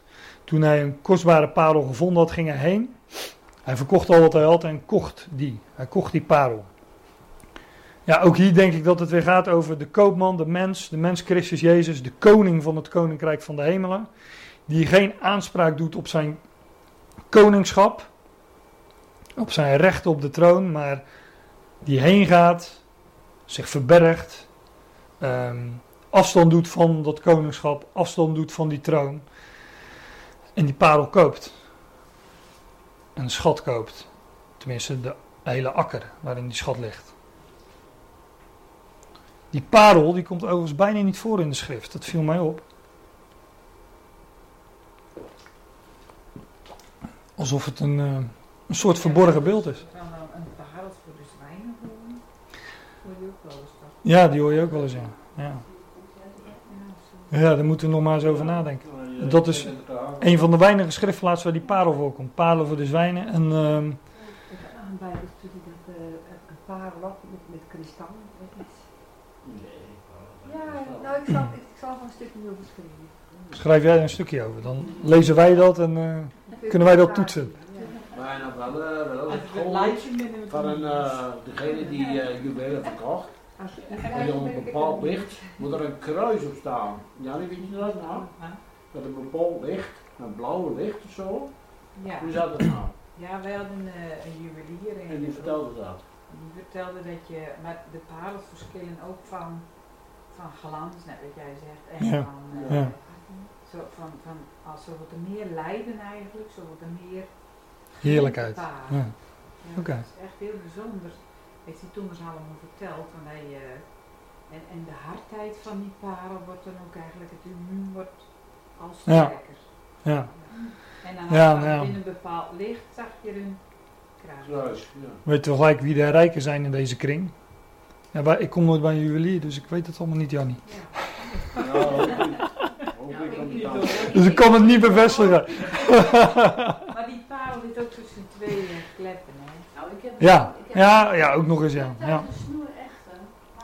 Twee kleppen inderdaad in die oester. Ik Ja. heb een snoer echte Daartussen, ja. Dat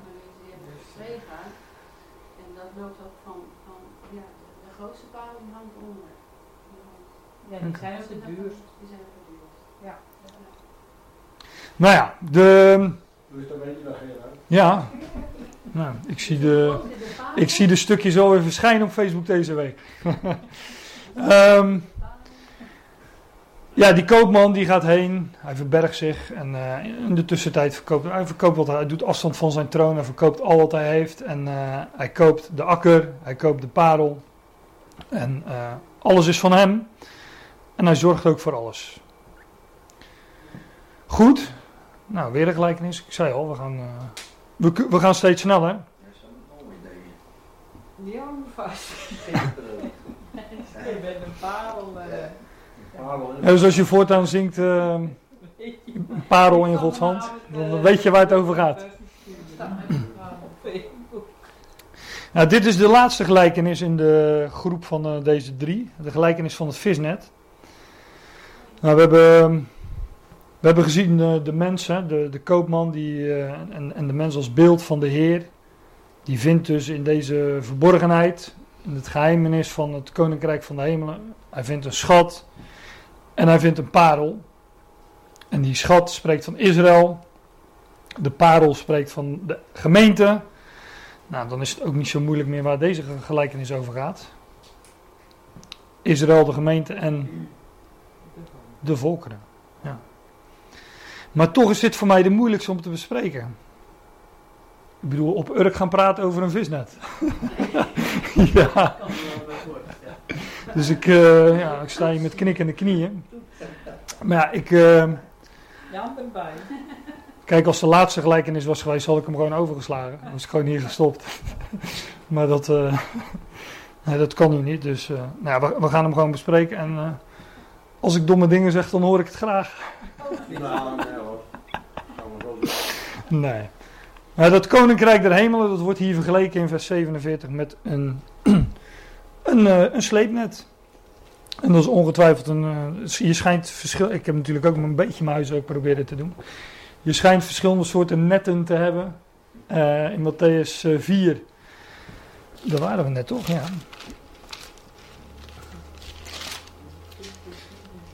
Ja, in Matthäus 4, um, ehm, het vers nadat de, de, Heer zegt: het Bekeerd bezint u, want het koninkrijk der hemel is nabijgekomen. In vers 17. In vers 18 zegt hij, dat vers erna, uh, dat zegt hij niet, maar daar uh, ziet hij twee broers, Simon, gezegd Petrus en Andreas, zijn broer, het net in de zee werpen. Nou, dit is dus een ander net, schijnt. Daar weten jullie alles van, ik weet er niets van. En, uh, maar dit, dit schijnt dus een sleepnet te, gaan, te zijn, dus ik, ik ga er maar vanuit dat het zo is. Volgens mij heeft de Statenvertaling dat niet. Nee, die heeft gewoon een net. De MBG zegt dat het een sleepnet is. Nou, prima. In ieder geval wordt dat uh, net, nou even terug nog, de, het koninkrijk der hemelen is dus gelijk een sleepnet. Waar, wat beeldt dat net uit? Dat, beeld, net, beeld, dat net beeldt uit het koninkrijk van de hemel. Dat staat er nou eenmaal. Het wordt neergelaten in de zee. Nou, die zee hebben we al besproken. Dat, is de vol, dat zijn de volkeren, de volkerenzee. Hè. Zie hoe die dingen steeds weer terugkomen in zo'n uh, in zo'n hoofdstuk. Ja, de akker, is, eh, de akker was de wereld, hè. all inclusive. Inclusief uh, Israël, inclusief alles. En de zee, um, ja, dat is de, de volkerenwereld. De schat is Israël, parel is de Ecclesia en uh, hier gaat het over uh, de volkerenwereld. Evenzo is het koninkrijk der hemel gelijk aan een sleepnet neergelaten in de zee, dat allerlei bijeenbrengt. Ik heb het net natuurlijk voorgelezen uit de Statenvertaling.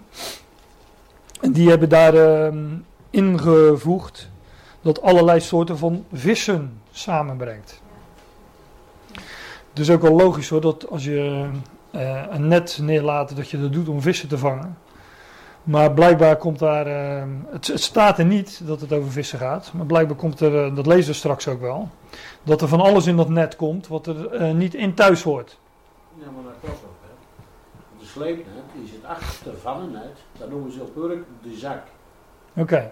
En die wordt afgesloten. En er zitten stenen en er zitten ja, ja.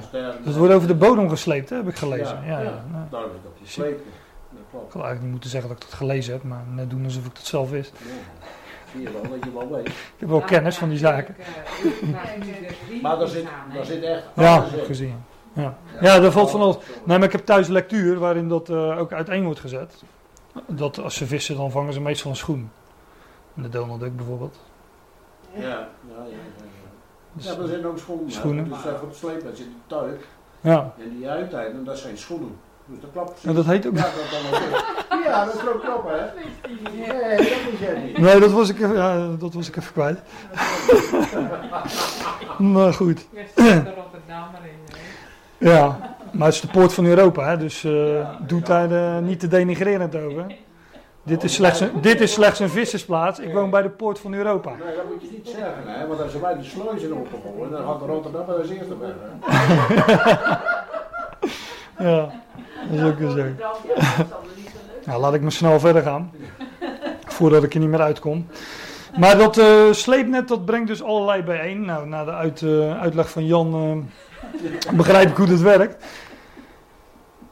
En wanneer het vol is, dat raakt dus ook nog eens vol. Het volgende vers zegt: Zo zal het ook gaan bij de voleinding van de aion. Dat sleepnet wordt dus vol. Hè? En als het vol is, dan haalt men het op. De schrift spreekt wel vaker over uh, volheid van natie bijvoorbeeld in Romeinen 11. De volheid van natie die zal ingaan. Als iets vol is, dan is het gereed. Het is klaar. Zo heeft uh, de apostel Paulus bijvoorbeeld het woord van God gecompleteerd, vol gemaakt, vervuld. Lees in Colossense 1.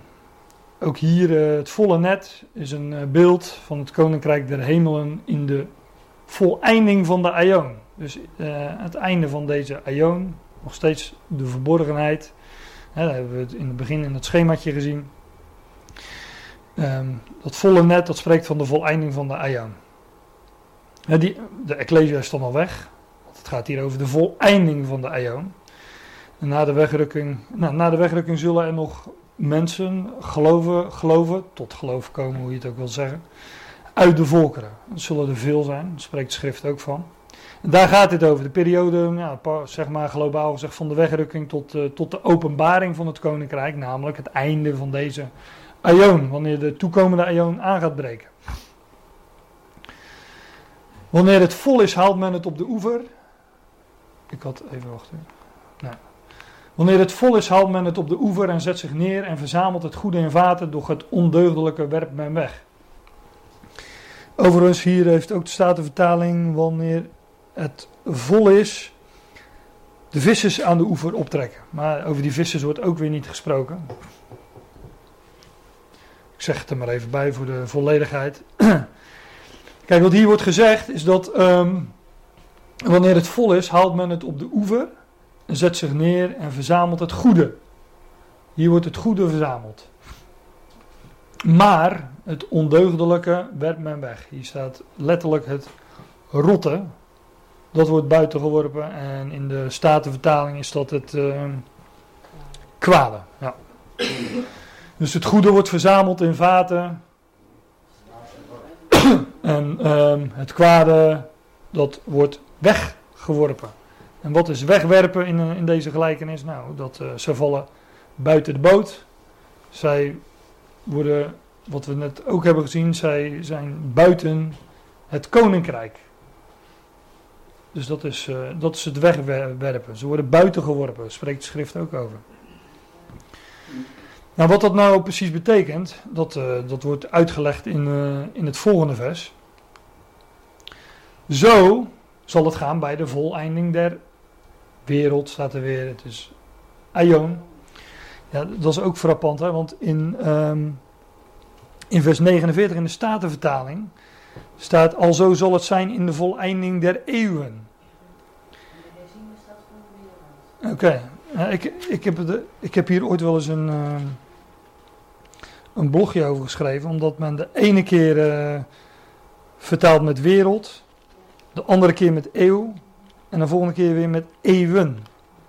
En het is, het is elke keer is het, het uh, hetzelfde woord. De zorgvuldigheid van deze wereld, in de Statenvertaling, vers 22, is precies hetzelfde woord, wereld, als hier vertaald wordt in de Statenvertaling met eeuwen. Dan staat gewoon een enkelvoud, aion, en dat betekent eeuw. Dat is een tijdperk. En dat woord wordt ook gebruikt in vers 40. De voleinding deze, ja, wordt ook vertaald met wereld, het is gewoon aion.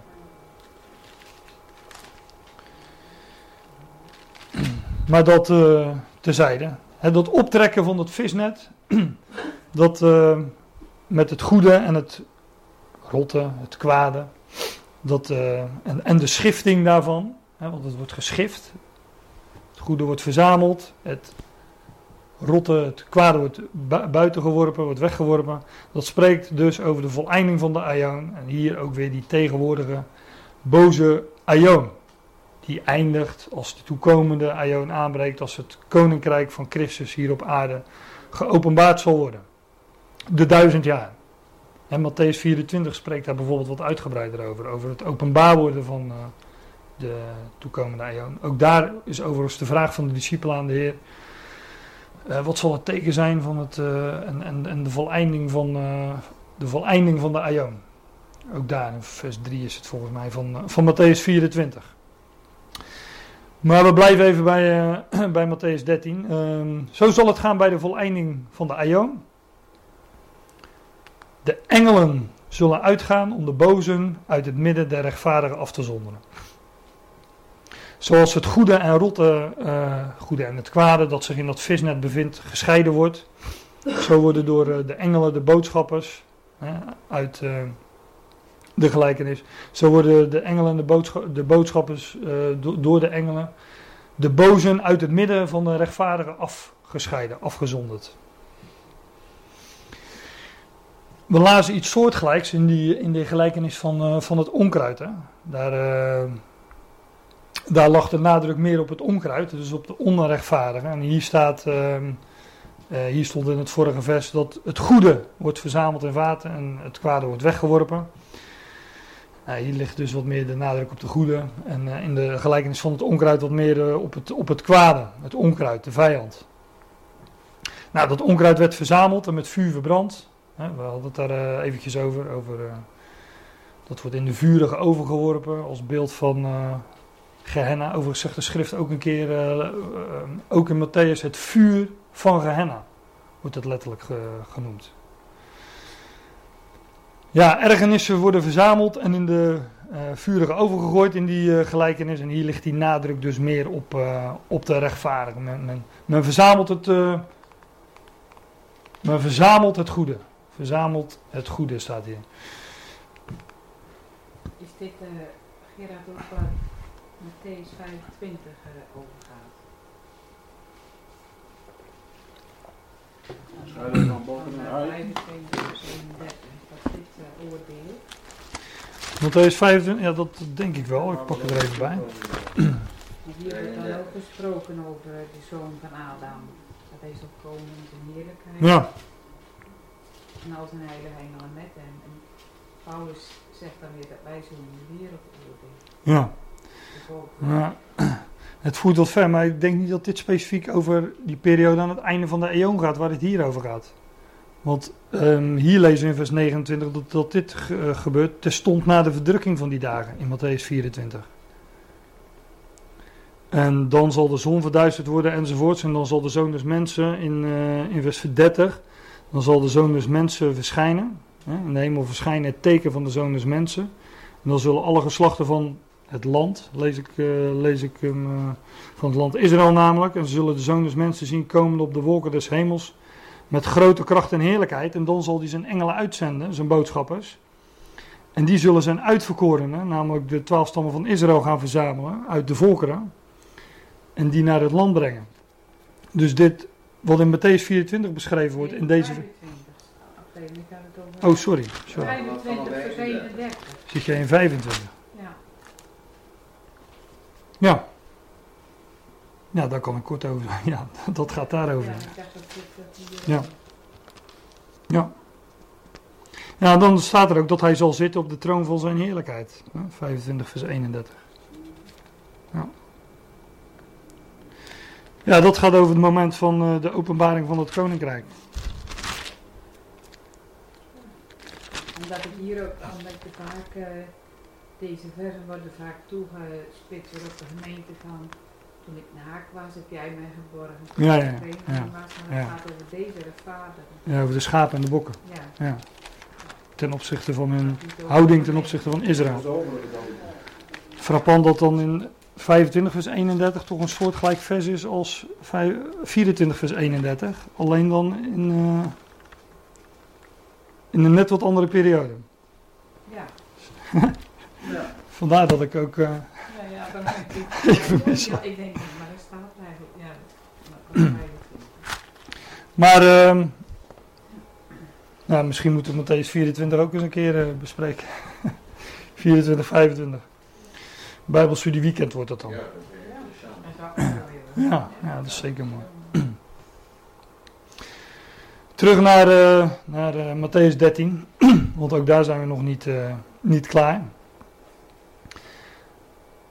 Ja, de nadruk, dat zei ik, die ligt hier op de, de, de rechtvaardigen die worden verzameld. Het goede wordt verzameld in, in vaten. En zij zullen hen in de vurige oven werpen. Ook hier is er weer sprake van, uh, van die vurige oven. Nou, daar hoef ik, uh, hoef ik verder niet op in te gaan, omdat we dat bij eh, de vorige gelijkenis hebben gedaan. Hè. En ik heb daar ook de, verteld van de man in de bruiloftzaal in uh, Matthäus 22, de gelijkenis van die koninklijke bruiloft. Ook daar staat dat, dat hij uit die bruiloftzaal wordt verwijderd. Bruiloft als beeld van het koninkrijk, de duizend jaar. En um, in de buitenste duisternis wordt geworpen. En dan zegt de Heer dit: heeft, Hebt gij dit alles verstaan? En zij zeiden tot hem: Ja. En dan um, volgt de gelijkenis van de schriftgeleerden. En dat is een conclusie op basis van, um, van, van de voorgaande gelijkenissen. De Heer zegt dat namelijk ook. Hebt gij dit alles verstaan? En zij zeiden tot hem ja. Dan komt de gelijkenis van de schriftgeleerden. Die, wat ik al gezegd heb, die wordt niet altijd als gelijkenis herkend. Maar we zullen zien dat het er wel een is. die zeven gelijkenissen die we hiervoor nu gezien hebben, die spreken over het ontstaan, de voortgang en de beëindiging van de verborgenheid. En hoe hoe het, koninkrijk van de hemelen gemanifesteerd wordt in die periode van verborgenheid. Hè. Het wordt een mosterdboom, uh, er wordt, wordt zuurdeeg in, uh, ingebracht. Nou, vervolgens, uh, ja, we, we, hebben dat allemaal besproken. Ontstaan, de voortgang, hè, ook wat God doet in, in, die, in die verborgenheid. De dingen die wel goed gaan. En de, de beëindiging van de verborgenheid. We hebben twee, tweemaal uh, gezien over de voleinding van de, van de aion. De voltooiing daarvan. En, maar die achtste, dat is logisch bij een acht, die spreekt over iets nieuws. Spreekt over, maar het spreekt wel over iemand die kennis heeft van de voorgaande zeven. Want de Heer vroeg aan hem, en heeft gij dit alles verstaan? En zij zeiden ja. En dan zegt de Heer, daarom is iedere schriftgeleerde enzovoort. En ook hier weer overigens, daarom um, is iedere schriftgeleerde gelijk aan. Nou ja, gelijk aan, al die gelijkenissen gaan over het koninkrijk der hemel, dat gelijk is aan, dat zijn allemaal gelijkenissen. Dus um, ja, dit is ook een gelijkenis. En uh, nog een argument waarom dit een gelijkenis is. Um, in vers 53, dus het volgende vers staat. En het is geschied als Jezus deze gelijkenissen geëindigd had, vertrok hij vandaar. Oftewel, na, na het uitspreken van de gelijkenis van de schriftgeleerden, had hij zijn reeks gelijkenissen geëindigd.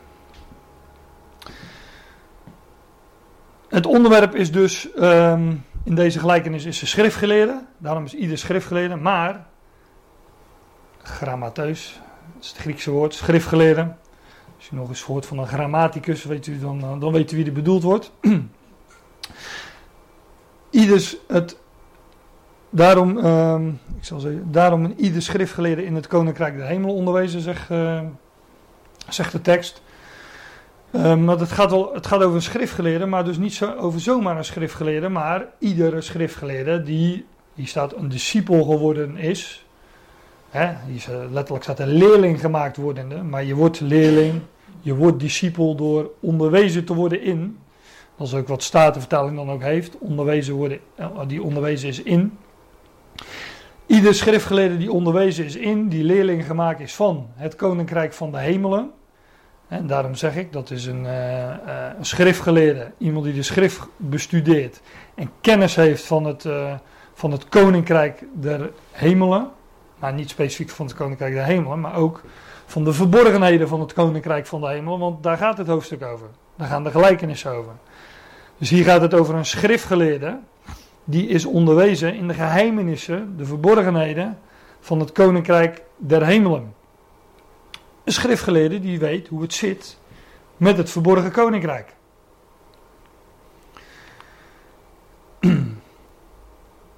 En die schriftgeleerde, onderwezen in het koninkrijk van de hemel, onderwezen in de verborgenheid, die kennis heeft van het geheimenis van het koninkrijk die is gelijk aan een heer des huizes. Die is gelijk aan uh, een huiseigenaar.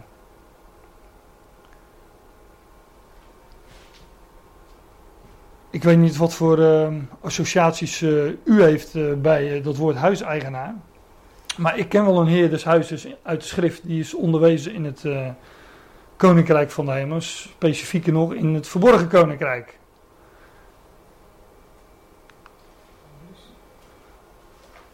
Paulus zegt in uh, eh, 1 Korinthe 4. Laat een mens ons zo rekenen als assistenten van. Ja, is de schriftwoordvertaling, dus het klinkt wat minder plechtig dan, uh, dan de statenvertaling. Laat een mens ons zo rekenen als assistenten van Christus en beheerders van de geheimen van God. Dat woord beheerders, dat is oikonomos, hè, dat betekent zoiets als ook als huishouders. En dat uh, woord oikos, dat, is een, uh, dat betekent huis, in de breedste zin van het, uh, van het woord. En wij zitten hier in een, uh, een huis. Maar een, ja, een huishouden, dat kan al wat breder zijn. Hè? Een, een economie, een beheer, een huishouding. En ook hier weer dat woord, ehm, laten mensen zo rekenen als assistenten van Christus. En huishoudens, beheerders van de geheimen van God. Hè, dat woord geheimen, geheimenissen, mysterion, een Griekse woord, hetzelfde woord als in uh, Matthäus 13. Waar gesproken wordt over de verborgenheden, de geheimen, de geheimenissen van het koninkrijk van de hemelen. In Matthäus 13, vers 52, als het gaat over die schriftgeleerden in het koninkrijk der hemel onderwezen, die gelijk is aan een heer des huizes, is dit het woord wat in Matthäus 13 vers 52 staat. Huiseigenaar, oiko despoten. En hier, is grappig hoeveel Griekse woorden we eigenlijk uh, kennen. Ook weer dat despoot. Maar uh, dat, ja, dat heeft dus overeenkomsten met zo'n woord uh, huishoudens. Een huiseigenaar en een huishouden. Nou, Paulus is dus zeker iemand die, die was onderwezen in de verborgenheden, in de geheimenissen van het koninkrijk van de hemel. En bijvoorbeeld Efeze 3 spreekt hij daar ook over. Gij hebt immers gehoord van de bediening door Gods genade, mij met het oog op u gegeven. Nou, dat is wel uh, niet echt sterk vertaald, maar er staat um, het beheer van de genade van de God. ook hier weer dat oikonomia, beheer, waar oikos in zit, huishouding, huisbeheer. De huishouding van de genade van de God. Gij hebt immers gehoord van de huishouding, van de genade van de God, die mij met het oog op u gegeven is, dat mij door openbaring het geheimenis bekend is gemaakt. Ook hier weer dat, uh, datzelfde woord, geheimenis. Dat is aan Paulus bekendgemaakt. Paulus is een huishouder van de geheimenissen, van de verborgenheden van God. Hem was die huishouding van de genade toevertrouwd, zegt hij hier in, uh, in, in Efeze 3. Kijk, Paulus, die had, Paulus had openbaringen ontvangen. Paulus hij was al een schriftgeleerde natuurlijk toen hij die uh, openbaringen van God ontving. Hij was onderwezen aan de voeten van Gamaliel. Hij was een schriftgeleerde. En we, we, vinden de schrift, hij maakt dat hij zelf bekend, dat hem dingen zijn geopenbaard door God. Hè. Door de openbaring is hem dat geheimenis bekendgemaakt. Ehm, maar toen de Heer hem riep, was hij al een, een schriftgeleerde. We vinden bijvoorbeeld uh, in Galaten 1 spreekt Paulus dat hem spreekt hij er ook van dat hem zaken zijn geopenbaard. Hè? Hij ging daarvoor naar Arabië, zei hij. Maar wat ook frappant is in Galaten 1, vind ik altijd opmerkelijk. Daar, noemt hij twee keer een periode, een periode van drie jaar en van veertien jaar. Um, die hij noemt, hè, voordat hij weer eens naar Jeruzalem ging. En ja, eigenlijk ook uh, lees je daar dat, dat er echt wel een periode is geweest voordat hij goed en wel aan zijn bediening begon. En Paulus was een schriftgeleerde, alleen hij was nog geen schriftgeleerde, die was onderwezen in de verborgenheden van het Koninkrijk der Hemelen. Dus hij heeft zijn huiswerk allemaal opnieuw moeten doen. Hij, hij, kende de schriften, alleen met de bedekking erover. Toen God hem de ogen opende en hem dingen openbaarde, ja, toen moest hij terug naar al die uh, typen, schaduwen, beelden die in de wet uh, ja, als wet gegeven zijn, maar die, hij moest leren waarvan, waarvan het spreekt. Namelijk wat van Christus spreekt, van, van Christus Jezus die hem uh, riep op de weg naar Damascus. En die hem geheimenissen openbaarde. Paulus zal dus ongetwijfeld, ik, uh, ik, ja, ik kan dat natuurlijk niet hard maken omdat de schrift dat niet uh, zwart op wit zo zegt, maar hij zal ongetwijfeld zijn in die tussentijd, die lange periodes, jaren, zijn huiswerk opnieuw gedaan hebben. de bedekking werd weggenomen, dus hij had weer heel, heel wat te ontdekken. Zo werd Paulus een, eh, een schriftgeleerde onderwezen in het, uh, in het koninkrijk van de hemelen. En uh, specifiek ook onderwezen in de geheimenissen, in de verborgenheden van het koninkrijk van de hemelen. Nu gaan we weer even terug naar die gelijkenis. Het wordt hier steeds warmer, hè?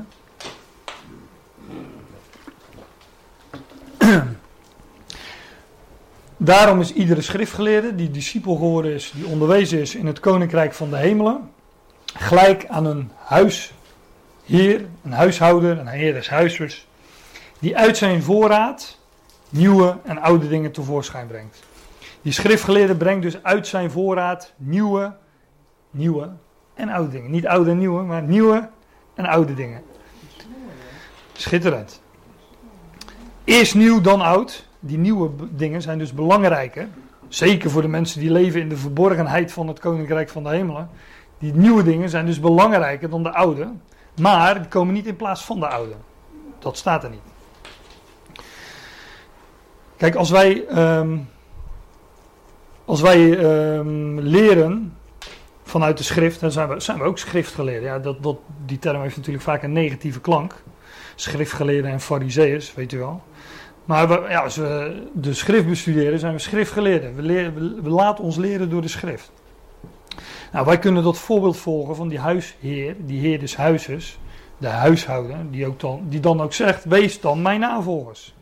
Zoals ik Christus navolg, overigens. dat zegt hij er ook bij.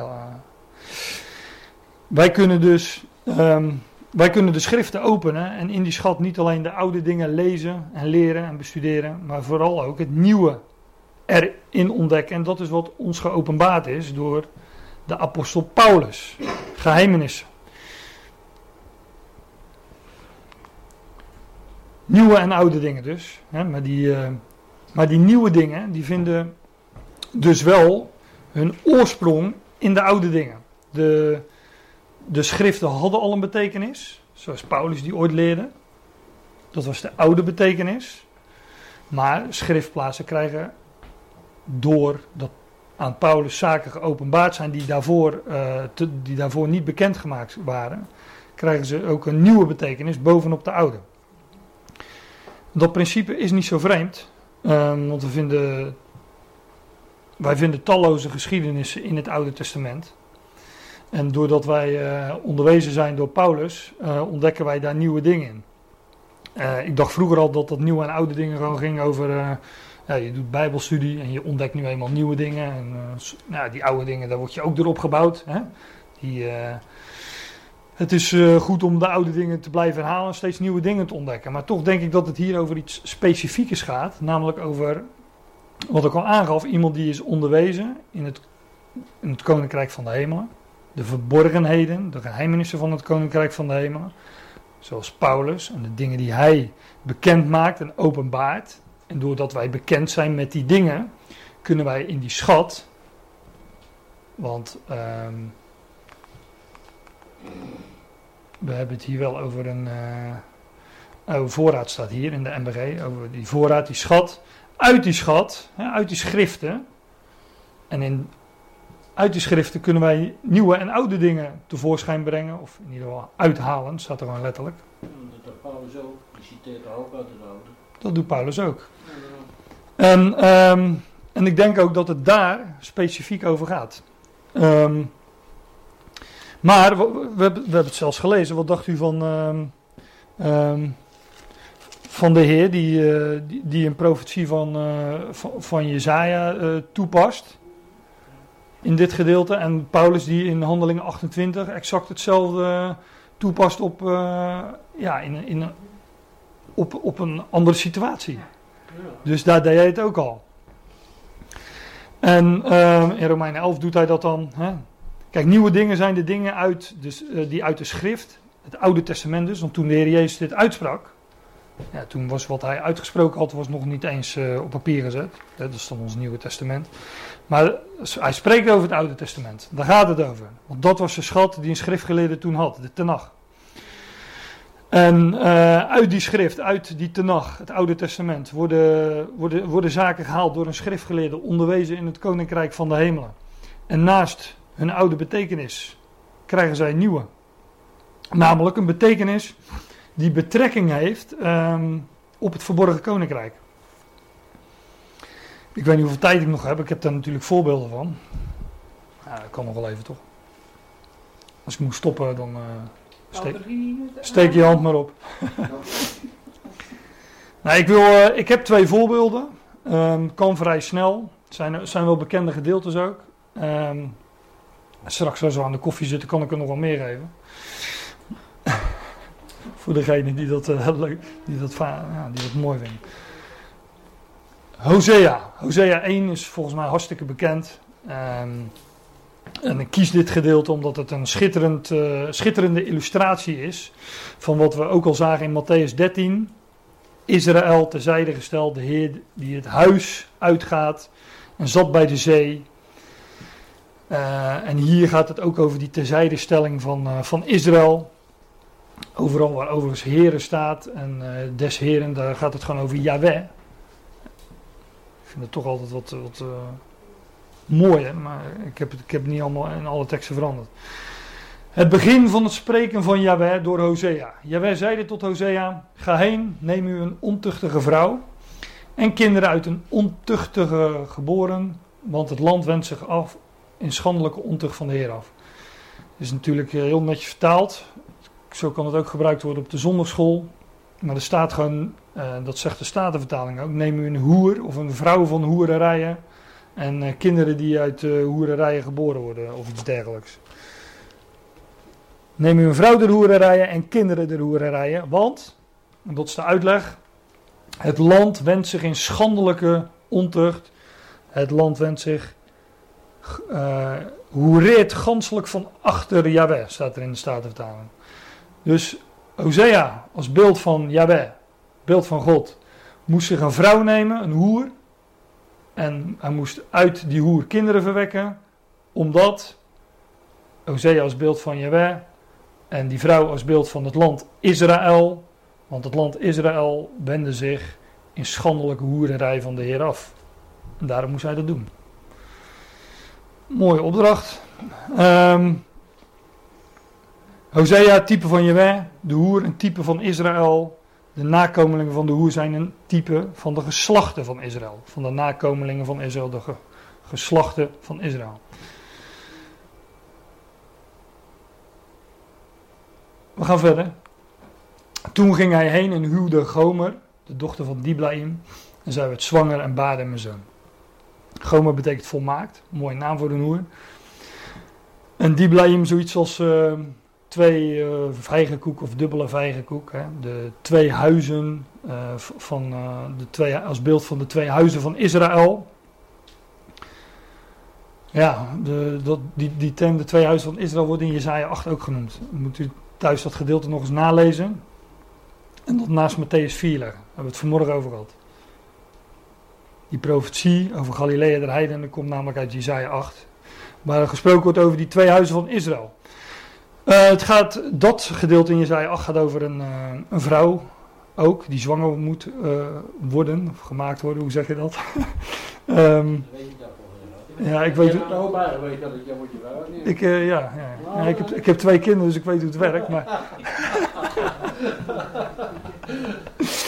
Het gaat over uh, Jezaja 8 over Jezaja die een, een vrouw uh, bezwangert, dat is een mooi woord, en een kind verwekt en over de Torah die verzegeld wordt opdat zij zien en niet zien. En over Galilea de natie, daar gaat het over in Jezaja 8. Lees thuis nog maar eens na. Maar het spreekt hier dus onmiskenbaar over, over Israël. Hè, die, dat, ook ook dat, dat Diblaim, dat, dat wijst daar weer op. Die dubbele of twee vijgenkoeken. En Jabez zeide tot hem, noem hem Jezreel, want het zal niet lang meer duren of ik zal de bloedschuld van Jezreel bezoeken aan Jehus huis, koningshuis en een einde maken aan het koninkrijk van het huis Israëls. Israël betekent Yahweh zal verstrooien.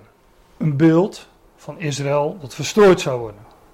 Israël werd verborgen in de akker, weet je nog? In deze wereld werd het verborgen. We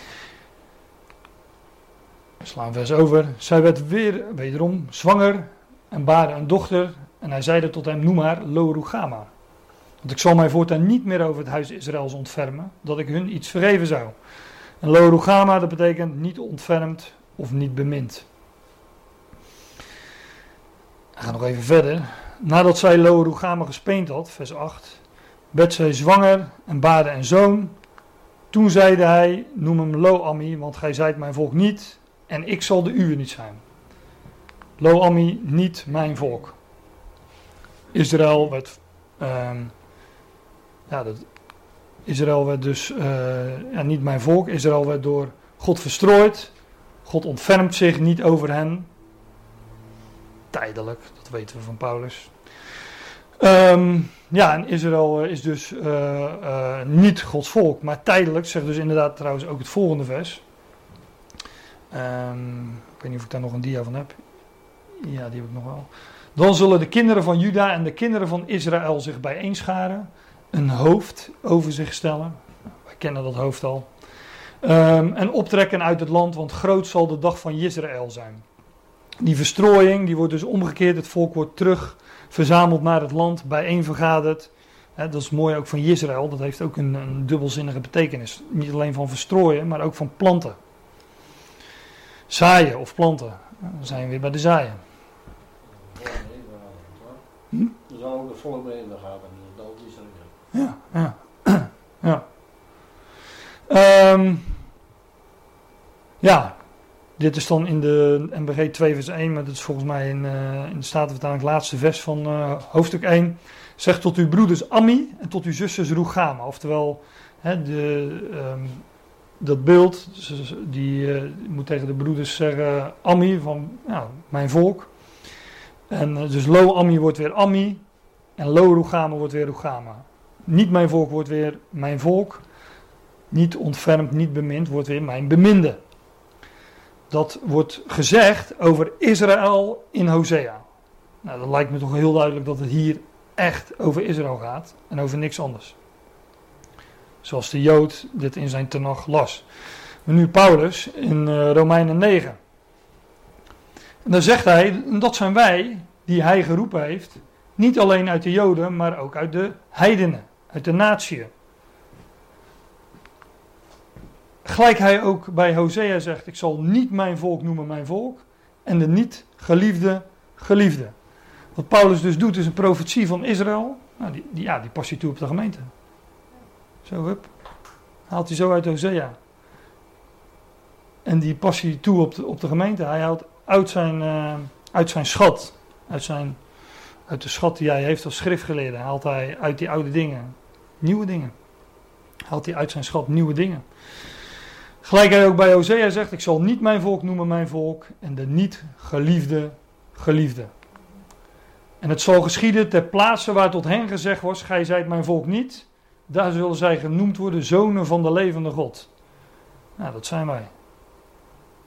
Wij, zijn wij zijn gelovigen uit de natie. Wij waren niet Gods volk specifiek niet, want God had zich een volk verkoren, Israël. En um, ter plaatse waar tot, uh, tot uh, ons gezegd wordt dat wij zijn volk niet zijn, daar zullen wij genoemd worden zonen van de levende God, namelijk onder de natie. Een oude toepassing op Israël, maar de nieuwe toepassing op de gemeente. Die profetie hebben dus dubbele betekenissen. En ik weet dat er mensen zijn die uh, zeggen van ja, dat doet hij in zijn vroege brieven. Daarom heb ik ook nog een klein voorbeeld uit, uit zijn uit een van de gevangenisbrieven, de gevangenisbrief bij uitstek wellicht. Um, Efeze 4 was het geloof ik. Hè? Jij weet dat, ja, 4. Ja. In Psalm 68 zegt, zegt de schrijver van de psalm, volgens mij is het David. Gij zijt opgevaren naar de hoge, gij hebt gevangenen meegevoerd, gij hebt gaven in ontvangst genomen onder de mensen. Ja, hij, bent, hij heeft uh, You capture captivity, zegt de concurrent version. U hebt de gevangenis gevangen genomen. Um, ook dit gaat over Israël, Psalm 68. Die psalm is best uh, lang. Ook nog best wel um, nou, ingewikkeld. De, daar kunnen we wel even op studeren. Dat gaan we nu niet doen. Maar het gaat over Israël. En dat blijkt bijvoorbeeld uit vers 8 en 9. Hè. O God, toen gij voor uw volk uittoogt. En God door God van Israël in vers 9. En die psalm gaat over Israël. En uh, dat verband van die psalm wil ik verder laten voor wat het is. Maar Paulus haalt het vers aan in Efeze 4 en dan past hij toe op de Ecclesia, het lichaam van Christus. En dan zegt hij, um, dit zijn de voorgaande versen. Als gevangene in de Heer, vermaan ik u, moedig ik u aan. Vermaan ik u dan te wandelen waardig de roeping waarmee gij geroepen zijt. In, um, in, Psalm 68 uh, ging het over gevangenen meegevoerd, staat hier, over de gevangenis gevangen genomen. En hier zegt Paulus, als gevangene in de Here. Eh, hoe weten wij dat, uh, dat de gevangenis een beeld is van, van de Ecclesia? Nou, Paulus noemt zich hier onder andere een gevangene. Hij doet dat wel vaker, hij noemt zich gevangene van Christus Jezus zijn gevangenen.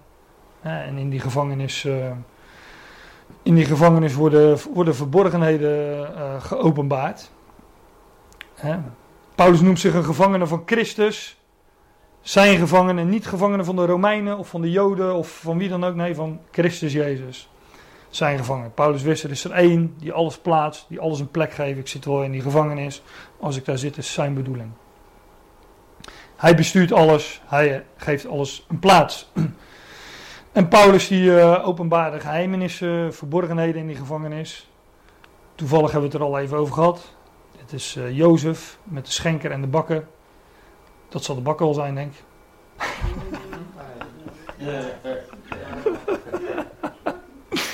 maar ik heb begrepen, als je veel drinkt, heb je geen tijd om te eten. Dus.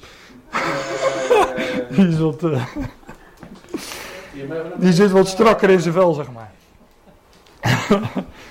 maar dat tezijde. Nee, in die gevangenis is er één die voor ons zorgt. Hè, dat staat er ook. Uh, ik zei al, uh, ik ben die verhalen thuis met de kinderen aan het lezen. Maar God uh, gaf ook eerst in het huis van Potifar en later in dat andere huis, in die gevangenis. Maakte God Jozef voorspoedig in al wat hij deed. En in die gevangenis legde hij geheimenissen uit, verborgenheden, net als Paulus in die ecclesia, in, dat, in, in, in de gemeente. Daar is die gevangenis een beeld van, van die gemeente. In die gevangenis legt Paulus verborgenheden uit. Natuurlijk, Jozef is een beeld van Christus. Maar ik heb al gezegd, God spreekt in deze laatste dagen tot ons in de zoon, door de zoon. En Paulus um, zegt, ja, God had mij van mijn moederschoot aan afgezonderd om um, zijn zoon in of door mij te openbaren. Dus God spreekt, gebruikt ons als werktuig en dat heeft hij ook met Paulus gedaan. Paulus is het werktuig, de, apostel voor de natie. En we hebben het goed, uh, ze, hebben het goed bij, uh, bij Jozef. En zo hebben wij het ook goed. Uh, wij zitten daar niet op water en brood, maar op brood en wijn. Dus nou, dat is prima. Um, ja, als gevangene in de Heer moedig ik u aan dan te wandelen waardig de roeping waarmee gij geroepen zijt. Eén lichaam en één geest, zoals gij ook geroepen zijt in de ene hoop van uw, uw roeping. Eén Heer, één geloof, één doop, één God en Vader van allen, die is boven allen en door allen en in allen. Maar aan ieder van ons afzonderlijk is de genade gegeven naar de mate waarin Christus haar schenkt. Dus Paulus legt hieruit dat in de Ecclesia um, gaven werden gegeven. En um, dat dat in overeenstemming is met zoals Christus die gaven schenkt. En dan komt het citaat uit Psalm 68. Daarom heet het, opgevaren naar de hoge, voerde hij krijgsgevangenen mede. Gaven gaf hij aan de mensen. tot in de hoogte. Hij neemt krijgsgevangenen in krijgsgevangenschap. De gevangenis gevangen genomen. Een citaat dus van Paulus in Efeze uit Psalm 68. Wat een, wat een uh, toepassing heeft op Israël in die psalm. En Paulus die, uh, geeft een uh, nieuwe toepassing. Hij, hij, haalt uit zijn schat nieuwe dingen. Hij past het zo toe op, op de Ecclesia, het lichaam van Christus. Christus die zijn Ecclesia meenam in de hoge. En wij delen in die hoge positie met hem. En daar heeft hij ons in meegenomen. Ons leven is samen met Christus verborgen in God.